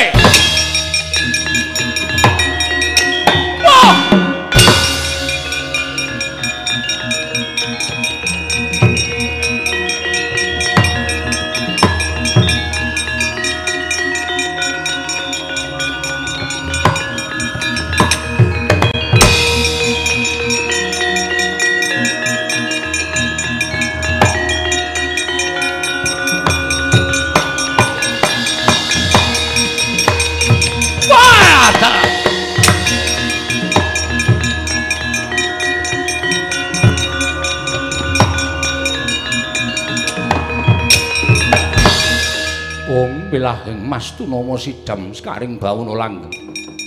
Baladewa. Kebangetan nggon kita duwe watak sesongaran. Kebangetan nggone kita duwe watak gumendhung kumalungkung. Dupeh ngasta pusaka kadewatan ingkang ampuh kagila-gila. Nganti pusaka kita tumancep ana ing bumi. Baladewa. Bumi ingkang tansah nampa apa kang dadi tingkah laku ning titah teka mbok pulasara nganggo hawa panas ingkang kaya mengkene. Muga-muga Jawata kabeh padha nekseni. Apa ingkang dadi pitukane yen to kita wis gawe sengsara bantala ingkang wujud dadi duwe rasa panas sing kaya mengkene. Seksenana jagat saisine. Lamun pati kita besok bakal kejepit bumi pitu bolo. Aduh, eh, Kresna mati aku tuh. Aduh, mati aku. Aduh,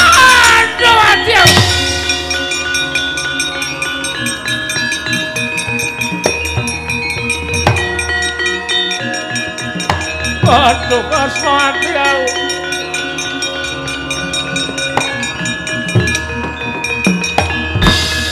Kresna, mati aku Kresna. Aku tulungono. Aku tulungono Kresna. Iki lak kok dadi kaya ngene kahanane. Teko sengsara timen patiku besok Narayana aja meneng wae aku tulungono kaya aja klecam-klecem guyang-guyu. Aku tulungono. Mangke rumiyin to. Kok Prabu menika kenging menapa? Kresna, mati aku. Nalika semono aku perang karo Janaka. Sajake Janaka mbelani karo kowe lan awel yen to kowe tak boyong marang negara Ngastina. Saka gempung ing rasaku aku nglepasake Kyai Alugara. Alugara tumama ning Bantala. Ana geni murup ingkang metu pangandikane jarene dewaning Bantala. Nyepatani karo aku yen to aku sesuk matine jepit bumi sapitu Kresna. Aku tulungono Kresna aja meneng wae Kresna.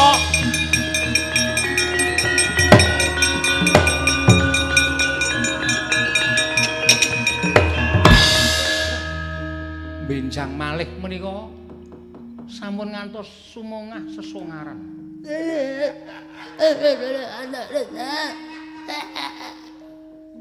Petruk tak tapuki sandal cangkemmu kowe.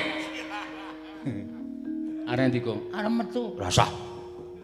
Engko ndak wektune saya wengi. Aku arep ndagel, Tru. Sandagel wis ora. Tiang sesum sumunga sesorangan menika pikantukipun inggih ngaten menika. Kula nyuwun mapunten, bumi menika lepatipun menapa? Bantala menika lepatipun menapa? Menungsa menika anggenipun nyikara dhateng bumi menika sampun sak pikajeganipun piyambak. Ning apa tau bumi menika protes? Kok kowe nganggo protes barang kok? Tahu tante bumi menika sambat. Mboten nate. Malah panjenengan ndawaken Kyai Alugara ngantos Bantala umup mila mboten maneh. Menawi kedah mekaten rampanipun, aduh mati aku. Menika mboten saged dipun selaki kedah nampan kok. Ah, mati aja. Aja Kresna. Aja kaya ngono. Menawi paduka Kanjeng Prabu sampun ndedodho ing kalepatan wonten pitumbasipun. Pitukane apa? Koko Prabu kedah ndanakaken sedaya Brana Picis negari Mandura menika dhateng para kawula sak negari Mandura langkung-langkung tetiang kang boten gadah kawula ingkang keserakat gesangipun kedah dipun paringi dana saking negari Mandura ngantos telas. Lho. Nganti entek inggih. Lah lah aku piye? Sagah mboten nek mboten sagah. Ha sampun monggo. Seda panjenengan dipun jepit bumi sapitu. Wah iya iya wis ikhlas. Negaraku entek ora apa-apa ning aku. Slamet pati kok aja dipet bumi sapi itu Kresna.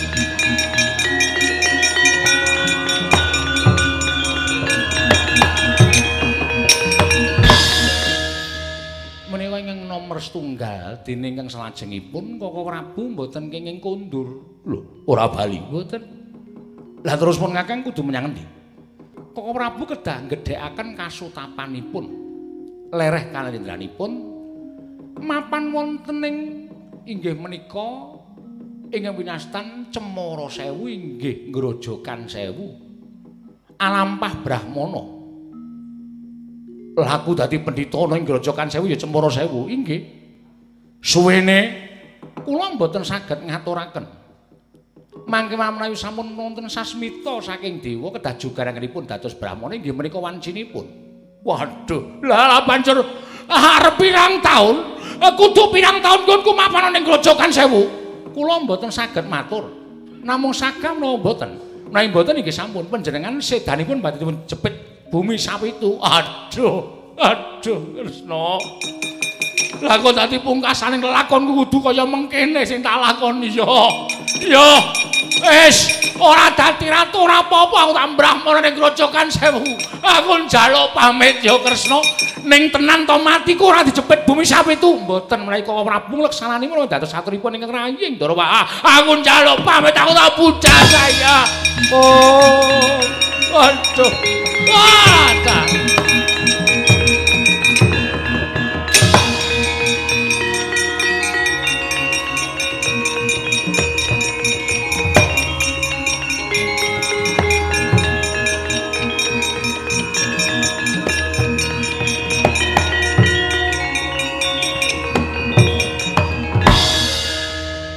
Apa? Mau nanti balan Romo? Kowe tak paringi kewajiban ya nggih. Inggih, paringipun tunggunen wakmu ing Mandura. Inggih. Aja nganti wani sarta aja nganti bisa metu saka pertapan Grojogan Sewu ya Cemara Sewu. Nonon. Astamu ingkang wis tak arajah nganggo Kyai Cakra Baswara kuwi dadi pusaka. Inggih paringipun yen wakmu Mandura ya wakmu Baladewa sumengko kepengin metu saka Grojogan Sewu ya Cemara Sewu. Tebaken dadane nganggo astamu ingkang wis tak arajah. Sayekti mesti ora bakal wani metu saka pertapan Cemara Sewu. Kula nyuwun bidal dinten menika sing ati-ati nggih. Anak Gusti?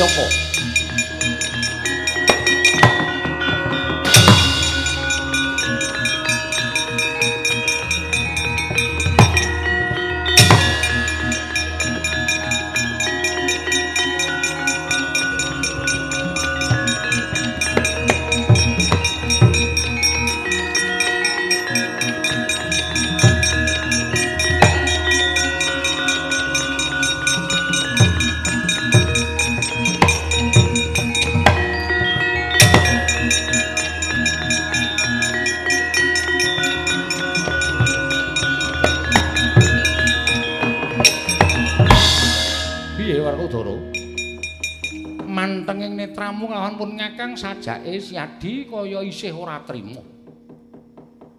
Nadyan kaya ngapa ngruncaling atiku. Tantrimaning pikirku nang kabeh lelakon wis kelakon. Upama tak getu nono wis ora ana gunane. Wah. Durung dadi Bratayuda anak loro sing wis ora ana. Wis to.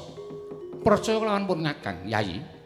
Kabeh mau wis pinesti marang kudrating Wang Mahanasa lan kowe tak kandhani ya donya iki ora ana ingkang sakteruse bakal dadi siji. Sing mestine wong loro mesti ora ketang besok mbok kapan wancine mesti bakal kelangan siji sing wong telu mesti bakal kelangan loro. Semono uga sing wong telu mesti bakal kelangan siji. Ngono kuwi wis dadi kudrating Wang Mahanasa ya ditresnanono kaya ngapa yen Gusti wis paring kodrat kudu pisah kuwi sewu jalarane. Menungsa mung sak derma nglakoni. Wah iya. Ngestoke dawuh. Hak singkirke Kurawa dambyak-dambyak akeh banget. Werkudara nggih. Ora usah dadak mbok singkirke. Hyang Prabu Ngastina kae wis blereng marang akehing wadyabala nalika semono ketemu kelawan pun Kakang lan kepengin boyong nglawan pun Kakang. Tumulipun Kakang nyipta saka ron godhongaking ing akeh. Tak cipta wujuding wadyabala. Eh Prabu Ngastina takon milih antaraning wong siji kelawan wong sewu. Tumuli Patih Sengkuni milih wong sewu, ora usah dadak kuwatir. Wadyabala ing digawa Yai Prabu Ngastina akeh semono kae engko nek tekan Ngastina dadi godhong meneh Werkudara.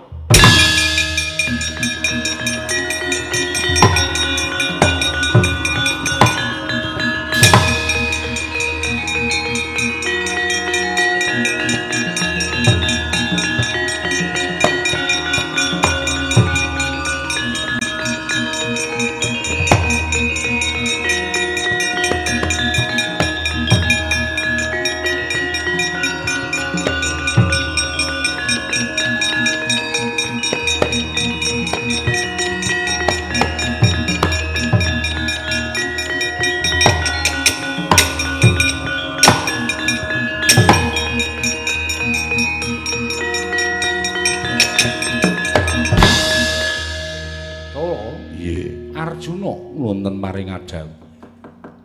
Iki wis ora bakal bisa diselaki meneh. Ya. Mula antepno pikirmu. Ngestake dawuh. Aja tida-tida. Merga ngelingono. Yen to Bratayuda kuwi perang suci, sirnane ngangkara murka tukuling kabecikan. Ya. Angkara murka ing sinandhangan dening para sata Kurawa mau sayekti ora bakal ilang lamun ora bareng ing karawan ingkang nyandhang. Tegese yen to Kurawa isih padha urip, jagat iki bakal kebak watak angkara Budi Candala. Mula sing setna ingkang dadi sabuke Nyai Dimas Werkudara padene Nyai Arjuna. Ayo diwiwiti dina iki ngisas angkara murka resik jagat muga-muga jagat mbabaro katentreman Werkudara. Wah, ngestake dawuh.